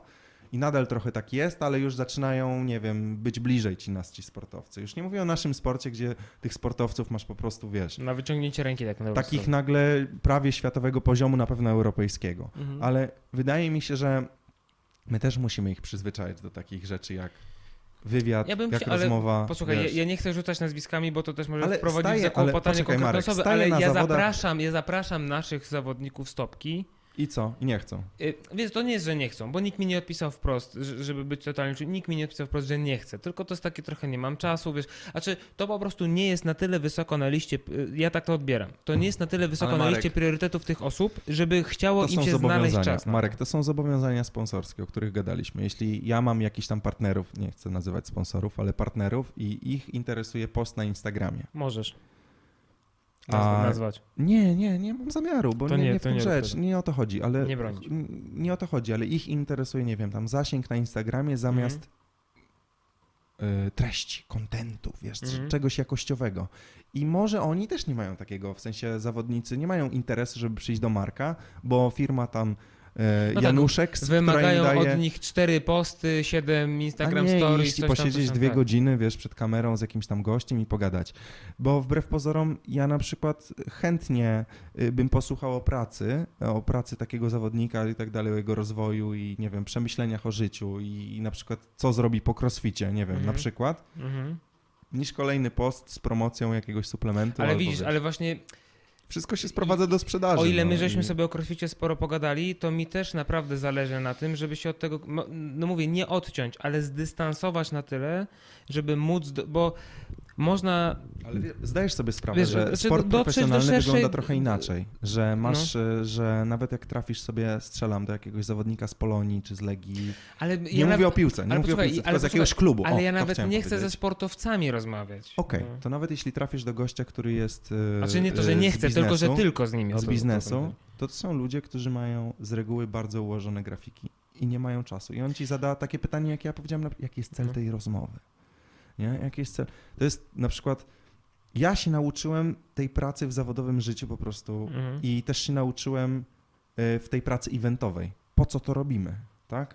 I, i, I podcast jest o tyle trudny, że tak jak mówisz, spróbujmy, opowiedz mi o swoim życiu, tak? Mhm. Spróbujmy zobaczyć, co z tego wyjdzie. To jest, moja mama teraz e, próbuje w Teatrze Jaracza w Łodzi, e, Mhm. jest aktorką, tak jak mówiłem, próbuje e, w sztuce na podstawie e, Larsa von Trier'a Mhm. bardzo fajny reżyser i tak dalej, nie chodzi o nazwiska, ale on eksperymentuje. I Mhm, dla mhm. mojej mamy, brzydko mówić, aktora troszeczkę starszego pokolenia, jest to niebywałe, że eksperymentujemy. Tak się nie robi. Jak to? Przecież to jest...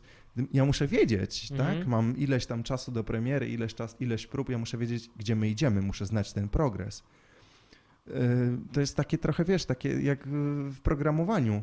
Nie wiemy, co z tego wyjdzie. To jest jak, yy, jak w sztuce właśnie, nie wiem, masz rzeźbę, masz kawałek gliny, nie wiem do końca, co z tego urzeźbię. I dzisiaj wszyscy chcą być konkretni. Marek, i ja też zadałem ci pytanie, jakie masz, jaką masz listę zagadnień, którą chcesz poruszyć? Zawodowy sportowiec, który, czy zawodowy menadżer, czy ciekawy polityk, psycholog ma grafik życia, Mhm. czasami co do minuty, ma czasami menadżera albo asystentkę, która mówi, no dobrze, ale o czym pan chce rozmawiać? Jako, jakie będzie, jaka będzie wartość dodana? I niestety też jest w życiu osobistym, tak. Jaka Mhm. będzie wartość dodana z tej rozmowy? Bo ja mam, a bo ja idę na, idę na crossfit, na na, crossfit. 17, potem na jogę, na kalanetics, na depilowanie pachy i, i Mhm. wiesz, na, na ramen, bo muszę iść na ramen. I do Galmoku muszę skoczyć na zakupy, bo jest wyprzedaż. Ten Po jak- co ja ten mam- jak się popisuje, że wiesz w Warszawie, co jest modne. Mieszkałem tu, pracowałem. Więc wiesz, y, zastanawiałem, zastanawiam się po prostu, jak to jest, że nie znajdujemy czasu na rozmowę. Jeśli chcemy tą rozmowę w jakiś sposób ułożyć w ramę, że ty klikniesz wyłącz nagrywanie i ktoś to będzie analizował potem. Wiesz, ludzie mają straszny problem z autoprezentacją, Mhm. że dla wielu osób, nie wiem, no ktoś może powiedzieć, kurde, jeansowa, jeansowa koszula, Jak Chuck jeansy Norris. jak Chuck Norris, nie? A ja po prostu tak się ubieram, nie wiem, w t-shirt i, po- i tyle. A są ludzie, którzy mogą jakiegoś stylisty do, potrzebować do takiej rozmowy. Mhm. Proszę pana, a, a jak daleko będzie stała ta kamera? Tak. To nie jest łatwe. Wiesz, y, to nie jest łatwy fach i to nie jest łatwy krok, który podejmujesz. I to też nie jest tak, że, y, że to ma być łatwe, ale też musimy w tym wszystkim zrozumieć, że generalnie na tym polegają rozmowy. A my już tego nie potrafimy robić. Nasi rodzice spotykali się nie w piątki na wódce w knajpie, tylko spotykali się środa, czwartek, piątek u siebie w domach. Mhm. Było biednie, I rozmawiali. i rozmawiali. Jedli to, co było, nie było telewizorów, nie było smartfonów. Musieli ze sobą gadać, tak? I gadali tak samo jak my. To, że my mamy jakiś nawyk mikrofonu, to jest jakiś tam rodzaj dystraktora, tak? Ale dla wielu ludzi to jest problem. Umów się ze znajomymi w knajpie bez telefonu. Ja mam straszny problem z telefonem i moja narzeczona permanentnie, słusznie mnie za to gania. Em, I naprawdę trzeba się od tego odzwyczaić, bo taka rozmowa też jest szansą poznania innej osoby. Raptem dwie godziny ze sobą gadamy. Trzy. Trzy, Chryste Panie. Trzy. Musimy szybko kończyć. Trzy. Ale- Dwie osoby już tego tylko słuchają. Ja i ty. Ale chodzi mi tylko o to, że naprawdę wydaje mi się, że ludzie ze sobą generalnie rozmawiają trochę więcej. I jakby tam sensie- w tym kierunku W porównaniu zmierzam, do czego? że powinni rozmawiać A, ze sobą więcej. Mhm. Źle, źle, się, źle się wyraziłem. No pijany. Że tak, na pewno. Ale chodzi mi o to, że mam takie wątpliwości, że w całym tym świecie, nawet zawężając go do naszego sportu, ograniczamy się tylko do fasadowości. Tak jak udało się wszystkim, nie wiem, zjebać słusznie bądź nie jednego organizatora albo jednego zawodnika. Że jeden był na dołpie, a drugi nie. Albo że ten jest hamem i nie odpisuje, a ten... No, to jest dysonans poznawczy i jego redukcja. To jest to, że strasznie szybko chcemy, bo nie mamy czasu, to żeby sobie ułatwić życie, wszystkich wrzucamy. Dlatego ty jesteś pajacem, a ja tańczę. No i, I- dlatego i- ludzie mi piszą, o Jezu, no godzinę, półtorej godziny gadacie, ile to można, Wiesz, nie można może, pół może, no, nie trzeba, można, no. może trzeba po prostu zrobić opis, tak? I może będzie to trzeba przesłuchać, w której minucie są rzeczy ważne, a której nie. wie- Nie co, wiem, no co, ja się na tym nie znam. pró- pró- próbowałem kilku różnych podejść i niezależnie od tego, jak mocno, to nie wiem, czy przesłucham, opiszę, co jest, gdzie, co, jak. Nie, nie, nie, znaczy, jeżeli coś jest interesujące, znaczy, z mojej y, perspektywy wygląda tak, jeżeli coś jest interesujące, to jest interesujące nie i mam- niezależnie od tego, mam- jak to wrzucę, to i tak będzie konsumowane. Nie mam, nie mam pojęcia, czego ludzie oczekiwali. I ty też nie wiesz, Mhm. myślę. I nie wiem, jak na ile ja jestem znaną osobą w kontekście twojego podcastu, czy twojej osoby. I w Mhm. ogóle kto, w ogóle kto tego może słuchać. Mhm. Nie w tym rzecz. Mądrość jakakolwiek, minimalna jaka za tym płynie, to jest to, żebyśmy po prostu starali się rozmawiać trochę więcej. Mhm. Nie pisać. Y, Ja nie ukrywam, że i to może być jedyna rzecz, która będzie osobista w tym wywiadzie. Em, Bo jak zahaczyłeś ten temat, to chciałem o tym wspomnieć, ale jakoś to odeszło. Próżność, pr- autoprezentacja, jakaś tam, nie wiem, celebryctwo, cokolwiek, Mhm. rozmawialiśmy o tym. Ja jestem osobą, która nie ukrywa, że, że świętuje 25 lutego, jest, e, jest Międzynarodowym Dniem Depresji. Jestem osobą leczącą się. Hmm. I jakiś czas temu przerwałem to leczenie, bo miałem po prostu dosyć i, i cierpię na tą chorobę dosyć, Dosyć długo. leczenia? Dosyć leczenia, tak. Mhm. Cierpię na tą chorobę dosyć długo i, i, nie umiem się z tego wyzbyć, a miałem dosyć psychologów, psychiatrów, brania leków i tak dalej. I mówię o tym wprost, bo jest to kaszel. Kaszel, ból zęba, ty, tego typu choroba. Em, mm, I mam taką świadomość, że dla wielu osób może to być droga wyjścia. I jeśli ktoś by się mnie zapytał, czy mi to pomaga, pomaga, a czasami nie chce mi się. Uzewnętrznianie się? Tak. Czasami mi się nie chce wstawać z łóżka, ale e, no bo na tym polega ta choroba i ona ma lepsze i gorsze dni, ale na pewno rozmowa jest lepsza niż głupi telefon. I, i, i tym bardziej te, te tam messengery i tak Mhm. dalej. Mm, Z moją Anią, z moją narzeczoną też walczymy z tym, żeby ze sobą nie pisać na messengerze, żeby dzwonić. Jeśli, no jesteśmy w pracy, wiadomo, chcesz coś przekazać, zadzwoń, lepiej się dogadamy. Ja jako osoba, która jakieś tam problemy y, ze sobą miała, ktoś by mógł powiedzieć, hej, jak to, ten koleś jest chory na depresję? Ten, Ten, ten wesoły tańczący? koleś. Ten wesoły to... ten wesoły, wiesz, taki chłopiec, który puszcza. Queenów na, Tak. na, na zawodach, wiesz, w Który Grudziądzu. rozbawia całe towarzystwo. Tak, ja w Mhm. Grudziądzu, wiesz, swoja playlista, w ogóle rewelacja u, u, u Grześka Jasińskiego, którego gorąco pozdrawiam. Świetne zawody. Em, I ktoś może sobie pomyśleć, w jaki sposób ty sobie radzisz. Właśnie, mówiłem o tremie, o stresie. To też jest. To są jakieś przeżycia i tym bardziej dla osoby, która... Stary, no ja pamiętam czasy i mówię o tym w ogóle z uś- uśmie- uśmiechem na twarzy, że ja miałem, wiesz, zasunięte rolety w oknach i siedziałem w domu, wiesz, trzymając się za włosy, nie? I mówię, kurwa, co ja ze sobą zrobię? Bo miałem takie momenty w swoim życiu. I trwało to nie 15 minut, tylko ileś tygodni, że nie mogłem się pozbierać.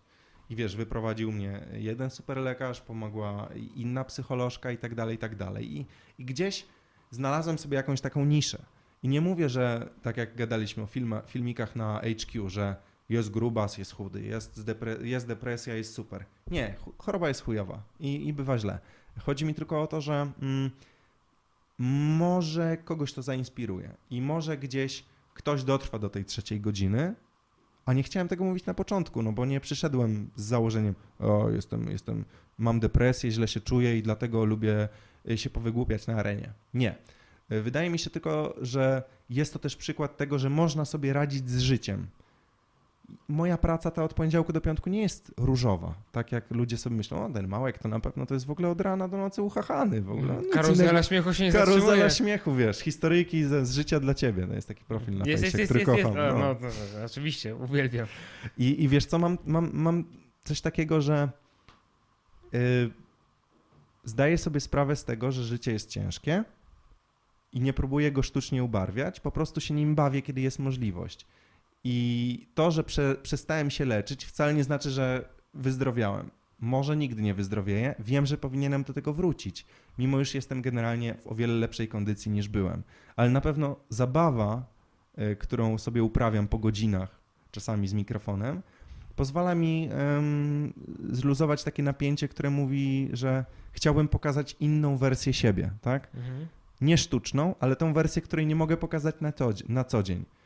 Em, menadżer, przyszły mąż, Ja- ja- ja- ojciec, ja- wiesz, ja no się- to są takie ja- rzeczy ja, ja ciężkie. się spo, no. spotykam Ja nawet z moim psem rozmawiam, mówię, Kuki, musisz, nie możesz jeść klapków, muszę, muszę być Mhm. jakiś tam, wiesz, Ale wszędzie musimy być strasznie Ja, poważni. ja się nie? spotykam z takim y, stwierdzeniem raz na jakiś czas, że ja próbuję się wybić, czy ja próbuję się wypromować na jakimś zachowaniu Mm.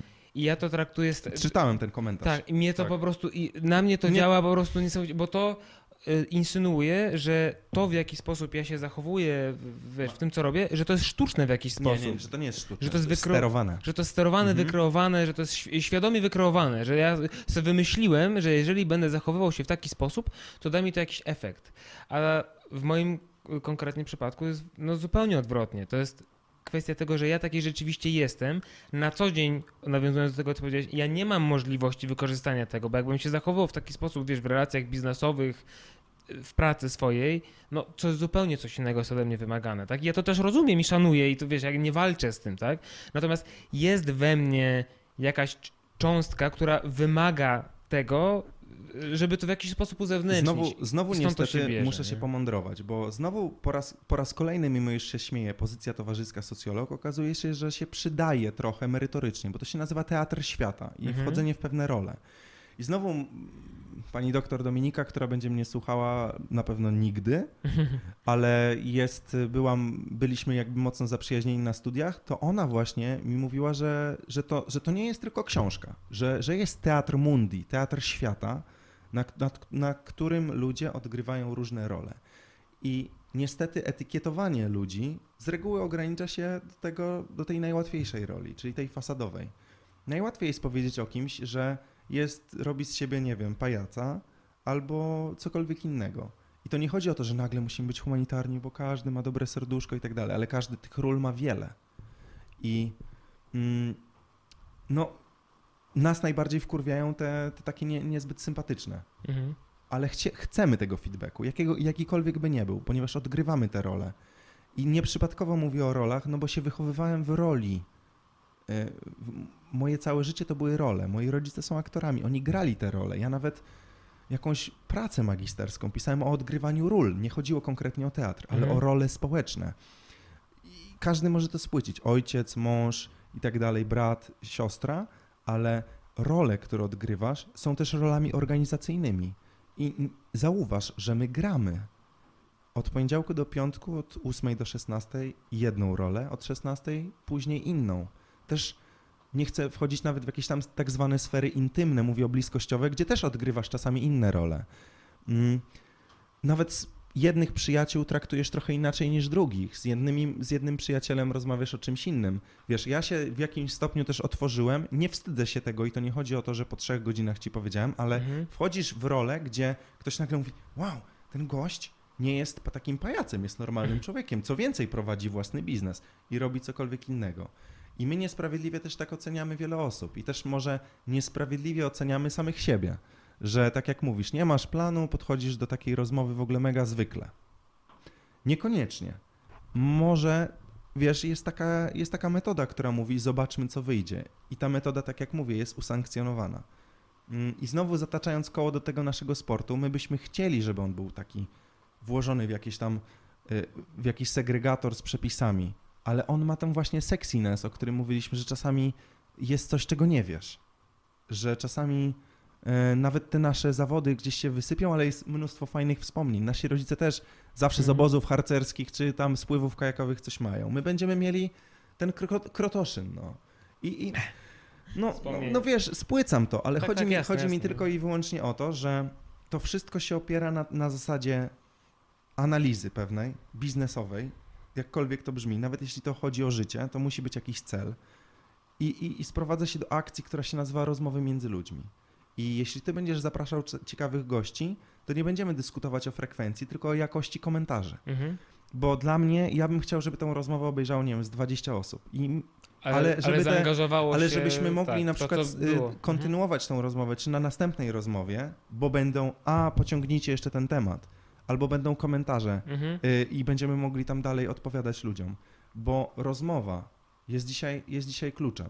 I, I tego nam najbardziej brakuje. I jakby ja ze swojej strony nie mam już więcej nic do powiedzenia, bo jeśli dzisiaj byś mnie zapytał, opowiedz mi o swoim życiu, to ja bym ci powiedział, ja w życiu rozmawiam z ludźmi i tym Mhm. zarabiam na życie i to jest też moją pasją, tak? I moment, w którym mogę y, y, po odliczaniu gdzieś tam na zawodach podejść z kimś do mikrofonu i powiedzieć, jak się bawiłeś, czy cokolwiek głupiego, Mhm. to jest najfajniejszy moment. I dlatego mam taki dobry kontakt z publicznością, mam kontakt z zawodnikami i dlatego też ludzie mm, chcą oglądać i słuchać twoje podcasty, no bo też rozmawiasz z normalnymi ludźmi. Masz takich zboczeńców jak ja, którzy chcą słuchać y, ekspertów, ale masz też takich, którzy chcą, wiesz, po raz kolejny posłuchać Macka, nie? To się fajnie słucha, każdy ma swój, swój gust, tak? Jakby to dla mnie to jest jakby taki leitmotiv y, podcastów, po prostu pogadać. I może, wiesz, i to, i to powinno być y, takim, wiesz, hasłem jak, no, dużo tanio pewnie, tak? Znaczy wiesz, y, y, jest taka kwestia, że ja rzeczywiście.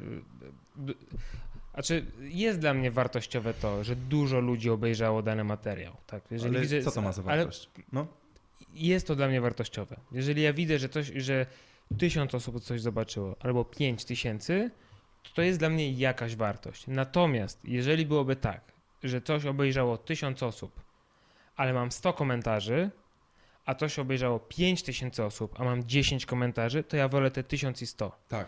Ja wolę te mi 100 chodzi. komentarzy, bo to chodzi. oznacza, że może mniej osób to zobaczyło, ale dla tej mniejszej liczby osób to było bardziej wartościowe. Nawet jeżeli to były negatywne komentarze, to, to wiesz, no bo ktoś się może nie zgadzać z tym, co tam się działo, nie wiem, coś, coś tam się nie zgadzało z, z kimś. To jest dla, znaczy, i- i- i- dla mnie najbardziej wartościowe, czy to są posty na Facebooku, czy Tak. filmy na YouTubie, czy cokolwiek, to najbardziej wartościowe jest dla mnie zawsze to, co ma najwięcej komentarzy, bo to rzeczywiście, bo wiesz, jeżeli ty jesteś w ciągu dnia zaangażowany w swoje życie, w jakieś swoje problemy i tak dalej, coś może obejrzysz. Czy ty dasz lajka, czy go nie dasz, okej, ale jeżeli ty już poświęcasz swój czas na to, żeby to w jakiś sposób, wiesz, skomentować i czy, czy po prostu Pociągnąć dyskusję, tak. albo pociągnąć, to jest, to jest już w ogóle najbardziej Jest, jest, em, wartościowe, pociągnąć tą dyskusję dalej, to jest dla mnie woda na czasami- młyn do tego, wiesz, bo ja mam naprawdę i wielokrotnie w ciągu tego roku, ci co śledzą to, co ja robię, y, wiesz, y, szczególnie mareły poranne, to wiedzą doskonale, że ja miałem wiele dołków w tym roku. Ja się zdecydowałem na początku tego roku na to, żeby całkowicie, no może nie całkowicie, ale w bardzo dużym stopniu zmienić to, Koncepcję. koncepcję, Tak, tak. bo na początku to były po prostu vlogi, to były krótkie filmy, w których pach, pach, pach, ja, ja jestem sam, ja coś sobie mówię, nikt, mnie, nikt mi nie przerywa, nikt nie, wiesz, nie, nie może kontestować mojego zdania na dany temat, tak? Natomiast na początku tego roku stwierdziłem, że kurde, zajebiście mi się podobają podcasty, jestem odbiorcą podcastów, strasznie mi się podobają. Może jestem w stanie być producentem podcastów, w sensie Mhm. robić je, tak? I po pierwszym podcaście z chłopakami z labu okazało się, że to ma jakiś odbiór, że y, okazało się, że mi to sprawiło niesamowitą przyjemność prowadzenie tego, w ogóle produkowanie właśnie tego. I, I się w to zaangażowałem, natomiast w pewnym momencie by, był taki wzrost, że ludzie się tym zainteresowali, potem był spadek. Ale to jest bardzo normalne. Tak, to akurat, był, Ale, ale i właśnie w momencie tego spadku była taka chwila zawahania. Czy to rzeczywiście jest Mhm. dobry kierunek? y, Jasne. czy, czy, czy nie poświęcam za dużo czasu i energii w stosunku do tego, co dostaję z powrotem i tak dalej, i tak dalej. Natomiast wiesz, no udało mi się, tak mi się wydaje przynajmniej na chwilę obecną, na tyle sobie to wszystko, wiesz, przeprocesować i wytłumaczyć, Mhm. że w tej chwili rzeczywiście, nie wiem, może to się za miesiąc zmieni, ale w tej chwili rzeczywiście czerpię rzeczywiście przyjemność z tego, co w tej chwili robię. Jeżeli nasz podcast Tak. obejrzy 500 osób i które po, po pół godziny stwierdzą, że pierdolimy od rzeczy i w ogóle Tak, nie ma czego tak, słuchać i nikt nie dotrze oprócz mojej mamy do tego momentu, kiedy ja to teraz mówię, bo mojej mamie się zdarza czasami tego słuchać, Tak, tak, tak. to dla mnie to i tak będzie win. Bo, bo mi się, wiesz, no, z jakiegoś ci- powodu siedzimy, jest 3 godziny 05, a widzę tutaj na liczniku, a my dalej gadamy. Wiesz Wiesz, co, dla mnie to jest jedna fajne, rzecz. dla mnie to jest dobre, dla mnie to jest Dla mnie pozytywne. jest fa- fajny punkt odniesienia, ponieważ mam swojego ulubionego pisarza, Jurka Pilcha, Jerzego Pilcha, em, którego mm, nieważne co pisze, nie, nie w tym rzecz, ale bardzo lubię z nim spotkania. Mm, tak zwane spotkania literackie, Mhm. chyba tak to się nazywa. Czyli wygląda to mniej więcej tak, sam, tak samo jak teraz ze sobą gadamy, tylko że jest jeszcze publiczność. Mhm. Z reguły przy jakiejś... podcast na żywo trochę. Tak, trochę przy promocji książki. i One Mhm. też trwają 2-3 godziny. I, I jest moderator, jest rozmowa z twórcą, czasami są jakieś pytania, rzadko, rzadko dopuszczane, czasami w ogóle, a czasami tylko i wyłącznie są pytania, zależy od twórcy. Em, ale wydaje mi się, że warto, nie chcę się mądrować, ale życzyłbym ci, żebyś kiedyś doczekał takiego momentu, żebyś miał publiczność na żywo. Y, Nie, nie, chodzi mi o audycję radiową, gadaliśmy o tych live'ach, tak? Ale Mhm. dzisiaj wiesz, internet daje mnóstwo możliwości. Ja już też w ogóle w tym nie siedzę, żeby znać te nowi- nowinki. Kiedyś pracowałem bliżej tego, ale dążę do tego, że tak jak mówisz, że, że masz ambicje na innych gości też, że chciałbym, żeby w którymś momencie taki podcast, życzę Ci dlatego, że się kolegujemy po prostu, żeby miał takiego odbiorcę namacalnego, bo to też jest zupełnie co innego, e, jak ze sobą gadamy face to face. To są te momenty właśnie na zawodach, kiedy ktoś do mnie podchodzi, żywa osoba, jednostka Tak. białkowa, człowiek o imieniu Tak. Andrzej czy Marian, tak. który mówi, hej, fajnie, Mareł, wiesz, poznaje mnie, Tak. wiesz, znaj moje imię, mówię, zajebiście, oglądam, wiesz, to jest To jest też, to jest też, mm, to jest też taki punkt, w którym zaczynasz rozumieć kryzysy i, i wzloty, tak? Że jeśli są kryzysy, to one są dlatego, a nie przez przypadek, że na przykład YouTube obciął Mhm. zasięgi. Mhm. E, To, że masz jakieś society, które się wokół tego kręci. To jest dlatego właśnie Tom Foxley jest, jest fajny, tam jest nawet grupa jakaś zawiązana, ja tam nie jestem bardzo aktywny, ale też się do niej dołączyłem i widzę, że ludzie faktycznie gdzieś wchodzą w dyskusję o tych podcastach. Tam są dwa sezony, łącznie nie wiem, może ze 100 odcinków. Mhm. Nieważne, Mhm. ale y, widzę, że ludzie zaczynają jakby głębiej w to wchodzić. Niektóre podcasty mają 10 minut, Mhm. tak? I są typowym monologiem, ale dążę do tego, że jest jakieś, jakaś, jakiś odbiór. I z, z racji tego, że jestem em, z rodziny teatralnej, z rodziny aktorskiej, to nie wyobrażam sobie, że nie ma pu- publiczności. I też nie umiałbym prowadzić zawodów czy imprezy otwarcia salonu Mercedesa na Aleksandrowskiej w Łodzi do pustych trybun, do pustych krzeseł. To jest strasznie trudne. Mhm. I wielokrotnie pytałem Udawać, moją... że ktoś tam jest. Udawać to jest niedobre słowo. Próbować. I wielokrotnie pytałem moją mamę... Próbować udawać? Nie. Próbować grać. Mhm. odtwarzać rolę. O to mi raczej chodziło. Mhm. Wielokrotnie pytałem mamę, ojca, jak to jest, jeśli widownia nie jest pełna, bo nie ma nic prostszego, jeśli widownia jest pełna. Mhm. Co więcej, jeśli widownia nie reaguje. E, Zadał mi pytanie Cyprian po zawodach ostatnio, czy miałeś taką sytuację, że nie miałeś kontaktu z publicznością? Nie, nie miałem. Zawsze mam, ponieważ jestem dobry, tak? Mhm. To wiem. I, i, ale kilka razy zadałem pytanie takie mojej mamie, co jeśli publiczność jest, nie odbiera spektaklu, a są różne spektakle? Co jeśli, a aktorzy doskonale wiedzą, czy publiczność jest, czy nawet nie chodzi o to, czy jest na widowni, w sensie zajętych krzeseł, tylko czy oni to czują. Oni to wiedzą, stary, doskonale. I, i co wtedy? Czego się najbardziej boisz? Jaka jest twoja trema? To jak ktoś mnie zapyta, właściciela fanpage'u Maciej Małek, Maciej Małek Mikrofon czego ja się boję? Że nie będę miał publiczności, że nie będę miał tego, wiesz, sprzężenia zwrotnego. Tak samo aktor. Że nie, to nie chodzi o to, czy scena, że publiczność y, będzie pusta, czy krzesełka, tylko czy ludzie będą tam ze mną. Aktor ma to samo. I to samo ma y, y, bardzo wzięty menadżer, to samo ma dyrektor, czy tam lider jakiegoś zespołu, jeśli zespół nie jest z nim. To samo ma człowiek, który poświęca mnóstwo pracy właśnie na tworzenie jakiegoś tam kontentu i ogląda go 500 osób, ale nikt nie powie słowa. Mhm. I, I wiesz, i to jest demotywujące i ja cię doskonale rozumiem, że możesz mieć takie momenty. Jak takie momenty mam na co dzień w swojej pracy i, i wiele osób ma. Myślę, że 95% ludzi w Polsce ma taki moment, że mówi ja pierdolę. Co ja robię, Mhm. tak? Umówmy Czy to, się, co ja robię, ma jakąkolwiek wartość? Czy, czy ktoś chce z tego wyciągnąć jakąś wiedzę i naukę, tak? I, I my możemy sobie gadać jeszcze wielokrotnie o tym, ale to, co ja właśnie osobiście z tego wszystkiego, bo wydaje mi się, że między innymi po to mnie zaprosiłeś, to żebym powiedział ci, jak ja się tam znalazłem, to powiedziałem i co ja chcę osiągnąć i jakie są moje największe problemy, bo ludzie chcą usłyszeć właśnie o tym, że jeśli w komentarzu można napisać, to przewincie do trzeciej godziny, tam pię- Mhm. piątej minuty, to że ja się boję tego, że nie będziecie chcieli bić ze mną brawo w którymś momencie tam do Mhm. rytmu, czy, czy, czy, czy robić hałas na jakichś zawodach, czy nawet bić brawo na, nie wiem, jak zdejmujemy y, prześcieradło z Mercedesa, no bo też dla mnie Mhm. było, jak, ja pamiętam jak dzisiaj. Tak patrzę, mówię, kurwa, co mam powiedzieć? Taki wiesz, brawo dla nowej klasy. I ludzie, je, w ogóle już pod jaraniem. Mówię, o ja pierdolę. Straszny moment mojego życia, tak? Mhm. Mówię, co, co ja w ogóle... Ale musiałem, musiałem coś zrobić. Mhm. I, I to wbrew pozorom jest, jest odgrywanie roli. To jest teatr świata i, i, i mm, teatrus mundi. I to jest trochę coś, co mnie najbardziej w życiu przeraża. Ile będziemy musieli jeszcze grać? Nie? I, I to zupełnie jakby nie ma nic wspólnego z tym, co, co robimy teraz. I Grać w sensie udawać?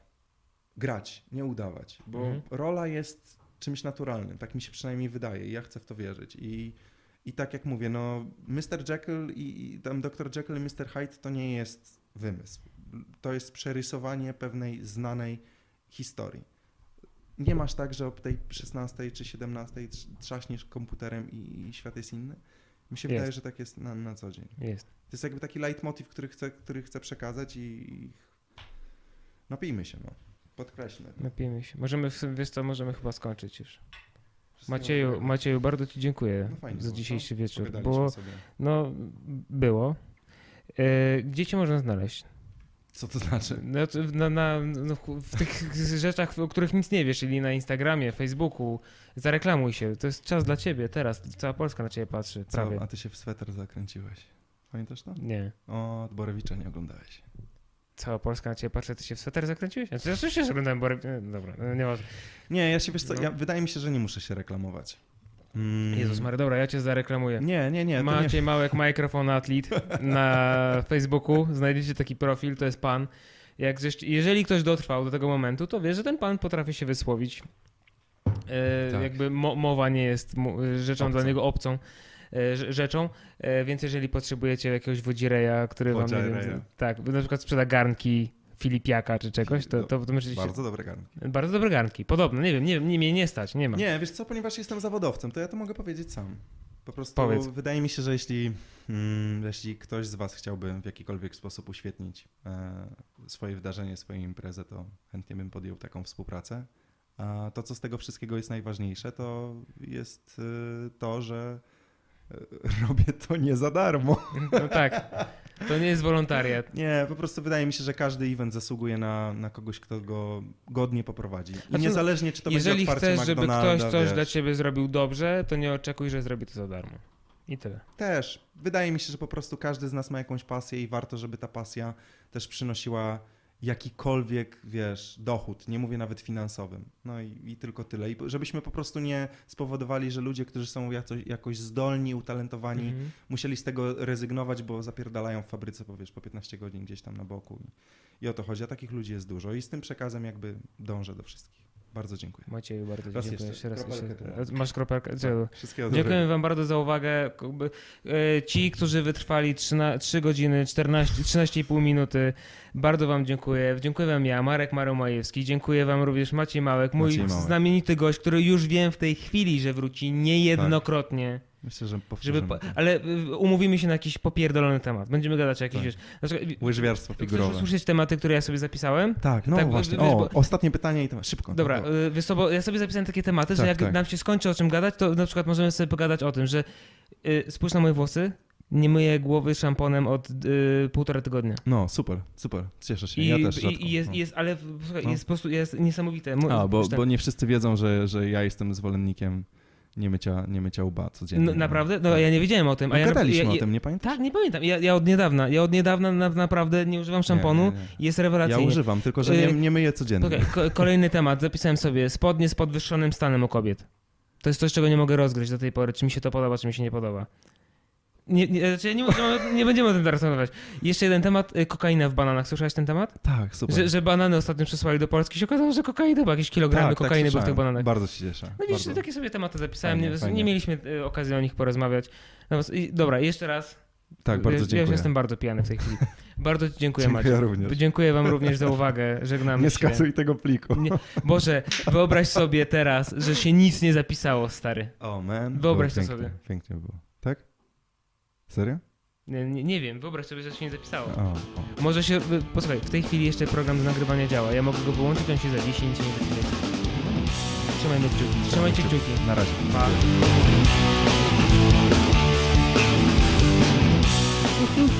Moi drodzy, dotarliście. Mój drogi, w sumie może tylko jedna osoba dotarła do samego końca. Drogi wędrowcze, dotarłeś do końca tej drogi. Trzy godziny ponad, najdłuższy podcast jak do tej pory. Moi drodzy, każdy, kto przebrnął przez całość, każdy, komu się podobało, albo nie, kto ma jakieś uwagi, kto skomentuje, kto da lajka, każdy, kto w jakiś sposób, nie wiem, no angażuje się po prostu w ten podcast. Dziękuję Ci bardzo za to, że jesteś. Bardzo Ci doceniam. I życzę Ci, jeżeli nie będę miał jeszcze jednego, pewnie będzie jeszcze jakiś mauro poranny, ale życzę Ci już teraz na zapas wesołych świąt. Kocham Ciebie, drogi użytkowniku X. Pa.